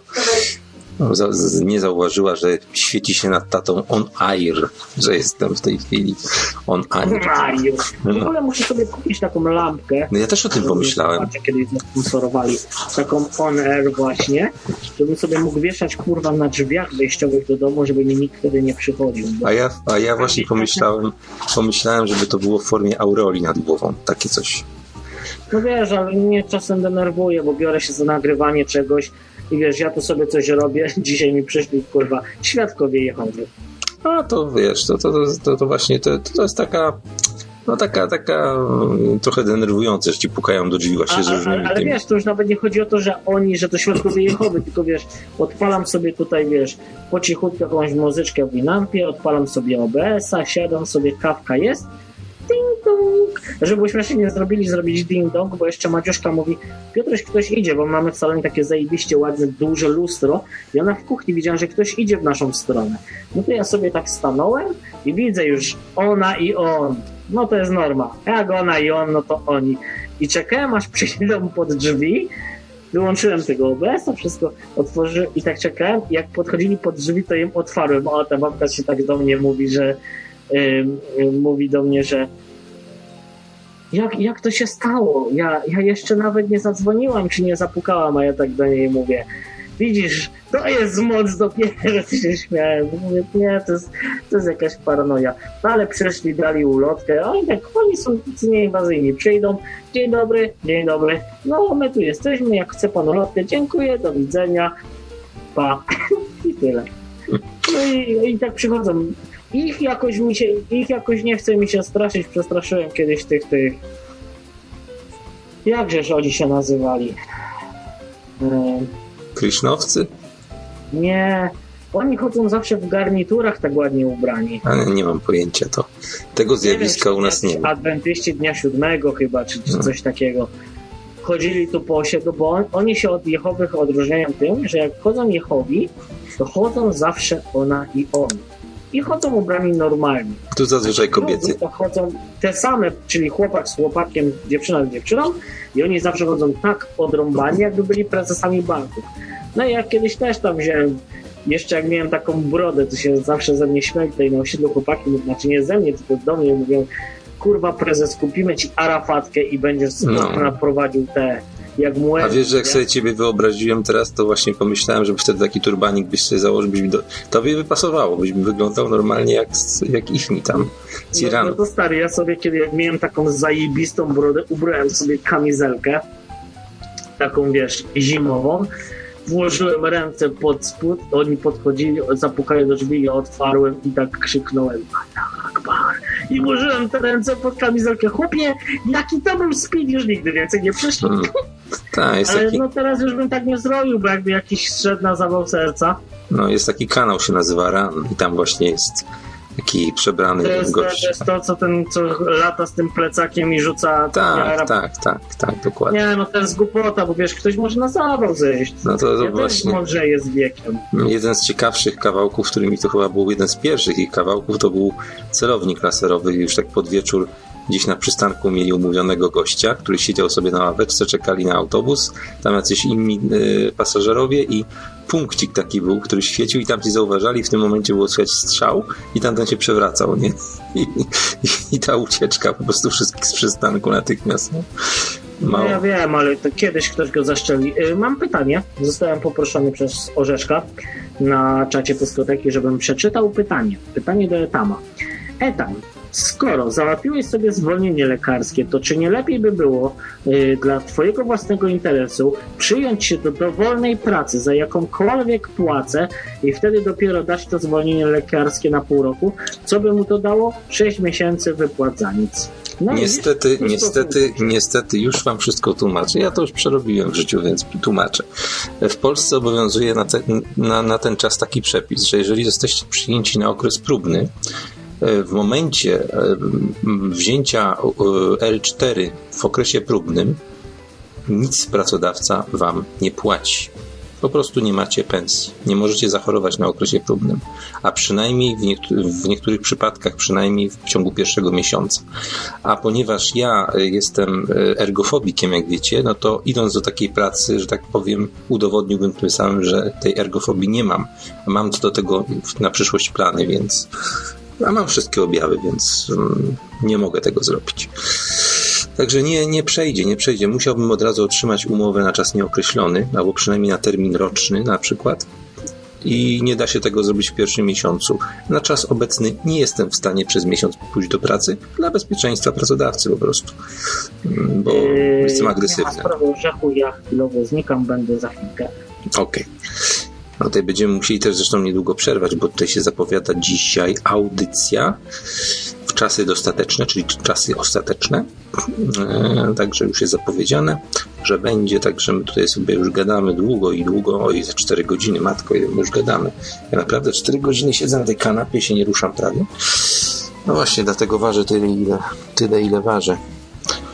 Jest to przerażające. Muszę po prostu wymyślić sobie jakiś, jakąś formę gimnastyki. Może bym tutaj jakiś taki ściskacz do dłoni wziął, czy gumy takie, które mógłbym w trakcie mówienia naciągać, tylko to będzie słychać, bo one dosyć mocno trzeszczą, kiedy się podnosi do góry. Handla by była w sumie w miarę bez, bezgłośna, no ale w sumie nie da się też handlom, będzie dzwoniło, jak będę poruszał mocno, bo tam jest dosyć dużo tych ciężar, ciężarków nałożone. Musiałbym mieć taki handel, do którego się cały ciężar jest jakby zamknięty w plastikowej obudowie, a nie mam takiego odpowiedniej masy, masy żeby tutaj trenować. Właśnie to by był dobry, dobry motyw, nadawać i trenować jednocześnie. Taka motywacja przynajmniej, przynajmniej była. Klodzie się śnił. O, jaki ciekawy temat. Śniący się Klody. I co powiedział, że tak powiem? A może będzie zapowiedź, e, spoiler audycji, jaka będzie może coś na ten temat, bo mi się też kiedyś śnił Klot, ale to było razem z Krawcem mi się śnił, że odszedł z radia i czy odszedł od stołu i podszedł z radia za dwa tygodnie, także może w tę w odwrotną stronę. Och. Tutaj już Orzech podziękował profesorowi. No właśnie, bo ja tak szczerze mówiąc, jak mam obok otwarte oba czaty, to ten nocno-radiowy widzę dobrze, a mm, ten e, z dyskoteki jest tak mocno kontrastowy w stosunku do, do nocno-radiowego, że praktycznie jest mi ciężko cokolwiek rozczytać, mimo że siedzę w goglach. To jest po prostu mało czytelny. Mm, a inna sprawa, że go sobie tak bardzo pomniejszyłem. No, ciekawe jest w tych innych krajach. U nas niestety cały czas alternatywy 4. Właściwie to nic się nie zmieniło mm, do tej pory. E, także tak jak się chwaliłem, będę miał ciekawe, że tak powiem, doświadczenie. Pójdę do jakiegoś tajemniczego pokoju, gdzie jakaś tajemnicza pani będzie mi szukała pracy. No, zobaczymy. Zobaczymy, czy spełni moje warunki, czy w ogóle ich, ich będą jakiekolwiek moje oczekiwania interesowały, bo jak wiecie, e, w, w inspekcji, w, w tych całych urzędach pracy jest w tej chwili tak, że zostały wydane specjalne szkoleniowe broszury, w których e, ludzi dzieli się według specjalnego testu, który zresztą ostatnio też przechodziłem i prosiłem panią, żeby zrobiła go tak, żebym wyszedł do trzeciej grupy pomocowej, czyli odpierdolcie się ode mnie, krótko mówiąc. Nic od was nie chcę. I tak nic nie dostaniesz? No, no tak, i wiesz co, i pani była na tyle miła, że tak, tak ja próbowałem odpowiadać na te pytania, które mi zadawała z komputera, z tej ankiety, której wygenerował bot, ten cały tam program, e, żeby wyszło ta trzecia grupa i wyobraź sobie, że nie, nie, byłem w stanie, nie potrafiłem tak odpowiedzieć. Próbowaliśmy kilka razy i za każdym razem wychodziła druga, która jest niestety dla mnie kłopotliwa, bo się po prostu przypierdalają o to, żebym coś robił w tym kierunku, żeby pracę znaleźć. Coś ro? I nie wiem, czy to u mnie urwało, czy u e, Tama dajcie znać na PSKDC. Już, już, już to u mnie niestety, ale już zaraz powinno się połączyć. Halo, halo. Już, już się z powrotem połączyło. Dobra. No bo przez chwilę coś wy, wywaliło. Podejrzewam, że to ta pani z Urzędu Pracy słucha teraz tego i mnie rozłączyła. Nie, no bo, no bo po, prostu, po prostu problem był tego typu, że no, naprawdę pomogła mi ta pani, po prostu tak poklikała, iż w końcu w jakiejś jednej z konfiguracji odpowiedzi na pytania, które zresztą trudno było odpowiadać tak lub nie, bo każdy wymagał jakiegoś komentarza, jakiegoś po prostu zdania ode mhm. No, jak to test robiony jest do szablonu, więc y, trudno było znaleźć odpowiednią kombinację. W końcu udało się i taką, że wyszło im, e, pół, znaczy wyszła im trójka, tak. No i także podziękowałem jej ładnie, podszkoliłem ją przy okazji z kwestii związanej z artykułem 68 ustęp 2 Konstytucji, czyli że oni tak naprawdę nie mają prawa przyznawać lub nie przyznawać ubezpieczenia zdrowotnego, bo nie są do tego kompetentni, gwałcą tym, tym samym Konstytucję. Wiem to na pewno, bo jest na to życzenie Sądu Najwyższego w tej sprawie, no ale, mhm. ale, ale mniejsza o to. Urzędników to nic nie obchodzi i, i tyle, tak. Powiedziałem jej to, też przeszkoliłem, jak powinni zareagować. Po prostu powinni odmówić swojemu kierownictwu yy, posłuszeństwo, wymówić posłuszeństwo i zastrajkować w imieniu swoich klientów, czyli nas. No ale mniejsza o to, trafiłem do jakiegoś innego okienka, z tego innego okienka zostałem przekierowany na za jakiś czas yy, z CV do jakiegoś tajemniczego pokoju, w którym jeszcze nie byłem. To jest coś nowego. To jest coś nowego. Tego jeszcze nie no doświadczyłem. Tam jest, taki, tam jest taki pokój. Panie, będziemy panu płacić, tylko nie opowiadaj pan takich rzeczy przy ludziach. Być może, być może. Znaczy ja, ja, ja miałem taką już... sytuację w pracy w Irlandii. Jak w ogóle powiedz mi, ty mnie słyszysz, bo Asperol pisze, że coś... Tylko ja mu się ładuję, a on ciebie słyszy i to takie jest... A hmm. Inka ma na obietkę, ona mnie słyszy, ciebie nie słyszy. No to jeszcze możecie przeskoczyć na nocne radio. Na nocnym radiu słychać nas na pewno obu, tylko prawdopodobnie mnie trochę głośniej. Nie jestem w stanie nic z tym zrobić, także... Yy, dobra, wracając, to miałem taką sytuację w pracy w Irlandii, jak menadżer mi tu kiedyś przyszedł, o jest, coś to było w 2011 roku albo 2012. Przyszedł mi menadżer i mi mówi, Peter, bo ja pracowałem w fabryce porcelany, zajebistej porcelany. Przyszedł mi menadżer i mówi, Peter, w Excelu mi wyszło, że mógłbyś e, tam lakierować trzy sztuki więcej na godzinę.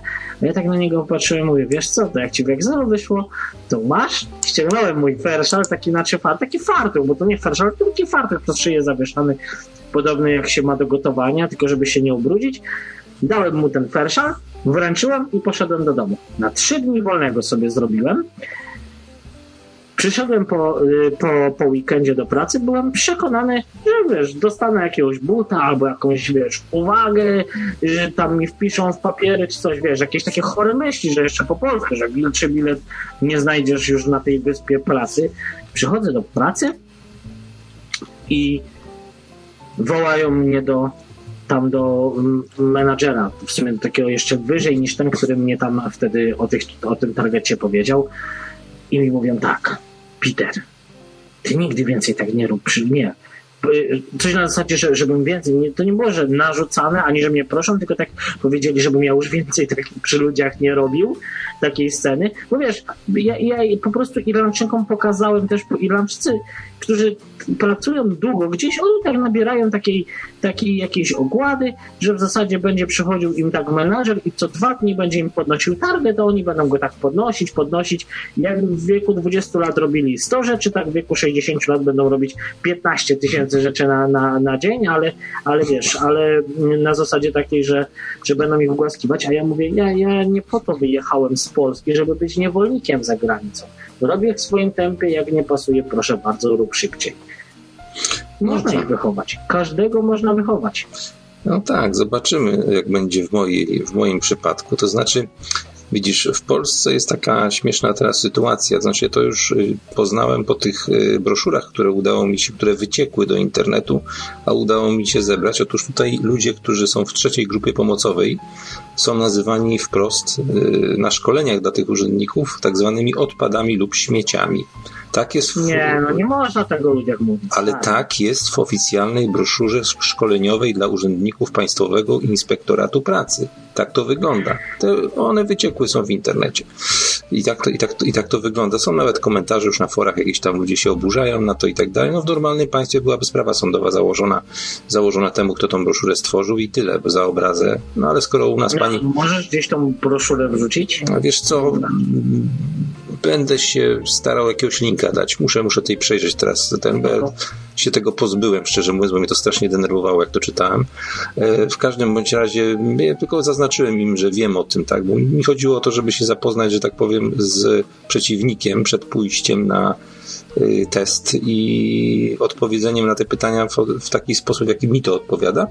Na- na- Natomiast się specjalnie tym nie przejmuję. Otóż e, widzisz, problem jest tego rodzaju. Pupy dostały, podejrzewam, taki cichy przykaz od e, jakiegoś tam swojego włodarza, żeby pozbyć się jak największej ilości osób bezrobotnych w ogóle z urzędów pracy, ponieważ rozporządzenie mówi o tym, że jeżeli nie będziesz w urzędzie, to nie będziesz mógł korzystać ze służby zdrowia, mimo tego artykułu 68 Konstytucji, który ci gwarantuje służbę zdrowia w Polsce. Mimo to.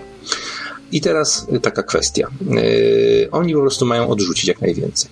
Ale załóżmy, że, że na przykład ja dostaję ofertę pracy, tak?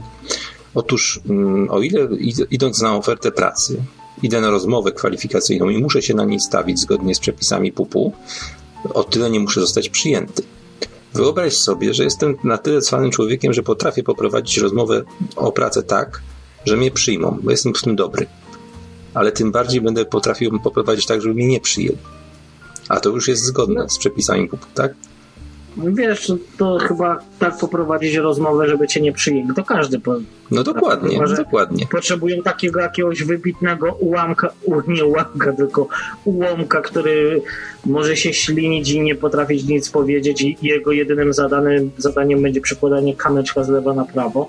Chociaż No podejrzewam, nie. by się można było położyć i powiedzieć pierdolenie. Tutaj jest jeden problem. Otóż w przepisach wewnętrznych, czyli tych rozporządzeniach państwowych y, urzędów pracy jest taki artykuł, który zabrania y, kierowania na oferty niezgodne jak gdyby z kwalifikacjami dotychczasowymi takiej osoby. Otóż O, panie, a nie ma czegoś takiego jak przekwalifikowanie? oczywiście może być, może być, tylko musi urząd pokryć szkolenie. Mhm. A No y. No to- szkolenia, które, szkolenia które, na które oni są, są w stanie skierować mnie, to jest na przykład kierowca wózka widłowego. Konia z rzędem temu, kto przy moich badaniach lekarskich będzie w stanie mnie na takie szkolenie, nie łamiąc przepisów BHP, skierować. Po prostu oni nie mają szkoleń, na które mogliby mnie skierować. Nie mają takich szkoleń. Nie ma takiej możliwości w ogóle. Ja zresztą to tłumaczyłem, ja, to, ja, tam nie ukrywam. Ja kiedyś miałem oka- okazję rozmawiać z ich główną burdel mamą, która się uparła, że pracę mi znajdzie i udowodniłem po prostu mm, przed, nie, przede mną z przepisami u, u, ich urzędowymi, że, że, że, tego nie zrobi. Po prostu nie masz na to szans, kobieto. Po prostu zgodnie z przepisami, bo i tak to wykręcę, tak, bo, bo nie, nie jesteś w stanie spełnić tych warunków. I tyle. Natomiast, no, gdyby się zdarzyło, że znajdą pracę, która by mnie zadowalała, czyli za te 2200 euro, powiedzmy, że będę w stanie zejść do 1600, ale na razie o tym nie mówię głośno, nie? Poza tym miejscem oczywiście, także nie zdradźcie mnie. E, no to powiedzmy, że no, znajdą mi pracę jako na przykład, nie wiem, mm, kreator obiektów 3D low poly do gier komputerowych z teksturowaniem UV. O, nie wiem, czy co wam, coś wam to powiedziało, na pewno powiedziało krawcowi, który tego słucha. No i bardzo fajna praca, bardzo bym nawet chętnie w taką pracę wszedł. Gdyby była w godzinach porannych, to byłby problem, bo ja nie jestem w stanie wstać na, na rano, ale i na to znalazłem sposób. Otóż biorę leki, które uniemożliwiają mi pracę z rana i mam na to zaświadczenie lekarskie, więc Jakież to są leki, bo podejrzewam cały czat i całe radio jest ciekawe. Nie będę tutaj zdradzał szczegółów. W każdym razie jest to lek, który powoduje u osób, które zaczynają go brać, y, efekt y, podobny do napicia się wódki przez osobę, która nie jest, jest abstynentem. O, może w ten sposób. Czyli powiedzmy, że mam orzeczenie, że mogę do, od godziny 14 pracować, tak? I tyle. I mam, mam, na to, mam na to papierek. Mam na to papierek. Mogę pracować, jestem zdolny do pracy, ale od godziny 14. Koniec, kropka, nie ma żadnej dyskusji. Na, mogą, mogą mnie pocałować w cztery litery. Y, Czyli... Nie, no 14, 14 to jest już trochę za późno. 14 No właśnie, o to chodzi, że w tych zawodach bardzo trudno, w tych kwalifikacjach, które ja mam, bardzo trudno poza jednym wyjątkiem, takiego ogólnego informatyka, gdzie można nawet dosyć dobrze uzasadnić, bo ja tak pracowałem przez 10 lat w gazecie, gdzie byłem informatykiem właśnie na popołudniu i nawet to bardzo dobrze uzasadniłem. Uzasadniłem to tym, iż y, świetnie jest usuwać wszelkie usterki poza godzinami pracy osób, które po prostu zajmują te komputery, czy jakieś instalacje robić dodatkowe i tak dalej, także doskonale to się zazębiało z tym, żeby po prostu nie unieruchamiać stanowisk, a jeżeli raz na jakiś czas wystąpi jakaś awaria pilna, no to trudno, no to wtedy już zadzwonią, obudzą mnie i jakoś powalczę z tą swoją dyspracją i przyjdę, nie? Także, Ja także... chciałem tylko przekazać tutaj od Aldony z czatu Nocnego Radia, że wszystkich pozdrawia i zwłaszcza miłych grubasków. To czuj się pozdrowiony, ja się czuję. Znaczy, ja się nie czuję gruby, ja czuję się taki A, akuratny. Podziękuj, a nie. No, No, czy ja dziękuję, chociaż e, jak podziękuję, to potwierdzę, że jestem grubaskiem. Nie jestem grubaskiem, jestem bardzo dobrze zbudowany, prawie 50 cm w ramieniu, 140 w klatce piersiowej. Innych wymiarów nie będę podawał, ale w każdym razie jestem duży chłop, jak to kiedyś powiedziała koleżanka, która mnie zobaczyła po 8 latach, kiedy mnie nie widziała.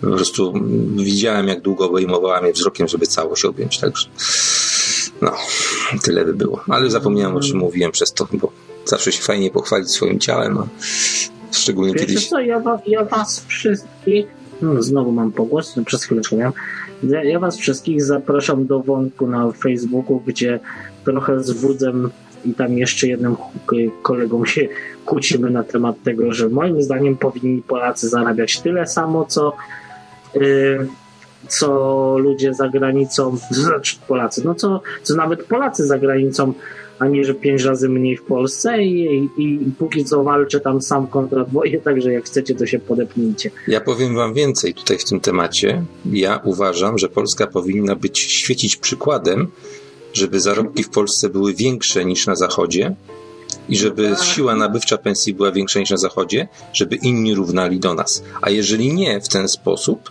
to jestem zwolennikiem, Bo To jestem- Do założenia, o, to- w Polsce można przeżyć za jedną szóstą, to obetnijmy naszym, to, na, naszym pracownikom pieniądze. ale jestem jeszcze za innym rozwiązaniem, które jest bardzo logiczne. Otóż, tak jak Wam mówiłem, yy, podnoszenie cen odbywa się w Polsce na dwa sposoby. Jawny, czyli podnoszenie ceny wprost, lub ukryty, niezmienianie ceny, a zmniejszanie bochenka chleba ciągłe. W, wyniku czego obecny bochenek takiego Tak, lepszego chleba jest jest. wielkości bułki.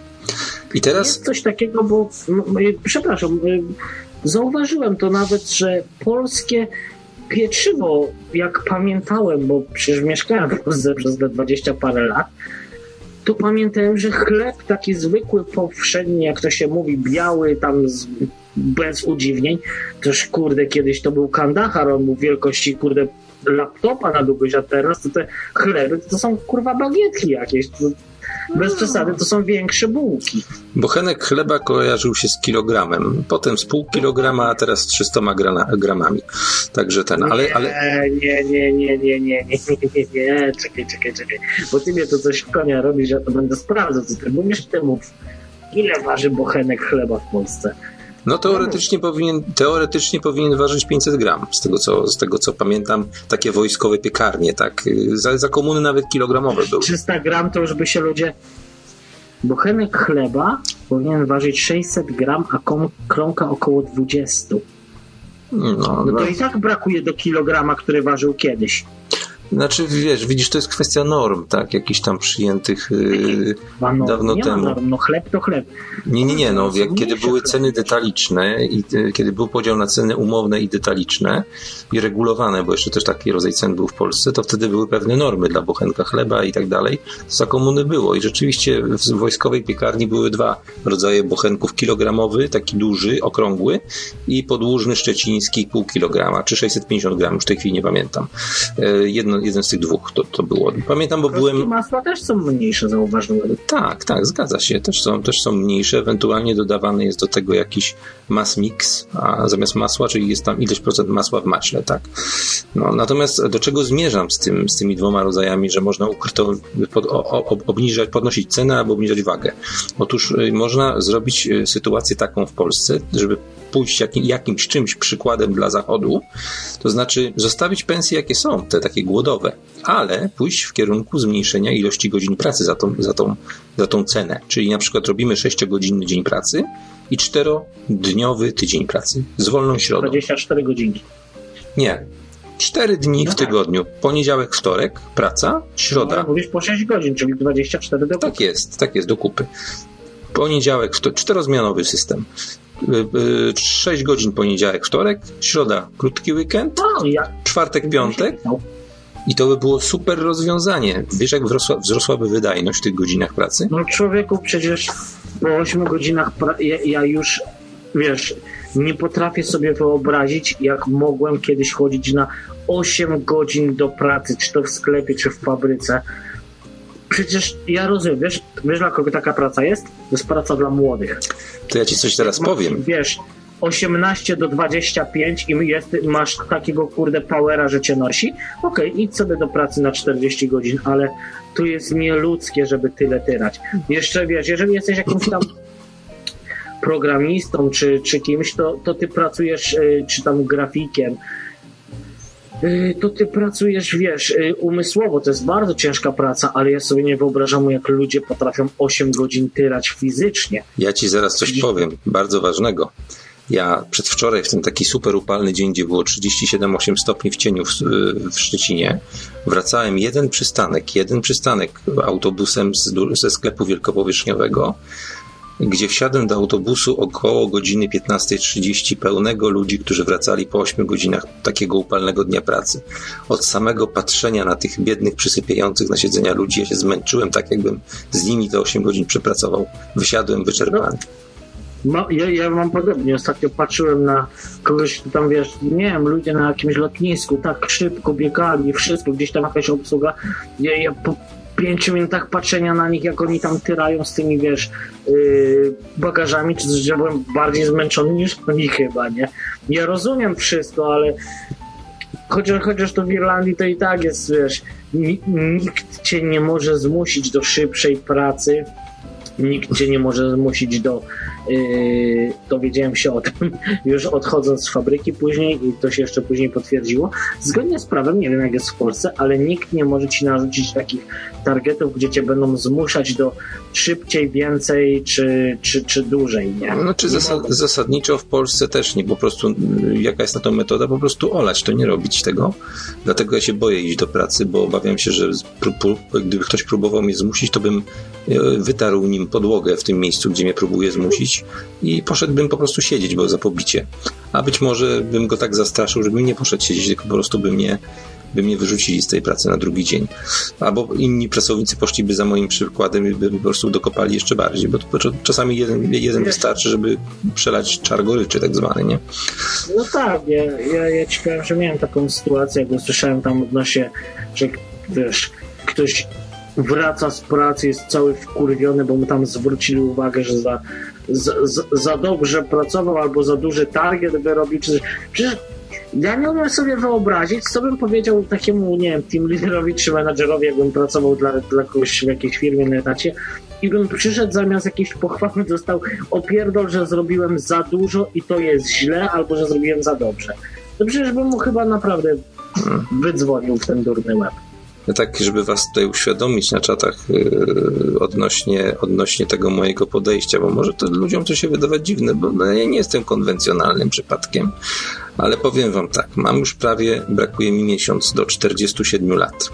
W życiu na 8 godzin pracowałem 3 miesiące, wyrzucili mnie, półtora miesiąca sam się wyrzuciłem i jeden dzień sam się wyrzuciłem. pracy zaspałeś w ogóle. A, no zaspałem, kiedy byłem na 14.30, ale chodziłem tam tylko na 2,5 godziny dziennie, dostawałem tyle, co za jak, pełen jak etat. ty to zrobiłeś, że ty przyszedłeś do pracy, poszedłeś spać i cię zwolnili? Nie, nie, nie, nie, nie, nie, momencik, momencik, nie, nie. W pierwszej mojej pracy w życiu, gdzie byłem na pół etatu, chociaż musiałem tam być tylko 2,5 godziny, od 14.30 do 17.00.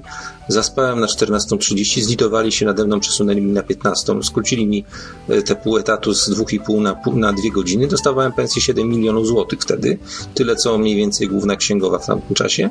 Także dosyć dobrze zarabiałem, ale ja robiłem rzeczy, które w tamtym czasie robiło bardzo mało osób w Szczecinie, może ze dwie, trzy. Byłem bardzo wyspecjalizowanym specjalistą, można powiedzieć. E, od spraw oczywiście informatycznych. E, natomiast e, no, pracowałem tam krótko, ale dosyć długo, jak na, na swoją, swoje możliwości. Natomiast w takim pełnym ośmiogodzinnym etacie byłem trzy miesiące, półtora miesiąca i jeden dzień trzech, trzech pracach. I to jest moje całe doświadczenie e, życiowe, nie, jeśli to chodzi ja o... na etacie przepracowałem dobrych kilka lat. To, czy w Polsce bardzo krótko, no bo nie dałem rady, po prostu nie chciałem nikomu zrobić krzywdy w mojej pierwszej pracy, to się zwolniłem jak tylko mogłem. Yy, no bo niestety po podpisaniu umowy jakiś tam okres był. W drugiej pracy, co poszedłem, to przepracowałem nie wiem, miesiąc czy coś. No nie, mi się w jednej udało 10 lat. Wiedziałem, że, już wiedziałem, że wyjadę yy, za granicę i bo, bo ja uczciwie powiem, jak kończyłem edukację w Polsce, ja nawet nie myślałem, że, że, że zostanę tam, bo a tutaj, no niestety, tutaj mnie od nierobów wyzywają. Zepsuła mnie babcia tym, że mnie zaprosiła na wakacje do Stanów i y, z, na, z, po prostu zorganizowała mi tam jakąś pracę na sprzątaniu domków, którą zresztą y, naprawdę lubiałem i to były moje pierwsze, że tak powiem, pieniądze zarobione w takiej pracy. Y, Normalne podejrzewam, nie? Normalnej, gdzie ja po wakacjach, wakacjach miałem więcej hajsu niż ludzie, którzy pracowali na azotach przez rok. Hmm. I ja wtedy zrozumiałem jedną rzecz, że to, to kurwa jest game over. Ja na pewno nie zostanę i nie będę tyrał w Polsce. I dla, dlatego jakoś się tam nie przykładałem wielce do, do, do, do pracy w Polsce, że, że, żeby tam zostać, budować karierę. Po prostu mnie strasznie rozpierdzieliło. Później jak poleciałem do Stanów już w 2004, to poszedłem do pracy na dachach, to ja nie wiem, w wakacje zarobiłem naprawdę więcej niż niektórzy ludzie przez dwa lata w Polsce w fabrykach zarabiali, co moją pracą było za przeproszeniem jazda, jazda z, w szczęśliwym wanie z nastukanym kierowcą, którym zbierał ekipę tam do, do pracy na, na dachach i jeździliśmy do pracy na dachy, to moją najcięższą pracą na dachach to było włożenie grewo, tych kamyczków takich tam po tych płaskich dachach, a głównie byłem potrzebny tam do tego, żeby w ten taki balonik, co jest podpięty do kierownicy, dmuchać jak mój szef był nastukany. No ale ja was proszę, no ja wakacje zarobiłem naprawdę taki hajs, że że proszę, dlatego mówię, no, nie opłacało mi się, od razu wiedziałem, że ja wyjadę z Polski, więc nawet się nie przykładałem. 23 audycja Krawca Live piszesz? Tak, tak, piszę, żeby I... tutaj na czacie, no, znaczy bo na nocnym jest, ale tutaj u nas na tym blisko nie ma, żeby wiedzieli. No, a tutaj, tutaj do kolegi, który pisze o tym, że nie rób i tak dalej, no toż, no to nie do końca tak wygląda. Ja 15 lat prowadziłem własną działalność, prawie 15 lat prowadziłem własną działalność. W tym czasie 10 lat pracowałem w redakcji jako główny informatyk na Polskę, nie tylko na, tutaj na miasto, ale na Polskę.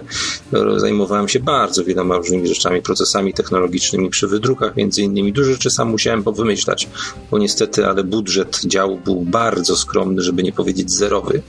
Pracowaliśmy na komputerach sprzed 15 lat jeszcze, mimo że było już grubo po roku 2000, to pracowaliśmy na Optimusach z czasów, kiedy firma Optimus zaczynała y, swoje funkcjonowanie, czyli jakieś tam 386 i tego typu modele. Także dużo trzeba było łatać i bardzo fajnie się tam naprawdę bardzo mile wspominam te 10 lat pracy. Tym bardziej, że pracowałem na pół etatu, mm, zarabiając tak zupełnie jak na całym etacie, mimo że to też nie były duże pieniądze, ale oprócz tego oczywiście jakiś projekt robiłem zlecenia. Miałem nawet w pewnym momencie 16 stałych zleceniodawców, więc dało się z tego żyć. Opowiadałem to kilka razy, więc nie będę się powtarzał. Yy, I mówiąc szczerze, nawet był moment, kiedy się wypaliłem właśnie pod koniec tej, tej, tej działalności i zwyczajnie po prostu już nie dawałem rady. No ale to też trzeba przyznać, że w Polsce działalność, tak główny element męczący taką jednoosobową działalność to jest ta cała otoczka, otoczka tego, dokładnie. To jest po prostu niesamowita męczarnia, kiedy co, co miesiąc praktycznie trzeba się zająć rzeczami, na których tak naprawdę się nie znasz, tylko no, po prostu nie robisz tego, co masz robić e, jako firma, tak, czy tam jako osoba, która prowadzi tą firmę, tylko robisz rzeczy, które są od ciebie wymagane jako ta cała otoczka firmy, nie? To jest po prostu straszne, straszne. No, no ja, ja to rozumiem, bo jak kiedyś tam opowiadali chłopaki chyba właśnie w konkurencyjnym radiu wolnorynkowym, to mi mówili, że tak jakoś średnio wychodzi na to, że przedsiębiorca po powrocie do domu jeszcze godzinę spędza na papierologię. Hmm. Tak jest tak pomyślę, nawet niech pół godziny spędza, to jest ze 150 godzin rocznie na to, żeby być z papierami, z wszystkim do OK. I jak sobie to porównuję do moich jakichś 15 minut na rok, nie? To jest dla mnie jakaś abstrakcja z tym, co ja tam słyszę. Nigdy nie miałem firmy w Polsce i podziwiam tych, którzy mają firmę w Polsce, bo no, bo musicie nie dość, że o klienta i z całym rynkiem, to jeszcze się użerać z tymi idiotami. Dobrze, bo tutaj się jeden z, jeden z czatowników ze mną kłóci, że nie wiem o co, o co chodzi. No nie wiem, jaką ty działalność prowadziłeś. Ja prowadziłem tak zwaną jednoosobową działalność pozarolną, czyli tą najgorszą, jak to nazywają na, na kontestacji, rodzaj działalności, jaki może być w ogóle w Polsce, tak? I yy, cztery razy podchodziłem, aż cztery razy podchodziłem do firmy. Miałem dwie spółki cywilne, dwie własne firmy i dopiero za czwartym razem wystawiłem pierwszą fakturę. Zresztą wystawiałem je przez wiele lat ręcznie, tylko i wyłącznie, zanim się załapałem na jakiś program księgowy, bo, bo też trzeba było się tego nauczyć, tak, a mnie to w ogóle nie interesowało. Także nie wiem, jak ty prowadziłeś akurat, ale ja myślę, że po prostu, no, porwałem się na rzecz, która jednak, te jednoosobowe są najcięższe, tak, bo tutaj jesteś sam, że tak powiem. I tak miałem dużo szczęścia, bo księgowość miałem prowadzoną przez osobę z rodziny, no ale do pewnego momentu też musiałem się tym interesować, tak, tym, tymi, tymi formal, formalnymi sprawami, jakimiś umowami, tam jakimiś, żeby to wszystko było, ja to wszystko miałem zawsze zapięte legalnie na ostatni, na ostatni guzik i nie było to żadne tam robienie, no, płaciłem 200 zł rocznie za prowadzenie księgowości, no to miałeś szczęście, że płaciłeś tyle, no ale no, to, nie każdy tak ma, tak, no, trzeba brać zawsze poprawkę na to, jakie, jakie kto ma dane sytuacje y, u siebie, tak. No. Wiecie co, ja sobie muszę sprawdzić gdzieś w historii albo gdzieś yy, nie, nie wiem, pogrzebać w internecie, bo mi się robiła nie wiem, jakiś czas temu taka historia jakiejś kobiety w Irlandii, która pra pracowała gdzieś w jakimś sklepie. No to, to tak bije w ogóle do absurdu, że na przykład, bo mówisz, że najgorsze co jest, to pracować samemu dla siebie. To jest chyba najlepsze, bo w Irlandii praktycznie pracownika nie możesz zwolnić. No nie dasz mm. rady. To jest jakaś taka paranoja, że musiałbyś mu chyba odszkodowanie płacić jakbyś chciał zrezygnować tam z, z czyjejś pracy, ale do czego dążę? Była taka sytuacja, że jakaś kobieta okradała sklep czy stację benzynową, na której pracowała i to okradała tam na, naprawdę na gruby hajs i w ogóle no i gdzieś ją tam złapali i, ona, i poszła ta sprawa cała do sądu i nie uwierzycie, ale oni jeszcze jej musieli zapłacić odszkodowanie. Jakoś tak ten adwokat zakręcił jej, że ona pracowała tyle nadgodzin i zarabiała w cudzysłowie tak mało, że ona kradła ze stresu i chyba jeszcze 30 tysięcy euro odszkodowania dostała. No widzisz, a tutaj pisze, pisze mi, mi, mi Rudy, że książka przychodów, rozchodów to przecież dwie minuty i tak dalej. No, Okej, okay, dobra. Tylko nie bierzesz pod uwagę pewnej specyfiki. Ja mam dyslekcję dokumentową ja po prostu, żeby wypełnić fakturę ręczną, to ja muszę 10 faktur wypełnić, żeby wreszcie to zrobić dobrze. Sorry, ale ja nie umiem po prostu wypełniać rubryk. Nie umiem. Po prostu, jak gdybym mógł na to dostać zwolnienie lekarskie, jak uczniowie dzisiaj na ADHD, tak jakieś przy pisaniu, to są te, te, te dysleksje różne i tak dalej, to bym pewnie dostał. No, jestem typem człowieka, który nie umie wypełniać druczków rzeczy, które mnie nie interesują. No, no i tak, tak ja to jest. Ale teraz uwaga, profesor, teraz news z ostatnich dni, nie wiem, czy to słyszałeś. W przyszłym roku, w przyszłym roku, czyli już za chwilę, bo pół roku jeszcze zostało, wzrasta dla pojedynczych oso- jednoosobowych firm ZUS do rekordowej kwoty ponad 1500 zł miesięcznie. Tak, nie, tak. nie, nie, nie, nie, nie, nie, nie. 1500 zł. Ponad 1500, 1540. Nie wiem dokładnie ile jest w tej chwili, ale podobno to będzie około 200 zł czy 240 więcej niż w tej chwili. Bo y, szacowana średnia pensja w Polsce, średnia, czyli ta, której nikt nie zarabia, będzie już ponad 5,5 tysiąca i z tego jest wyliczana ta kwota y, dla przedsiębiorców, malutkich przedsiębiorców. 1540 chyba 7, jeśli się nie mylę, złotych będzie wynosiło łącznie wszystkie trzy składki na ZUS. No, 10% więcej ma wynosić niż obecnie. Tak, czyli już przekroczy, będzie praktycznie w okolicach netto płacy minimalnej. Tak jest, dokładnie. I ja. Ej, serio się zastanawiam, bo słucham sobie ostatnio takiego podcastu jednego gościa, niestety nie wrzucę wam tutaj informacji, zainteresowani wiedzą kto. Y, I właśnie, rzucił ostatnio taką, taką, no gość się zajmuje taką bardziej sztuką, coś na zasadzie takiego handcraftu i y, i właśnie mówił coś o tym, że, że już myśli na tym, żeby po prostu wyjechać z Polski, jeżeli ten ZUS wzrośnie, ale jakoś tak nie skojarzyłem o co może chodzić, ale jeżeli faktycznie Nie, to jest news jeżeli z gazety, także ten ZUS wzrośnie o tyle, no to stary to jest pozamiatane, nie? to jest news z gazety sprzed dwóch czy trzech dni, także No widzę, z, Mo- z Money.pl nawet czytam, czy z Forbesa. tak, to, to, raczej, to raczej jest pewne. Jeżeli oni już to balu- balonik próbny puścili, to już jest niemal pewne, także, także myślę, myślę, że może być nawet gorzej. Oni tak tylko sobie Składki ZUS w 2020 roku wyniosą prawie 1500 zł. Czyli krótko mówiąc, inaczej mówiąc, ja muszę zarobić netto pensję minimalną, żeby wam zdać świadomość, żeby netto pensję minimalną przedsiębiorca mały za, musiał zarobić, musi zarobić 6 razy tyle obrotu na fakturach. Bo, bo z faktur już samych płacić połowę to jest podatek. Także, także to, tak to wygląda, no niestety. To niestety Ja wygląda. Czyli musicie mieć z naprawdę 6 tysięcy obrotu, żeby to za ten. bohaterami, bohaterami jakimiś narodowymi są dla mnie ci wszyscy przedsiębiorcy, którzy to ogarniają. Ja wam, ja wam powiem wprost. Ja przez te, tak jak już kiedyś zresztą wspominałem, przez te 15 lat kiedyś sobie robiłem taki rachunek, oczywiście bardzo z grubsza, tak, że około 540 tysięcy miałbym oszczędności, gdybym nie musiał tych opłat robić za firmę, taką drobniutką, bo robiłbym je w Anglii na przykład, albo robiłbym wszystko, co robiłem na zwykłą umowę o dzieło. Co, co było możliwe, bo mogłem to robić. To była głupota po prostu, w pewnym sensie głupota, że przez te 15 prawie lat ciągnąłem to, bo dzisiaj miał pół miliona, 540 tysięcy na koncie. Po prostu.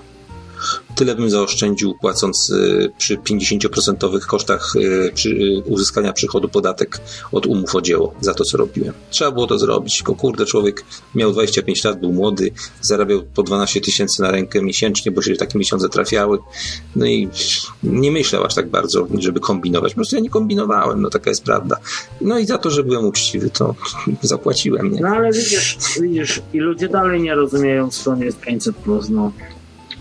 I, i, I wiesz, pójdą, zapłacą. I, I najbardziej mnie denerwuje to, że to, to, to ci przedsiębiorczy czy ludzie są uważani za tych złych. I to ich się pokazuje jako tych wyzyskiwaczy. No tak. Kurde, no stary, i miej teraz taką, i, i naprawdę, miej teraz firmę i trzech pracowników. No to już w ogóle przesada, nie? Że to po prostu jeszcze teraz te, plus jeszcze te formalności za nich, nie? Miej trzech. Tak, no ale wiesz, to pracownik, pracownikiem tam zapłacenie za niego składek i pensji to tam jest jeszcze pół biedy, ale całe, ca, cały ten pół biedy. rytuał, rytuał papierkowy wokół tych pracowników, to jest dopiero coś. Jest jeszcze kwestia tego, że no można, że tak powiem, wynająć sobie księgową, która ci to ogarnie, prawda? Hmm. I jeżeli księgowa ci to ogarnie, no to, no to spada z ciebie papierologia. Tylko pytanie, ile kosztuje księgowa? To znaczy tak, y, po moim niedawnym rozeznaniu, kiedy jeszcze się zastanawiałem, czy popełnić, że tak powiem, taką, takie sepuku w postaci własnej firmy może, bo tak, tak tutaj PiS zapowiadał te takie ulgi i tak dalej, także się troszeczkę napaliłem przez chwilę, ale było fajnie znowu mieć, nie? Bo to jest fajne wbrew pozorom mieć swoje własne te, no. Także się nad tym zastanawiałem, to około 200 zł na miesiąc, tak jak tutaj pisze Jacek, przy około 10 dokumentach księgowych, czyli tak 10 faktur. No dla freelancera to jest powiedzmy realne, także będzie około 10 faktur No miesięcznie. dwie- 200 ok, tyle tylko, że teraz no 200 zł, no to Plus 1540 ZUS-u. Widzicie, co się robi zaraz, nie? Także, także widzisz, no naprawdę bardziej i prościej jest się zatrudnić na kasie w Biedronce za 3000 brutto w tej chwili. Bo wyjdzie się lepiej na tym. No, jakby głupio to nie zabrzmiało, ale tak. No. przy, przy pensji... Biedronka płaci ile? 3000 brutto? No tak powiedzmy, że 2000, chyba 850 ostatnie ogłoszenie jakieś wisiało mm, w tych okolicach, tak. Zresztą od przyszłego roku pł- płaca minimalna w Polsce będzie wynosiła 2450 brutto, czyli pewnie około 1700 zł na rękę, nie? Czyli właściwie można nawet być babcią klozetową, która będzie siedziała i nadawała audycję w trakcie e, kasowania złotóweczek za, za ten. Może zostanę babcią klozetową. To taką na noc na przykład. W Nie? sumie to nawet dla ciebie byłaby dobra praca, byś tam siedział gdzieś, klient jakiś raz na, ra, raz na trzy godziny by przyszedł, panie proszę tutaj kluczyk do pisu do, do, do, do kabiny i, i papier toaletowy i tak byś tak pytał, jak w Krakowie kiedyś, a czy to będzie mała czy duża kubka? Co więcej, co więcej, gdyby na takim stanowisku babci klozetowej zrobić, robić ciągle live na YouTubie i opowiadać, to by mógł, mógł być jeden z popularniejszych szaletów, może poza szaletem Rado z Londynu. I ile osób Na by przychodziło, żeby tam na- wysikać cię tylko po to, żeby mnie zobaczyć, nie? Na szczęście pato streaming ma być zlegalizowany. No nie, to nie byłby pato streaming, to by był po prostu historia z życia wzięta, czy ja bym nie, nie, nie, nadawał z toalet absolutnie, tylko nadawałbym, że tak powiem, z miejsca, gdzie bym siedział w okienku i kasował złotówki za e, wygódkę, nie? No. Co, zbieramy się chyba powoli, bo tam Tak, tak, no. pisał coś, że 23 czyli Tak, to lepiej zostawić tak zwaną rozbiegówkę taśmy klejącej, czy tam tej ta taśmy klejącej ku- kasety i się powoli no, pożegnać ze słuchaczami. Nagrywałeś? Nagrywałem, no. Ile gadaliśmy? 4 godziny 41 minut. Wyobrażasz, to sobie szybko zleciał ten czas. No, przyszedłem, troszkę chwilę z wami tutaj posiedzę, zanim się udam znowu gdzieś na, na jakieś wakacje, to chwilę sobie z wami po, posiedzę, to pogadam z tobą. Yy, także nie wiem, chcesz, to, to gdzieś tam publikuj, jak masz ochotę. Piszą nam tutaj chłopaki, powtórzcie te rozmówki na raz jeszcze. No. No, Jacku, no nie bardzo. Będzie można kupić, jak zatrudnią mnie w szalecie, będzie można na, na, kupić na kasecie magnetofonowej. Tak to jest, jak dwóch mało mówiących się zejdzie. No. Tam, ja tam lubię, od zawsze lubię za tam gadać. My taką, w sumie kilka razy dostaliśmy taką ofertę, że najle, naj, najlepsza, najlepszy duecik do gadania, do słuchania. Nie, nie wiem co tam. Ludziom się podoba, bo ogólnie oboje narzekamy. Fajnie się gada, ale ja jestem tu. Tak, tak, tak, tak, z takim dołem teraz mówię, ja jestem tu, a ty jesteś tam i tutaj takie chmurki są, nie? Irlandia. A na dole te kozy dojone, nie? Powiem tak, Polska piękny, piękny kraj. Jak, jak tak przyjeżdżałem, no tyle jest odremontowanych jakichś dróg, pobudowanych. Jest tyle mostów i autostrad, to ja nie widziałem naraz przez ostatnie 6 lat, jak mnie prawie w Polsce nie było. Ale jak tak przyjedziesz po, no tam niecałej dekadzie do Polski, wpadasz i widzisz, przejedziesz tą Polskę, no bo ja faktycznie tak Warszawa, Kraków, Tarnów, Rzeszów, okolice i tam w ogóle się szłanąłem po tej Polsce, no za stary, to, to zupełnie inny kraj niż ten, który zostawiłem. No, tak. cieszę się, bo, bo, bo ładnie jest, tylko kurwa, no życie tam ciężko trochę. no to wszystko porobili, dokładnie. Tutaj porobili takie wszystko, ścieżki rowerowe, tramwaje połączyli z Naprawdę buspasami. w Polsce. Pełno tutaj, naprawdę tutaj w Szczecinie, jak ja, ja na przykład rzadko jeżdżę do miasta, do, do centrum, to ja też mam taki szok, że co pojadę, to coraz inaczej, nie? U mnie nawet, jak nie mają miejsca na ścieżkę rowerową, to pół chodnika pomalują na brązowo i jest już ścieżka rowerowa i postawią obok, że to za pieniądze unijne pomalowane, nie? No ale Także, po co to malować i tracić farbę, jak można pasek pociągnąć przez środek i zrobić symbol rowerku tylko? no i tak właśnie zrobili, tak właśnie zrobili, No, tylko, to po co to malować? no ale, a, ale Nie, ta farba przez Unię została w, połowie, z- już jest znaczek, no nie? tak, a Unia to przecież ma pieniądze z powietrza. No, no Oglądałeś, cóż. oglądałeś ten y, dokument, co tam agent Tomasz y, nakręcił z tym? Jeszcze nie, jeszcze nie, jeszcze nie. O człowieku, obejrzyj sobie to. Przecież jak, ja, ja, ja tam prawie padłem ze śmiechu, jak oni opowiadali o tych brukselskich absurdach. To, na, A tak, to tak, to oglądałem z tym europosłem. Tak, to, tak. tak, to, to, to, Tak, co tam jest pomnik z brązu, pomnik Menela. Tak? O to ci chodzi? No gdzie, tak, gdzie jest pomnik Mandela, gdzie tworzą te y, Bruksela, coś tam, gdzie, kraj, gdzie, jak to było, gdzie powstają dyrektywy. Tak. Jakie, jak ja sobie uświadomiłem, jakie to jest wszystko tam. Ale tam jest naprawdę, z on jest z brązu ten pomnik i to jest Menel, który ma flaszkę w ręku. Jeszcze chyba w torebce chyba jeszcze taką. Człowieku, ale, ale ta cała reszta, jak się temu w ogóle to takim, że tak powiem, kwaśną, kwaśną, że tak powiem, szkawką mi się odbiło ta, jak pokazywał Sośnierz ten, ten kościół, widzieli ten tam kaplicę, co oni tam zrobili. Tak, tak, tak, wielo, wielowiedzaniową. Wszystkich religii, gdzie tam, no naprawdę, to jest jakieś poplątanie z pomieszaniem wszystko. Ale o To, co się tam pizza spaghetti zapomnieli chyba. No to jest to, to mogliby to spaghetti tam położyć na tym jeszcze, jak to się, nie ołtarze, jak się nazywa to, to ten monument taki. Wiesz co, nie pamiętam, ale pamiętam, że to są pastafarianie i podobno gdzieś u nas w ministerstwie zaraz po 90 roku chodzili sami pastafarianie. To wiem od Korwina ze spotkania. Podobno, bo oni są apolityczni całkowicie. Co jakaś taka legenda krążyła, że gdzieś w MSZ czy gdzieś byli. Takie, takie coś. Podobno to jest, to jest, muszę iść przesłuchać nagranie z 2009 roku, bo sam je robiłem z tego spotkania. Dobra, wiesz co? Zwijamy się, bo to Zawijamy. 4 minuty, tak. No to dzięki Dobra. wszystkim za gadanie, No. słuchanie i do następnego może raza. Polecam się na przyszłość. No. Jak coś, to dzwońcie, to leniuch tu wpadnie. Okej, okej, trzymajcie się, trzymajcie, hej. No hej.